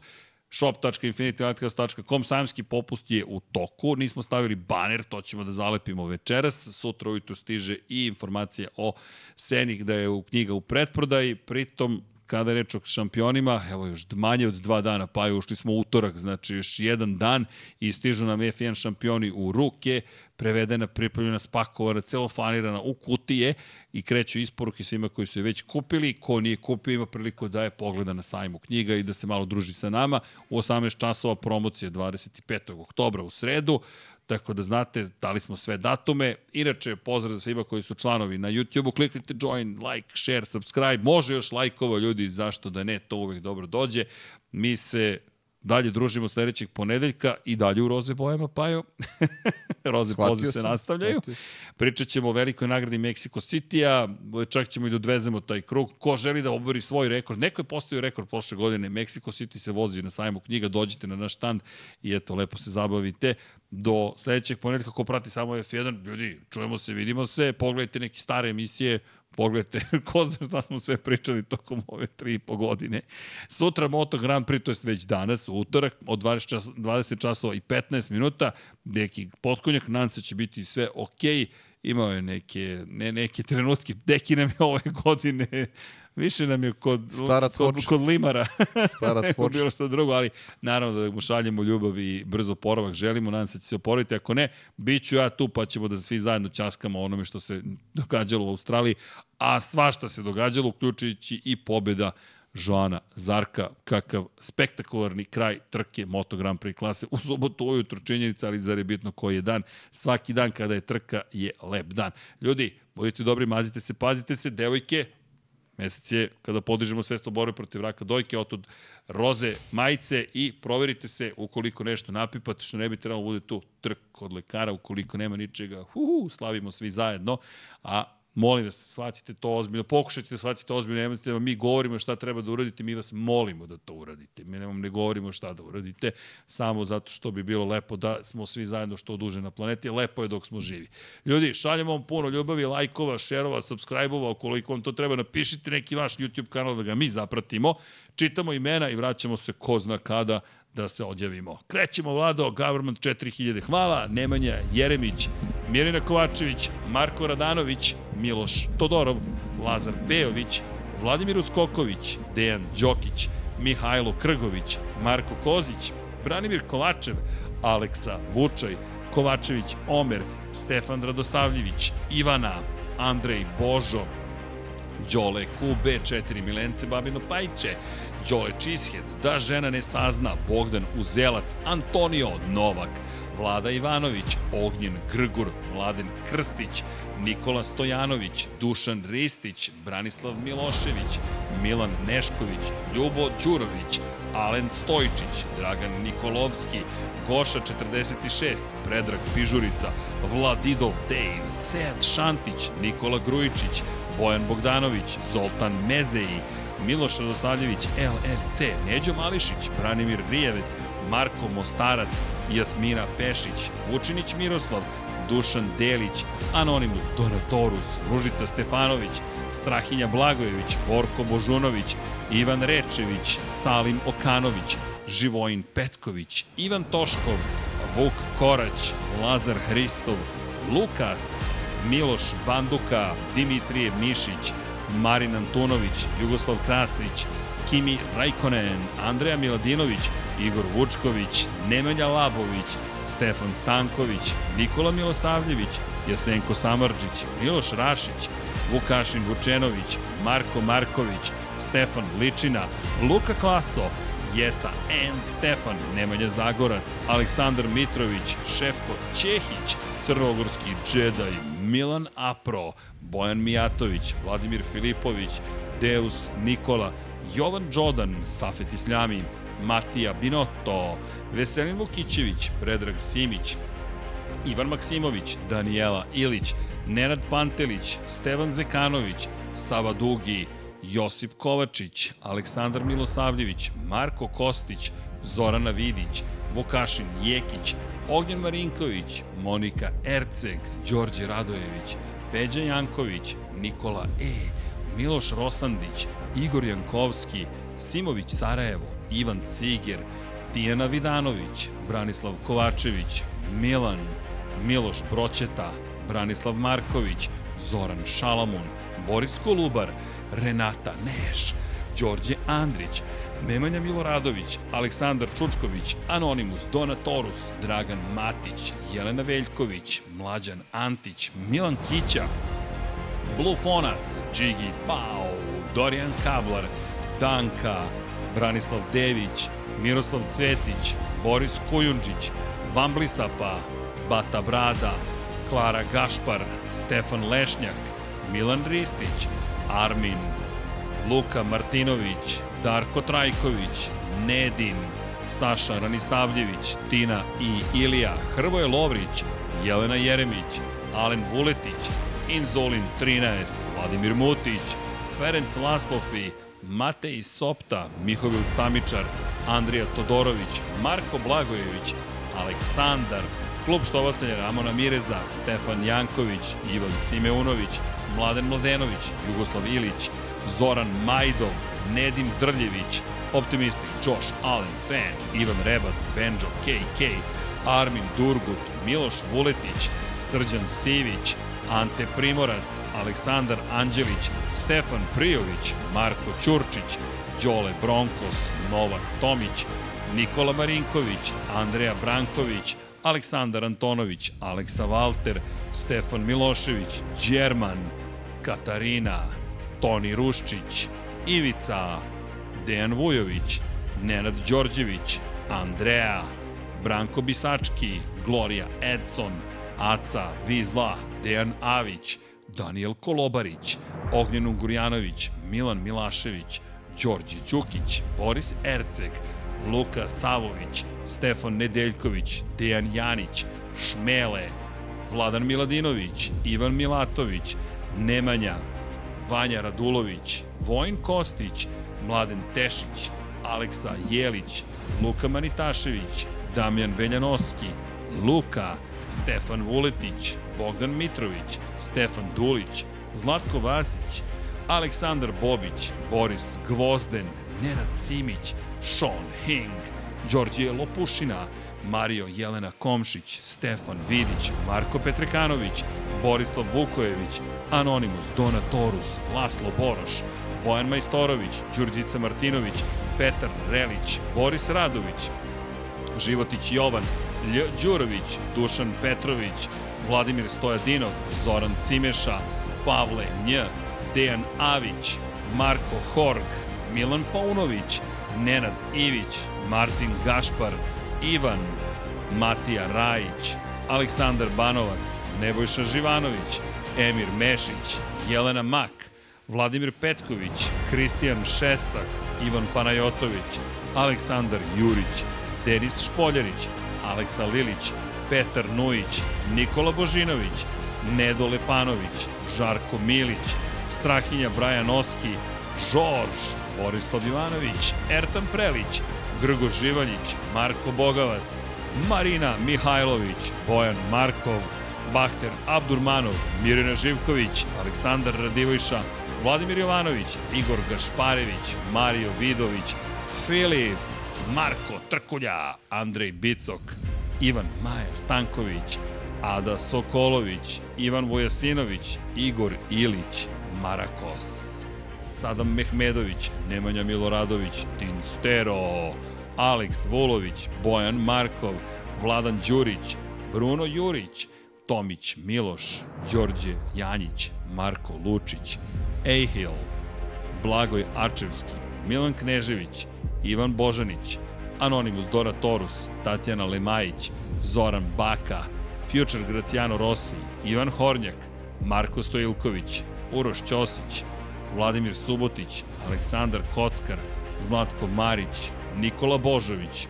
Marko Jevtić, Oliver Nikolić, Vlada Ivanović, Jovan Bojanić, Ivan Magdelinić, Nikola Grujičić, Resničanin, Petar Bijelić, Toni Soni 76, Branislav Dević, Vukašin Vučenović, Kro Robi 00, Milorad Reljić, Nikola Vulović i Mile Supodinov Ristov, Milan Kamarunić, Alen Jesenović, Dejan Plackov Plackov, Vladan Miladinović, Penđer, Žika Su, Ivan Doko, Uroš Čuturilo, Vladimir Bulatović, Branko Rašević, Vojislav Tadić, Nemanja, Drago Veković, Dejan Janić, Mensur Kurtagić, Bojan Gitarić, Kornjačin Vrač, Omer Sarajlić, Slaven 84, Saša Stevanović, Aleksandar Nikolić, Nedžad Mrakić, Marina, Bojan Stanković, Luke Williams, Ivan Vincetić, Đera 7, Almedin Ahmetović, Mateja Nenadović, Mrča, Bakadu, Pavle Lukić, Jelena Jeremić, Miloš Stanimirović, Ivana Vesković, Galeksić, Edin Ustavdić, Nikola Adamović, Miloš Zed, LFC, Srđan Ćirić, Nemanja Cimbaljević, Predrag Zec, Marko Bogavac, Mađar 007, Vuk, Domagoj Kovač, Stefan Škrbić, Igor Ninić, Nikola Niksi, Aleksandar P, Škundra, Pujo, Nikola Grđan, Aleksandar Stojković, Almir Vuk, nadam se da si stigao, Nemanja Bračko za kraj i naravno, ko nam stiže iz kosmosa, trese se studio, doleće krstarica zvana Pavle Živković. U pucanj. U pucanj, Pajor, nije sakrijate. Sprint na 100 metara. Znaš kako bi ti ja upalio dvoplan, ali neće, government 4000, da. baš je vladar, nema. Nema veze, to bi baš bio... Pa to bi bila fora. To bi fora, da. Dobro. Ima mnogo ove formalne, formalne momente da. za jednog DJ-a. Čovjek bi pomislio da će biti divalj u studiju. O, fin, kulturan. Ali dobro. E, tema današnje emisije je, ne znam nija šta, šalim se, naravno, tema emisije je bila velika nagrada Sjedinih američkih država, najava Meksiko, City Bucks će pobediti, to vam je najava. Šalu na stranu, bit će uzbudljivo, zabavno, ljudi, nije sprint, mi se tome radujemo. Cijela ekipa vas pozdravlja, dođite na sajam u Beogradu, stižu F1 šampioni, Dinastija ide u štampanje sledeće nedelje, Ayrton Senna sve njegove trke je u pretprodaji, kreće akcija dalje, stižu još neke knjige koje smo vam već, koje već pripremamo, Paja piše knjigu o Waterpolu, Deki piše još neke nove, ja ništa ne pišem, ljudi, ja samo se javljam ovako putem mikrofona, a mi vam želimo lepu, laku noć i sve najljepše. I naravno, čao, čao svima!